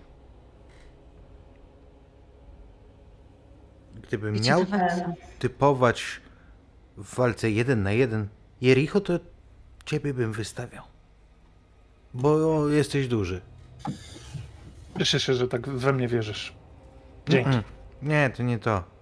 Po Nie? prostu pozostałych bardziej lubię. No Oto dobra. nasz problem, Mogłeś nie dodawać, mogłeś nie dodawać. Ale to nie lepiej zasięgowo? Wydaje się, że twoja broń jest dość skuteczna. To Wszystko byłoby w porządku, drogi Garoto, gdybyś miał do niej amunicję. nie, no to chyba nie jest problem tutaj. Strzeliłeś dwa razy, No to, z dwóch luf. to, to, to pozbieram tutaj, e, wiesz, no, ta fabryka jest pouszkadzana, nie? Co mówiłeś? Nie, no jasne. Szkiełka, kamienie, tak, to ja się, ja się mogę tym od razu zająć, zbieraniem tylko żwiru do Dobra. siekańców Eee, różnych. Ja mam Czekacie jedno na niego, czy wy będziecie pytanie, podejmowali jakiegoś E, rodzaju... pytanie jeszcze zanim o, o świat. Jedna, jedna rzecz mi tylko powiedz. No. E, taka dawka, która zmieni na przykład człowieka w potwora, to jest e, jakaś inna niż ten migot, co jest na ulicach? Czy to po prostu odpowiednia ilość? Odpowiednia ilość. Okej. I A przez mogę, odpowiednio możemy długi wiedzieć, czas pewnie. Mhm. Znaczy nie, jeśli to jest bardzo duża ilość w szybkim, w krótkim czasie, przy jednej dawce albo przy, przy jakby bardzo małym wstępie, to wtedy ta mutacja postępuje zdecydowanie, to szaleństwo postępuje zdecydowanie szybciej. Mhm. Natomiast e, kiedy to są po prostu dawki, tak jakby przyjmować narkotyk, no to wtedy to będzie narastało, narastało, narastało i też nie będzie miało tego typu fizycznego przełożenia, że na przykład nie da ci siły, tylko właśnie cię wykończy i jakby te mutacje będą takie bardziej chorobowe.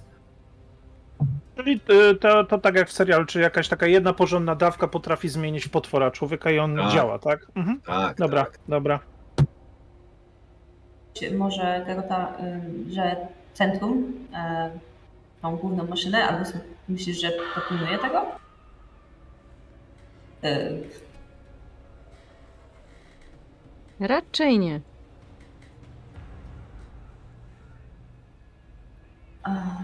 Okej. E, No nic, no tak czy siak chyba musimy iść w tamtą stronę, bo Dobra, a pamiętajcie, że mamy jeszcze te ka- kamienie, kryształy. Co, co, co nam to ma pomóc? Bo coś profesor Stabilizować. chyba mówił. Ale co, Jest. stabilizować będziemy? no chcemy ustabilizować jakby główną część tutaj maszyny, która jest odpowiedzialna za pompowanie. Link, z tym, tak? czy my możemy jakoś tym połatać te dziury? Nie wiem, wi- widzisz jak to płynie, Znaczy, to... bo ja rozumiem, że to po prostu No, fabryka robi to, co ma robić, że działa w pełni. Tak? Tak, tylko nikt jakby wiesz. mm, Po pierwsze, już tego nikt nie kontroluje Ona po prostu Bo- produkuje cały czas, o to chodzi, tak? i produkuje w Mhm. takim tempie, mm, którego nikt na powierzchni się nie spodziewał, bo wy, jako mieszkańcy Zaun, wiedzieliście, że tutaj jest ta fabryka, ale nie wiedzieliście, że ona ma tak szerokie połączenie i że tych róż jest tyle i że one idą, i że to idzie w takiej ilości. Wszyscy spodziewali się, że to wiesz, jest Mhm. wyprodukowane, przenoszone do jakichś pojemników, przewożone, gdzieś tam kitrane, przemycane. Nie! Kranów Przemysłowa, po prostu gotowa i tak po prostu wiesz, tak jakby y, wyobraź sobie, że teraz na przykład do całej miejskiej kanalizacji po prostu jest nagle wpuszczony jakiś syf. Mhm. I we wszystkich domach jest ten syf.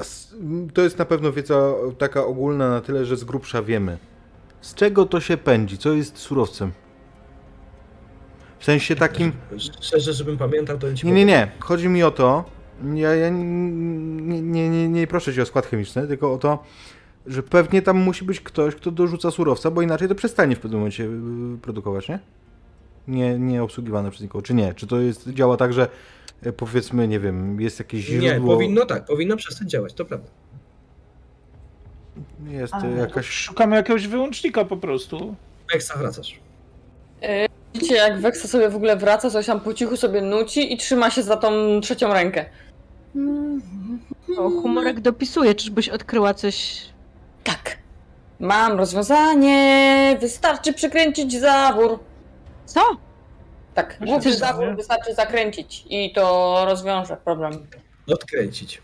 Odkręcić. Ona w sensie. mu- Ona powiedziała ci, że odkręcić. Tak, odkręcić. Odkręcić zawór wystarczy i to rozwiąże Co? problem. Ale Przecież to jest To, co zalało miasto, w sensie jak I- odkręcimy ten tak. zawór, to będzie jeszcze gorzej. Tak, ale to nie zaleje. Nie, to będzie dobrze. To jest rozwiązanie. Powiedziała mi ta, no, ta Reni mi to powiedziała.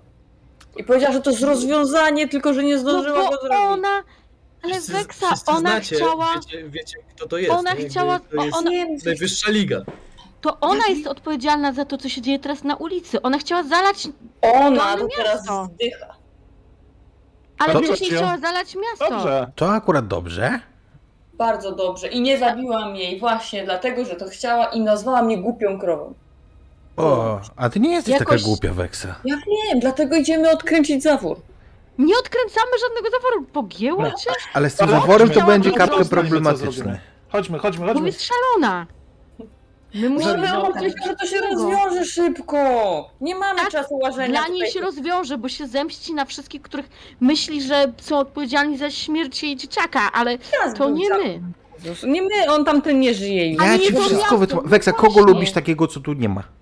No ludziska, chodźcie, po prostu znajdźmy zawór po pierwsze, a potem Tak, będziemy się znajdźmy, ja zastanawiać. wiem, gdzie jest zawór. odkręcać. I tam pokazuję jakby stronę, którą ona mi pokazała. Tam jest zawór. Chodźmy do zaworu. Bo tu jest robota dla ciebie. Bo oczywiście możecie schodzić tą spiralą w dół, tylko to potrwa dosyć długo. Ale jest też, oczywiście, że jest, technologiczne usprawnienie. Winda otóż. Myślę, że parasolka. Tylko należałoby chyba naprawić em, jej stan, bo widzisz, że cokolwiek, co jakby poruszało się tym szybem, sprawiło, że ten kosz, w którym się zjeżdża w dół, jest w opłakanym stanie. I ta lina, na której się jedzie, no dosłownie wisi na włosku. Jakby trzeba byłoby to naprawić, zanim się do tego wsiądzie. E, Teksa, masz może tą swoją linę? Jeszcze? No, lina to jest za mało. Mamy To, jakieś się, takie... jakby, to musi być coś twardszego, jakiś, wiesz, Na pewno mamy. metalowy, obejma, nie, jakby trzeba to czymś, wiesz, złączyć. No jesteśmy w fabryce, coś na pewno znajdziemy. Jest jakiś rzut na szczęście? Nie, ja bardziej myślałem, żeby Twinks rzuciła sobie po prostu na, na swoją wiedzę tajemną A, i, i no. z, z tego co ma, bo Zobaczymy, masz jakieś graty, spróbowała coś zmontować. Tak bym Tak, ale nie wiem, czy mam aż tak dużo gratów. Masz, Chyba, masz. że mam z ułatwieniem. Zawsze jest ryzyko, nie? No właśnie, no to zobaczymy. Mam już. 7 i 14. 14? 14? 7 i 14. Tak, ale ty masz na wiedzy tajemnej proficiency, więc y, rzucasz z advantage'em i uda się. Uda się, słuchajcie. Zacieram ręce. E, Pracuję, znaczy nie wiemy, czy się uda. Ja jeszcze... Słuchajcie, moje wynalazki jeszcze nigdy mnie nie zawiodły. Więc to musi działać. Aha. Widzicie, że na, na, na, na tej jakby linie jest dziwacznego rodzaju taka jakby kula z metalu. jakby Ona po prostu siedziała i dokładała rzeczy. W pewnym momencie stwierdziła, że starczy. Tyle. Wygląda solidnie. Wchodzę tam. Ja też, ja w sumie nawet bym wtedy weszła, jak jeszcze nic nie zrobiła, więc jakby... To byłoby ciekawe obserwować, jak Bex spada kilkanaście poziomów w dół.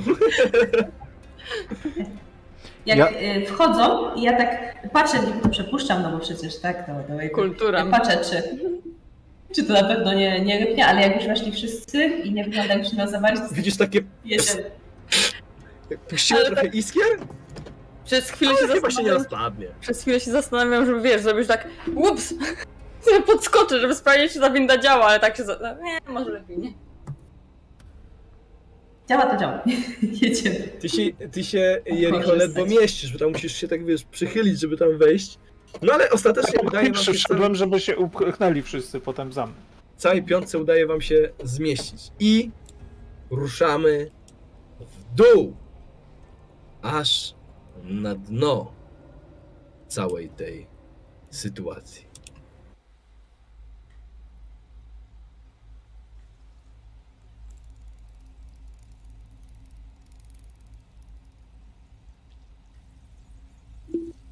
Dobra.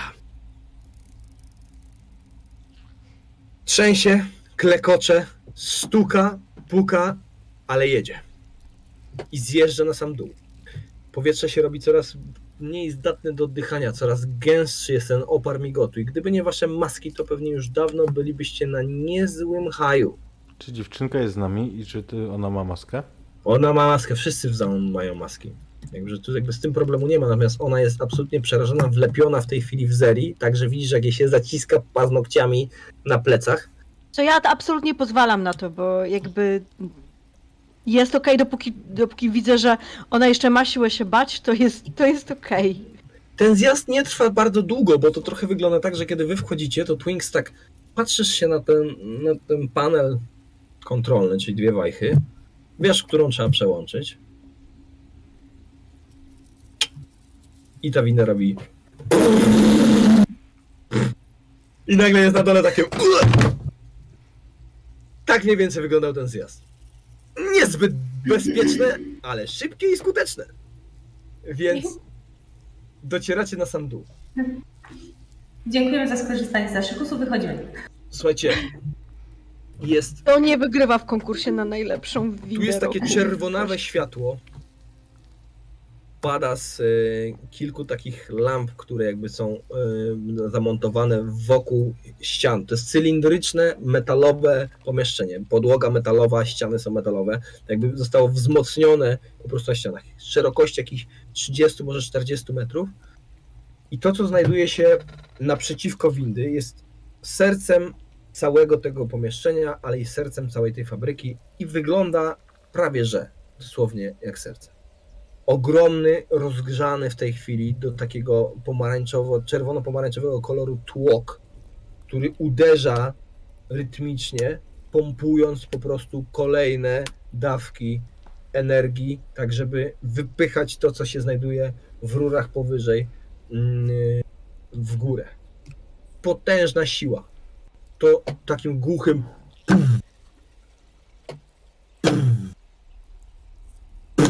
bije jak prawdziwe prawie że serce, tak tak, tak to e, sobie wyobraźcie. Rozgrzane, bo każde to zderzenie to są tony stali, które się ze sobą zderzają i po prostu rozgrzewają się do czerwoności w tym mm, oparze migotu.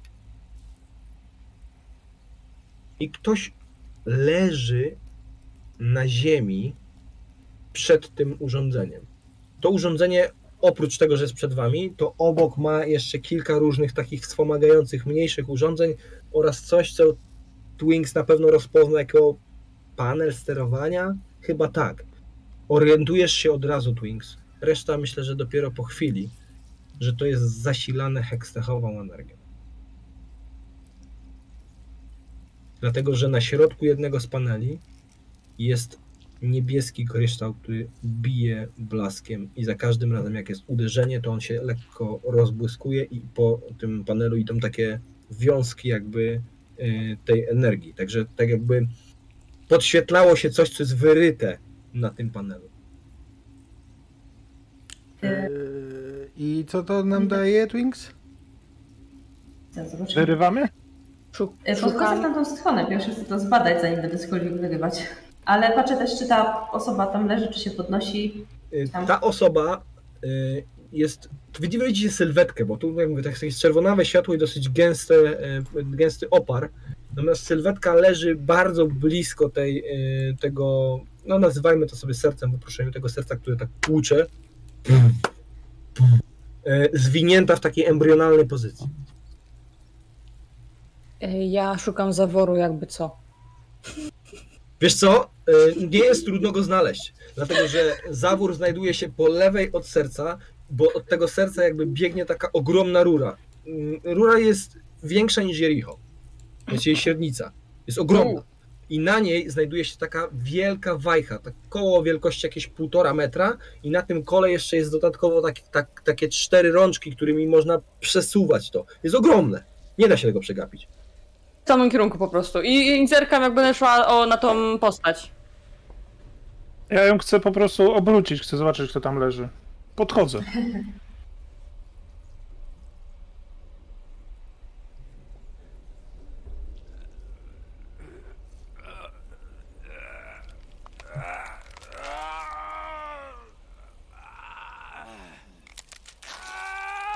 Znam ten dźwięk.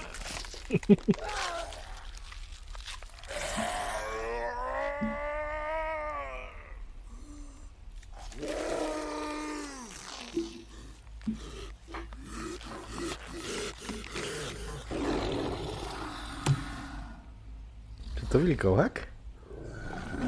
Prawie. Ja się chowam za Jericho. Gdybym miał go jakoś określić i opisać wam, co się właśnie stało, to kiedy Jericho zbliża się, to przez ułamek sekundy widzisz twarz Wandera. Człowieka, który prowadził jeszcze bardziej znany bar niż e, Zeri i tak naprawdę trzymał całe Zaun w garść, a potem zniknął gdzieś nagle. Ułamek sekundy. Jego twarz, jakby jak kiedy go odwracasz, widzisz spocone, oblepione jakby włosy wokół twarzy, zarost i oczy, które się. One nie mają źrenic, one są wywrócone do, do, do góry już jak, już jak go przekręcasz. Natomiast kiedy dotykasz go, Mhm. to on zaczyna się rzucać po ziemi i widzisz, jak zaczyna puchnąć, skóra mu w pewnych miejscach pęka, rosną mięśnie, wywalają żyły pełne migotu i on zaczyna się zmieniać na twoich oczach. Kreaturę, jakiej nigdy w życiu nie widziałeś i masz nadzieję, że nigdy więcej już nie zobaczysz, bo to jest wielkie, przypomina trochę skrzyżowanie człowieka z psem, ale człowieka, który przyjmowałby ogromną dawkę migotu, więc jest rozrośnięty w taki chorobliwy sposób w mięśniach, ma wielki pysk i ten pysk jest pełen takich obciekających fioletową mazią zębów. Eee, do tego gdzieś na plecach widzisz, że wystają jakieś powrastane kawałki elementów tej fabryki i zaczyna go pokrywać futro. Wyrasta po prostu w przyspieszonym tempie. On się podnosi, wie- wielki tors jakby rozrywa całe ubranie, które się na nim znajdowało. Bestia jest ogromna i on wznosi pysk w górę.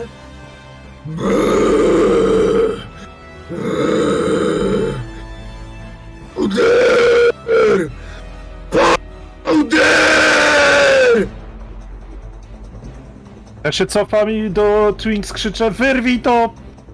To niebieskie gówno i spierdalamy! Biegnę. Ja tylko On chciałam krzyczał powiedzieć- powder, prawda? Ja tylko Mhm. chciałam powiedzieć, że jak on ten, jak, o, jak on w sumie go odwracał, to ja podchodziłam do tego zaworu, Tak. więc jak zobaczyłam, że to się zmienia, to po prostu po tych rurach wpierdzieliłam do góry, jak tylko dałam. Dobrze, rzut poproszę na atletykę albo na akroba, akrobatykę. Akrobatykę. Mhm. Aha, ale ja mam chyba tam dodatek, nie? Ja? Jedenastka to jest. Nie, jestem przecież nie na darmo mam ksywę Garota. Ściągam z pleców moją Jest 16, masz advantage. flintę i będę mu pokazał, jak to robimy w zaunie. Dobra. Zeri. Ty masz dziecko ze sobą? Tak, właśnie i to jest takie, takie bardzo szybka kalkulacja. Ja się cofnęłam kilka kroków, ale kiedy wyrwał się ten e, nieludzki, chociaż ludzki e, e, z jego gardła, kiedy on, kiedy on wrzasnął powder, ja po prostu jakby stanęłam jak skamieniała i to jest tak jakbym e, starała się zupełnie absurdalnie próbować nawiązać z tym czymś kontakt. To jest, to jest ten moment, kiedy ja usłyszałam, że on cokolwiek mówi, więc. I, i jakby przytulam mocniej e, Pam. Jakie ona ma włosy? Ciemne, jasne? Niebieskie. Ona ma takie krótkie, czarne włosy obcięte na, na takiego, wiesz, pazia. Takiego Ja widzę niebieskie, ale, ale wszystkie... Ja też widziałam Jordle- niebieskie, ale. Jordle tak, są tak, e, tak, daltonistami, tak, więc wiesz. tak. W porządku? Jest, jest spoko, czarne. Spoko, mogą być czarne, nieważne. On, ja stoję Ma na środku. czarny tu, a niebieskie końcówki. O Ja się ty! cofam o kilka kroków, po czym, po czym po prostu się zatrzymuję, oddycham tak jak sparaliżowana, ręce mi się trzęsą, ale ja nie uciekam. Ja, ja, ja po prostu stoję i ja próbuję spojrzeć na to coś, tak jakby próbując nawiązać kontakt. Dobra. Wings? Bo wiem, że ktoś pewnie strzeli, prędzej czy później. Ciekawe kto? Ja biegnę w stronę tego panelu sterowania i będę Ale- podrywać. Słuchaj.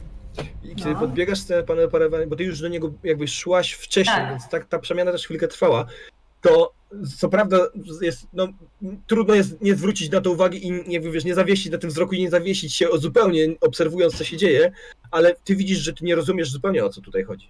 Dlatego, że ty jesteś, tak, ty się znasz na y, majsterkowaniu, ale technologia hekstechowa, a szczególnie arkana i magia, to jest dla ciebie zupełna, zupełnie nieznajoma rzecz.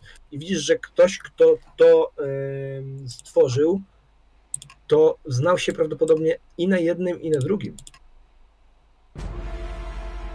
Czy to wygląda jakby to było yy, dłużej, Możesz- dłużej robione, czy to jest jakby taki prowizorka, którą Nie, to jest prowizoryczne, tak? Ale, ale wiesz, jakby wymaga pewnej wiedzy, której ty za bardzo nie posiadasz, więc to jest sytuacja, w której możesz spróbować skruszyć ten kryształ. To jest jakby rzecz, którą możesz zrobić bez specjalnej wiedzy, albo możesz spróbować zrozumieć, jak to działa, ale na to potrzebujesz czasu. Albo jeszcze nie wiem, może ty masz jakiegoś rodzaju inny pomysł, co z tym zrobić. Albo jednym z jednym kryształem w drugi. Też Na będzie przykład. fajnie. Na przykład. Ale najpierw spróbuję zrozumieć o co chodzi, wyciągając yy, ten kryształ z zawiniątka, który gdzieś tam wszystko tam noszę. Wiedza tajemna na 16. Tak jest. Niestety nie jestem aż tak zdolna, więc będę To będzie trwało w takim wypadku. Będziesz mogła w następnej rundzie zrobić kolejny test. Ale Dobra. e, po prostu studiujesz to i nie rozumiesz jak to działa, bo widzisz, że e, po prostu z każdym uderzeniem pobłyskuje ta niebieska energia, ale ona na tyle szybko znika, że ty nie zdążysz prześledzić wszystkich tych szlaczków i nie wiadomo co tam się dzieje. Jericho, Ja staję między Zeri a tym stworem i, i jak widzę, że ona się nie rusza, mówi, no ruszaj, no co ty robisz? Patrzę, czy Garota wyciąga tą swoją broń. Oczywiście. Tak. Strzelaj, na co czekasz? A ty biegnij! I ona się nie wciąż- rusza nadal. Ona się nie rusza nadal, ona tylko to jest tak, jakby widzisz, że ona jest gotowa, żeby w pewnym momencie małą puścić, żeby, żeby i powiedzieć jej biegnij. Ale ona stoi tak jakby nie, nie ruszając Jericho, się. Może zrobiła do ciebie. pół kroku. czy ty będziesz ją zasłaniał? Tak.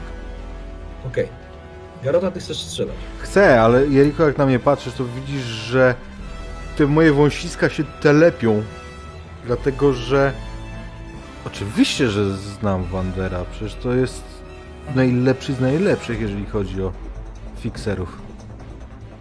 To jest mój niedościgniony wzór. Ja go traktuję jak, trochę jak idola. Weksa, ty jesteś tam na tej rurze. I co? Na tej rurze to e, staram się jakby wejść trochę nad niego. Jesteś na tej dużej, jakby, No. tak? Weszłaś po prostu. Mhm. Potem to chciałaś odkręcić, potem wlazłaś na górę, skoczyłaś na tą rurę. Ona ma tak, no mówię, no ma, nie wiem, z 2,5 metra średnicy, jest ogromne, ale no, jesteś teraz na tym.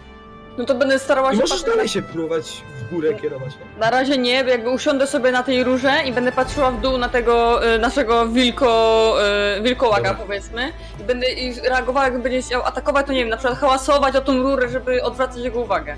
Dobra, to teraz tak. E, poproszę cię, e, Jericho, o, o strength e, rola. Strength checka. Nie, strength rola, dobrze. Atletyk, no, no, z atletyką sobie rzuć, to będzie przeciwstawny rzut. Mhm. 24 czy 9, bo nie wiem teraz. 24. Okej. Czyli to jest naturalna dwudziestka. Tak. To jest naturalna wyska w idealnym momencie. No fajnie. Powiedz mi, jak ty go możesz zatrzymać? Co możesz zrobić, żeby... Wiesz co, jeżeli on zaczął tak rzeczywiście mutować dziwnie, to może znalazłem jakiś punkt, w którym potraf, pod, może tą wykorzystałem tą pałkę, żeby go po prostu przewalić jakoś e, podczas jego ruchu. Bo raczej Dobra. siłowo nie mogłem go przewrócić. Mogłem wykorzystać po No prostu nie. to, że jest niekształtny albo coś i znaleźć jakiś punkt oparcia, w którym go po prostu przewaliłem. On ma łapy jak, jak, jak wilcze z pazurami. On jest jakby pół takim, mówię, pół bestią się już staje. Natomiast kiedy zaczyna ruszać do przodu, to te jego pierwsze kroki są takie trochę niepewne. Stawia jeden. Powder! Drugi. To jest moment, w którym widzicie, jak Ej, zabij uderza go prosto pod kolano. I ten, ta wielka bestia, która jeszcze ma tak dużą górę i wąski w miarę dół, trzeba było nie omijać dnia nóg, po prostu się przewraca yy, w takim niekontrolowanym upadku, podpierając się rękoma i jakby on całkiem nie upada, ale to go absolutnie jakby zatrzyma na chwilę, bo on gramoli się z powrotem. To wam kupi całą jedną rundę, a ty pomyśl, yy, Jericho, jak jeszcze efekt z naturalnej dwudziestki mógłbyś z tego osiągnąć. Bo zatrzymać go tak na dłużej, to będzie Mhm. ciężko. Ale możesz ja rozumiem. wymyślić coś jeszcze ciekawego. Natomiast Po, powiedz mi, możesz mi tylko, powiedz mi tylko, co jest dookoła.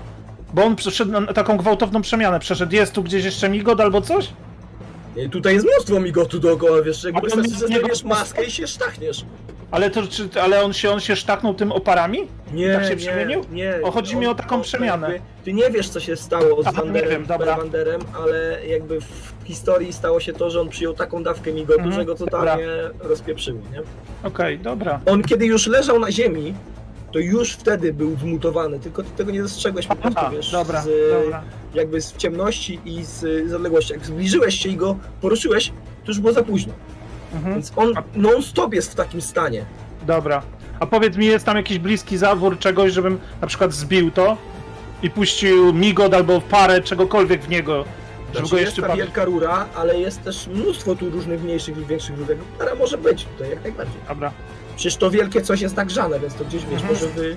Jest Mhm. jeden zawór do odkręcenia. Wiesz co? Zasadniczo jakby go, wep, jak, jakby go między, pod ten Wiecie, tłok, Dynamicznie, dynamicznie. Garota. pod ten tłok jakby on wpadł, to to go zgniecie. Czy to jest tak, że y, między mną a tym tłokiem jest właśnie ta bestia? Tak. Czyli gdyby mój wystrzał odrzucił go odpowiednio daleko, to wpadnie pomiędzy. Sam wystrzał nie, musiałbyś coś jeszcze wykombinować. Wiesz, bo ty masz drobne, drobne te, te pociski, to się rozproszy i to go, wiesz, po, porani, ale nie odepchnie. Więc podejdę, więc podejdę blisko do niego. O, to już bardziej. To, chcę, Dobra, to jest to, czyli- co chcę zrobić. Chcę y, strzelić niemal z przyłożenia. Korzystając z tego, że Jericho z nim teraz y, wygrał tę konfrontację, zyskał przewagę, to ja chcę doskoczyć i praktycznie z przyłożenia strzelić mu w kałdun. Dobra. Yy, zróbmy to testem, w takim wypadku przeciwstawnym testem na e, atletykę lub akrobatykę, co wolisz. Ja będę rzucał na atletykę, gdyż zobaczymy, kto pierwszy zdąży się, że tak powiem, ty podbiegniesz i strzelisz, czy on zdąży stamtąd odskoczyć. Podbiegniesz i strzelisz. Rzuć na obrażenia, proszę. Sprawdźmy, jak potężny był to strzał. Jak będzie wysoki, to faktycznie będziesz mógł Mhm. coś zdziałać. Y, dobra, to jest 2d4 plus 2.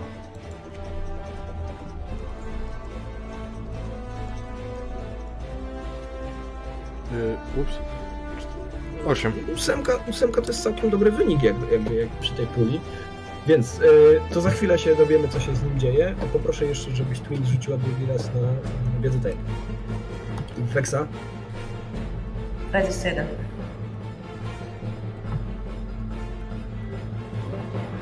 co zrobisz? Ja, jeżeli widzę, że e, oni sobie jakoś radzą z tym e, wilkołakiem, to chciałabym. Ja jestem szalona.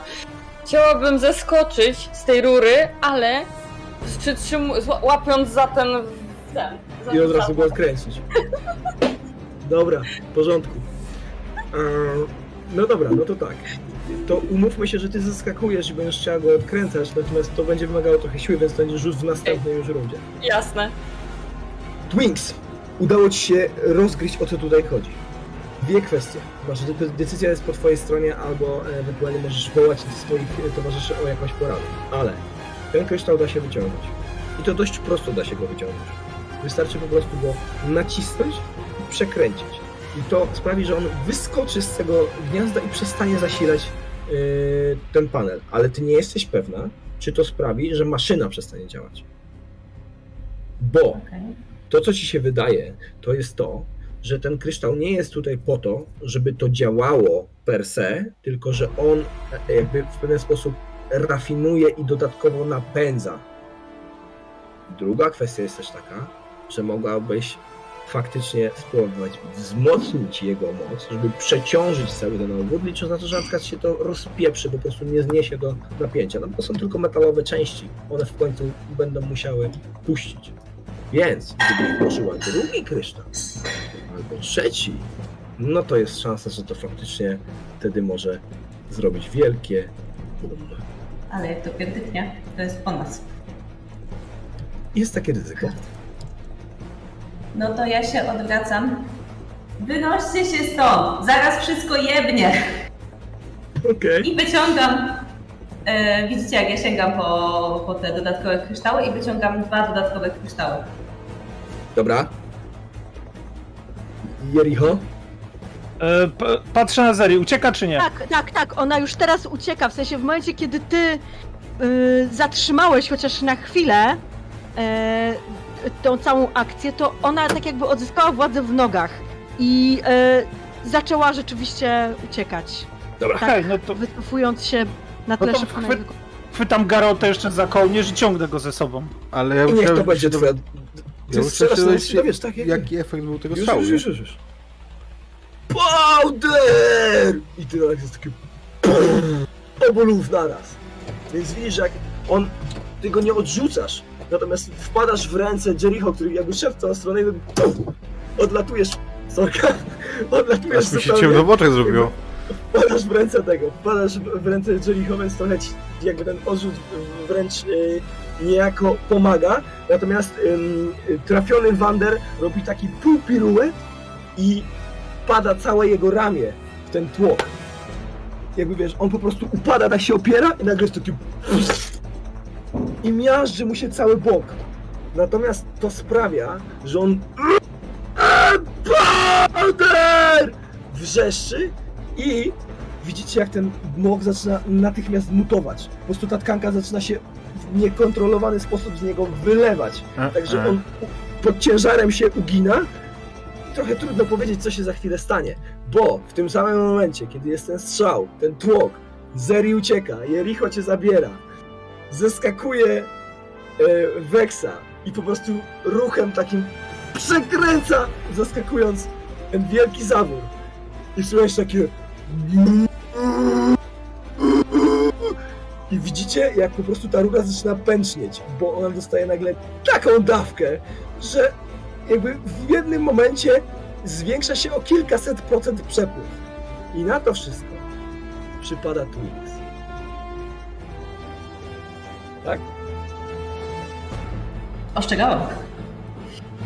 która wlepia w panel kontrolny, który służył do tego, żeby kontrolować przy pomocy potężnej mocy hekstechu te mm, niesamowicie mm, ogromne przepływy, jakie oni tu wygenerowali. Coś, co jest nieosiągalne absolutnie bez tego typu wsparcia. Zamiast wyciągnąć ten kryształ, pakuje tam kolejne dwa. Widzisz, jak cały ten panel rozbłyskuje raz. Drugi raz.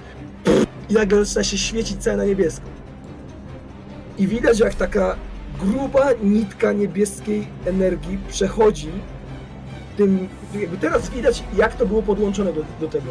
I to przechodzi do ziemi, po ziemi się rozchodzi taka ogromna pajęczyna tych y, znaków, symboli arkany i widać, że pod tym wielkim sercem był ogromny taki jakby z, znak, który y, stanowił pewnego rodzaju barierę dla tego. Więc teraz, kiedy ty wpakowujesz w to nagle ogromną ilość energii, to to robi takie i gaśnie. Uf. I słyszycie tylko takie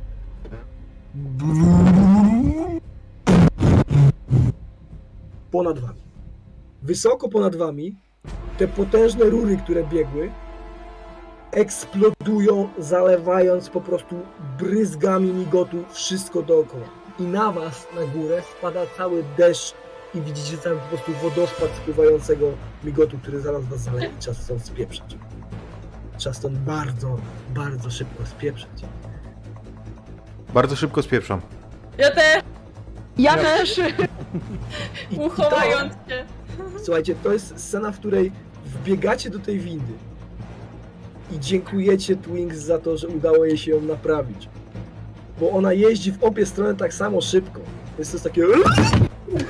I ona po prostu rusza pędem do góry, natomiast wy widzicie jak cały ten dół tam, jak, ten, jak to jakby przestrzeń za, zalewa się migotem, który spływa z tych popękanych rur. To wszystko jazgocze, zawala się z metalicznym e, grzechotem i my się nie dowiemy do końca, co się z wami stało w tym sensie, czy wy wyjechaliście ponad na powierzchni, czy zdążycie zwiać, zanim ten cały kompleks się zawalił, a czy jak już zdążyliście zwiać, to tam przez przypadek nie trafił się następny e, problem pod tytułem mnóstwo uzależnionych od migotu, którzy właśnie wyczuli taką dawkę, że hmm, raczej nie mają zamiaru się powstrzymać.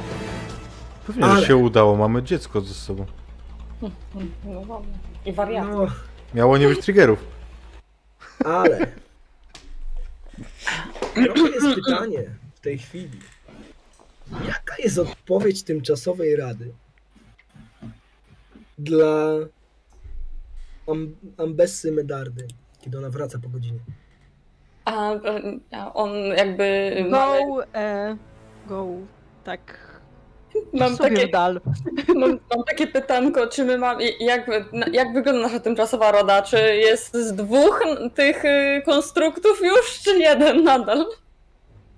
Właśnie, bo Eee, Dusił e, Dreyfusa. Tak. nie, on go nie udusi. On go Szkoda, bo ja chciałam... Rzuci go na ziemię i ten jakby i on po prostu Eee. a co wy na to, żeby to właśnie zachowanie... No właśnie ja, myśl, ja chciałam mu położyć rękę na ramieniu i powiedzieć zajmij jego miejsce. Ale A właśnie, to, on, a- taka była jego intencja. Ja właśnie na, na to liczyłam, że on to zrobi po prostu i... Tak, ale to on go wiesz, jakby on go zabije, tylko po prostu zajmie jego miejsce. Co, a co wy, co wy na to, żeby to zachowanie właśnie zrobiło nam oborot, jeżeli chodzi o naszą politykę, żeby to poruszyło w nas jakieś takie ludzkie struny? Moja postać nie ma ludzkich stron. No moja też jest dosyć kutasiarzem, ale chciałbym powiedzieć, wiesz, Ona, E. ona po trupach do celu, jakby ona im wyżej, to... chciałem, chciałem powiedzieć, wiesz, że jakby Nexus idzie na chuj. Tylko, że wtedy... No dobra. Nie wiem, mamy problem znowu, ale no... Yy, słuchajcie, inaczej. Powiedzcie mi, jaka jest wasza wyjściowa reakcja na tą sytuację.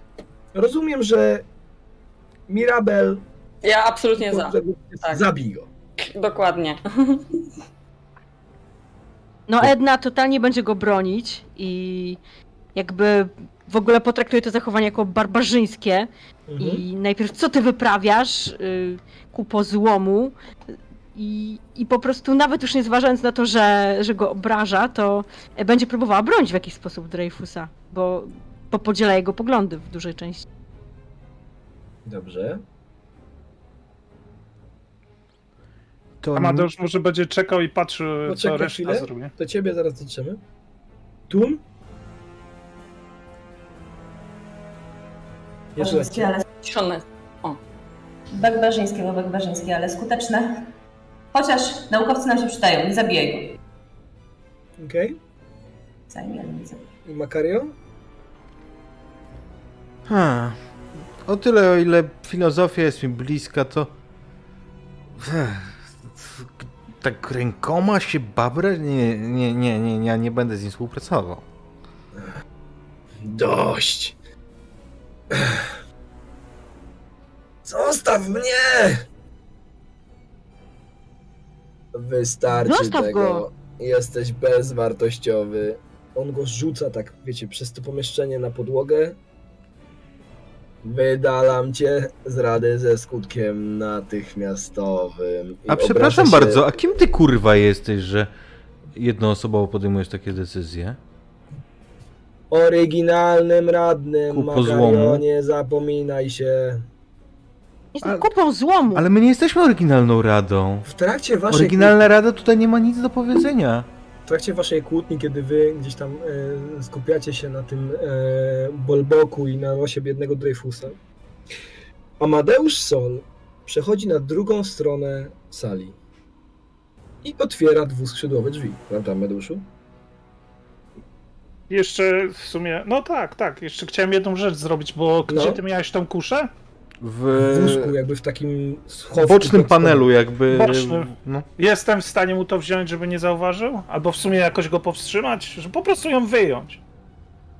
Ale nie, nie, nie, Amadeuszu! Myśmy się trochę nie zrozumieli.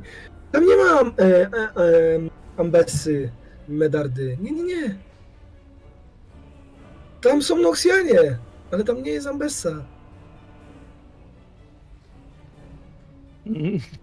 Powiem, że teraz tego nie zrozumiałem. No, y, napisałeś mi, ci powiem, co napisałeś. chcę. Ja ci więc- chciałem powiedzieć. Chciałem po prostu e, zacząć likwidować członków Rady. Tak, i nie musisz tego robić własnoręcznie, dlatego że Medarda, kiedy wychodziła, zostawiła ci liścik A, co, a, a z gdzie to godziną. Tam nie, nie napisałem ci tego. Aha, Improwizuję to trochę, w sensie, dobra, że jakby... dobra. y, Bredzę! Wiedząc, jaką ty miałeś mieć wyjściową postawę. Chodzi o to, że ty wiedziałeś, że musisz otworzyć drzwi. Jak powiedziałeś mi, że się zgadzasz, to ja uznałem, że w fikcji po Nie, prostu no, twoja myśl- postać już wie, że Mhm. tam za Okej, drzwiami, okej. To Okej, i ja po prostu chciałem coś do, od siebie dołożyć. o którym Dobra, wcześniej wspominaliśmy. Więc Okej, otwierasz okej. drzwi i co?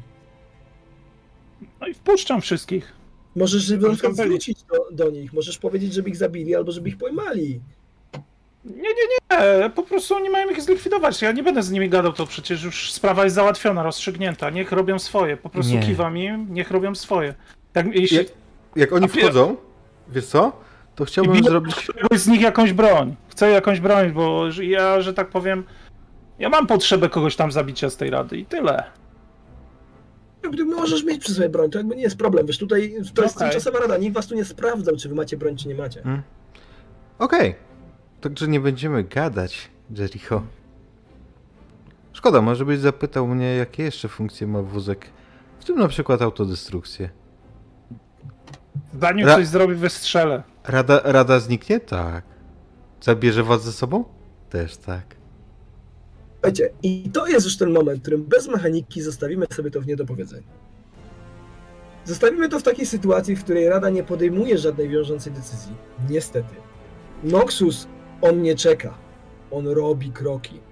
A Medarda jakby stwierdziła, że ona nie będzie się z wami dogadywać, bo nie zauważyła w tym wartości dla siebie. Zbyt byliście podzieleni, e, nie było w tym e, takiej służalczości, której ona oczekiwała, więc po prostu wysłała na was komando noksjańskich siepaczy. Więc kiedy Makario sięga do swojego wózka, żeby wyciągnąć jakąś tam wajchę, słychać głośny klik i zaczyna błyskać hekstechowa energia, którą zainstalował mu tam pewnie jeszcze sam Jace. W tym samym momencie e, e, Amadeusz wyrywa jakąś ukrytą, e, gdzieś tam, wiecie, taką przenośną kuszę e, i będzie próbował wystrzelić w jego grube cielsko. E, do tego cały jakby bolbok i, i, i, on, on gdzieś tam pewnie e, będzie się wykłócał cały czas z, z pozostałą dwójką. Wy zobaczycie noksjańskie, e, noksjańskie moduły noksjańskich żołnierzy, Dreyfus gdzieś tam czołga się po podłodze i to wszystko skomentuje tylko Oribel. Teraz to już na pewno zmniejszy nam się ilość dostaw i na tym sobie, słuchajcie, zakończymy.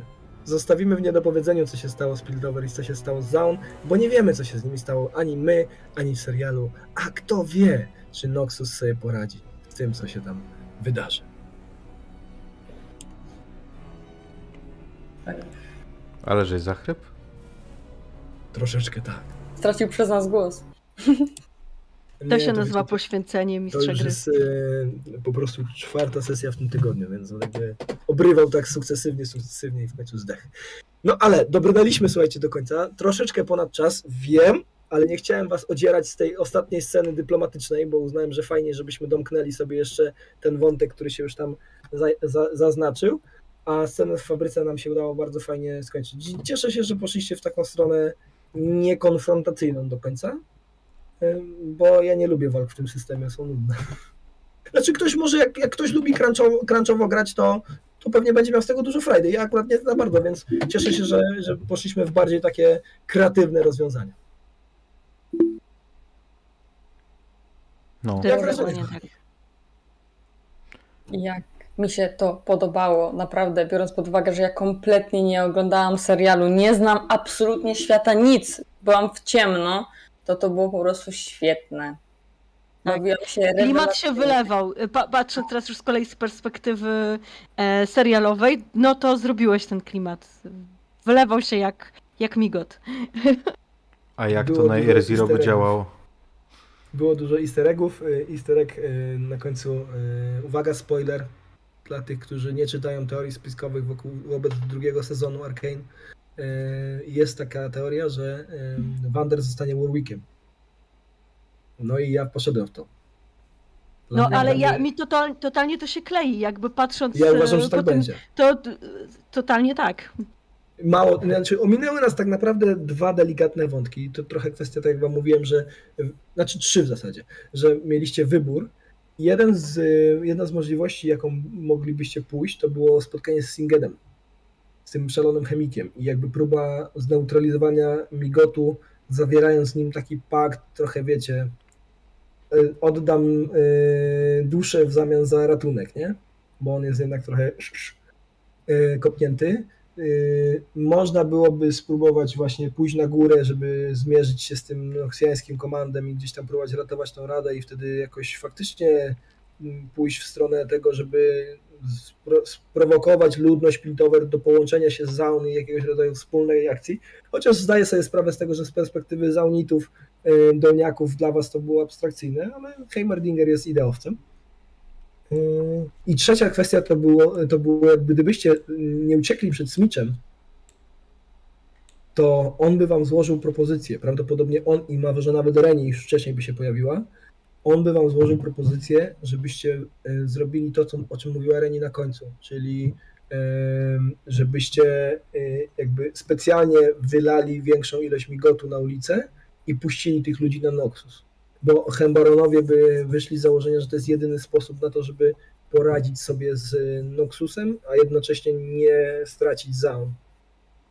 Wexa w sumie tak zrobiła. I, i poświęci, poświęcić jakby po prostu ludzi. No tak, no, to, to, to w zasadzie gdyby nie to, że, że Twinks rozbroiła tą konsoletę i faktycznie ją przeładowała, bo gdyby ją rozładowała, to, to było zakończenie byłoby inne, bo wtedy to, co zrobiła Vexa by się stało i byłoby właśnie tak, jak, jakby, jak ustalili Hembaranowie, że jeszcze więcej osób by oberwało od, od Migotu.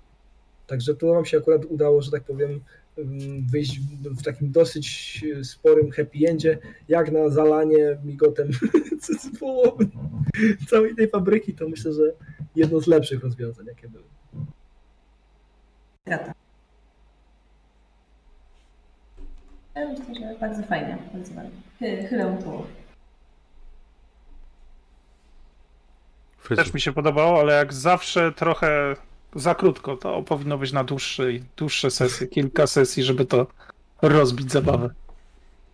No, Ale tu, to, jest, to jest w ogóle, po pierwsze sam, sam jakby samo Arkane i to jak ono wykreowało pewnego rodzaju lore, takie swoje, jest na tyle bogate, że można byłoby moim zdaniem bez problemu pyknąć sobie kampanię na ten temat. No to już nie mówimy o, o lore samej League of Legends, samego Lola, bo to, to już jest... Ja jak czytałem podręcznik i rozkminiałem y, jak zrobić te postacie, to tak jak wam mówiłem, myślałem, żeby zrobić jakieś inne rasy, bo jest ich od cholery. Natomiast no, odbiłem się od tego, że trochę mi nie pasowały za bardzo do konwencji, bo jednak zaunici to głównie są ludzie albo jakiegoś rodzaju ludzkie, o- około ludzkie hybrydy. Yy, To możliwości jest od cholery i tych wszystkich pochodzeń i tak dalej z całego Valoranu można tam czerpać yy, różnego rodzaju smaczki, więc ten podręcznik w bardzo dużej części to jest kreowanie postaci. Jest, jest mnóstwo, mnóstwo opcji żeby, żeby się gdzieś tam pobawić tym, tym lore i można te przygody od sasa do lasa prowadzić, no bo sama Liga Legend jest tak bardzo, bardzo, jak to się mówi, pojemna. No, cieszę się, że wam się podobało. Ja jestem fanem serialu i jakby miałem dużo też takiego, wiecie, takiej radochy z tego fanserwisu, nie? Że, że tam wjeżdżało sporo takich nawiązań. To, to, to bardzo przyjemne od, od strony prowadzenia, a z drugiej strony doceniam na maksa to, że jesteście dojrzałymi graczami i graliście pode mnie. Bo to było widać w pewnych momentach, nie? Bo jakby wasze decyzje w postaciach wspierały fikcję i pozwalały, że akcja nie tylko szła do przodu, ale też miała dobre tempo yy, i generowała jakieś takie mocniejsze emocjonalne momenty, więc to jest bardzo fajne, ja to na maksa doceniam. I płynnie Frycu do zapowiedzi przyszłego tygodnia. Co się dzieje w przyszłym tygodniu? W przyszłym tygodniu dzieją się rzeczy. No u nas pewnie jak zwykle sporo rzeczy się dzieje, tylko czekajcie, yy, zerknę, co my tam na wymyślaliśmy. Uff. Bedlam Hall we wtorek. W środę jest bardzo ważna sesja, słuchajcie. Środę jest na maksa ważna To jest sesja. debiucik. W środę pierwszy raz na Imaginarium, ale pierwszy raz no tam z jakimś małym falstartem w ogóle poprowadzi Magda. I to nie byle co, bo Magda poprowadzi sesję, którą zatytułowaliśmy Sekrety Hogwartu. Więc fanboje i fanbojki Harry'ego Pottera, szykujcie okulary, błyskawice na czołach i różdżki, bo będzie magicznie. Pierwsza, No i w czwartek dopowiedzmy jeszcze, że to pierwsza z siedmiu sesji, które Magda poprowadził w Tak, to Dzieciakach cała, MFA. cała seria. Cała seria. I w czwartek wracamy do Wampira w wydaniu Ainaka, żeby dowiedzieć się, co tam się w tej Warszawie dzieje. Mm, A potem w weekend jest online.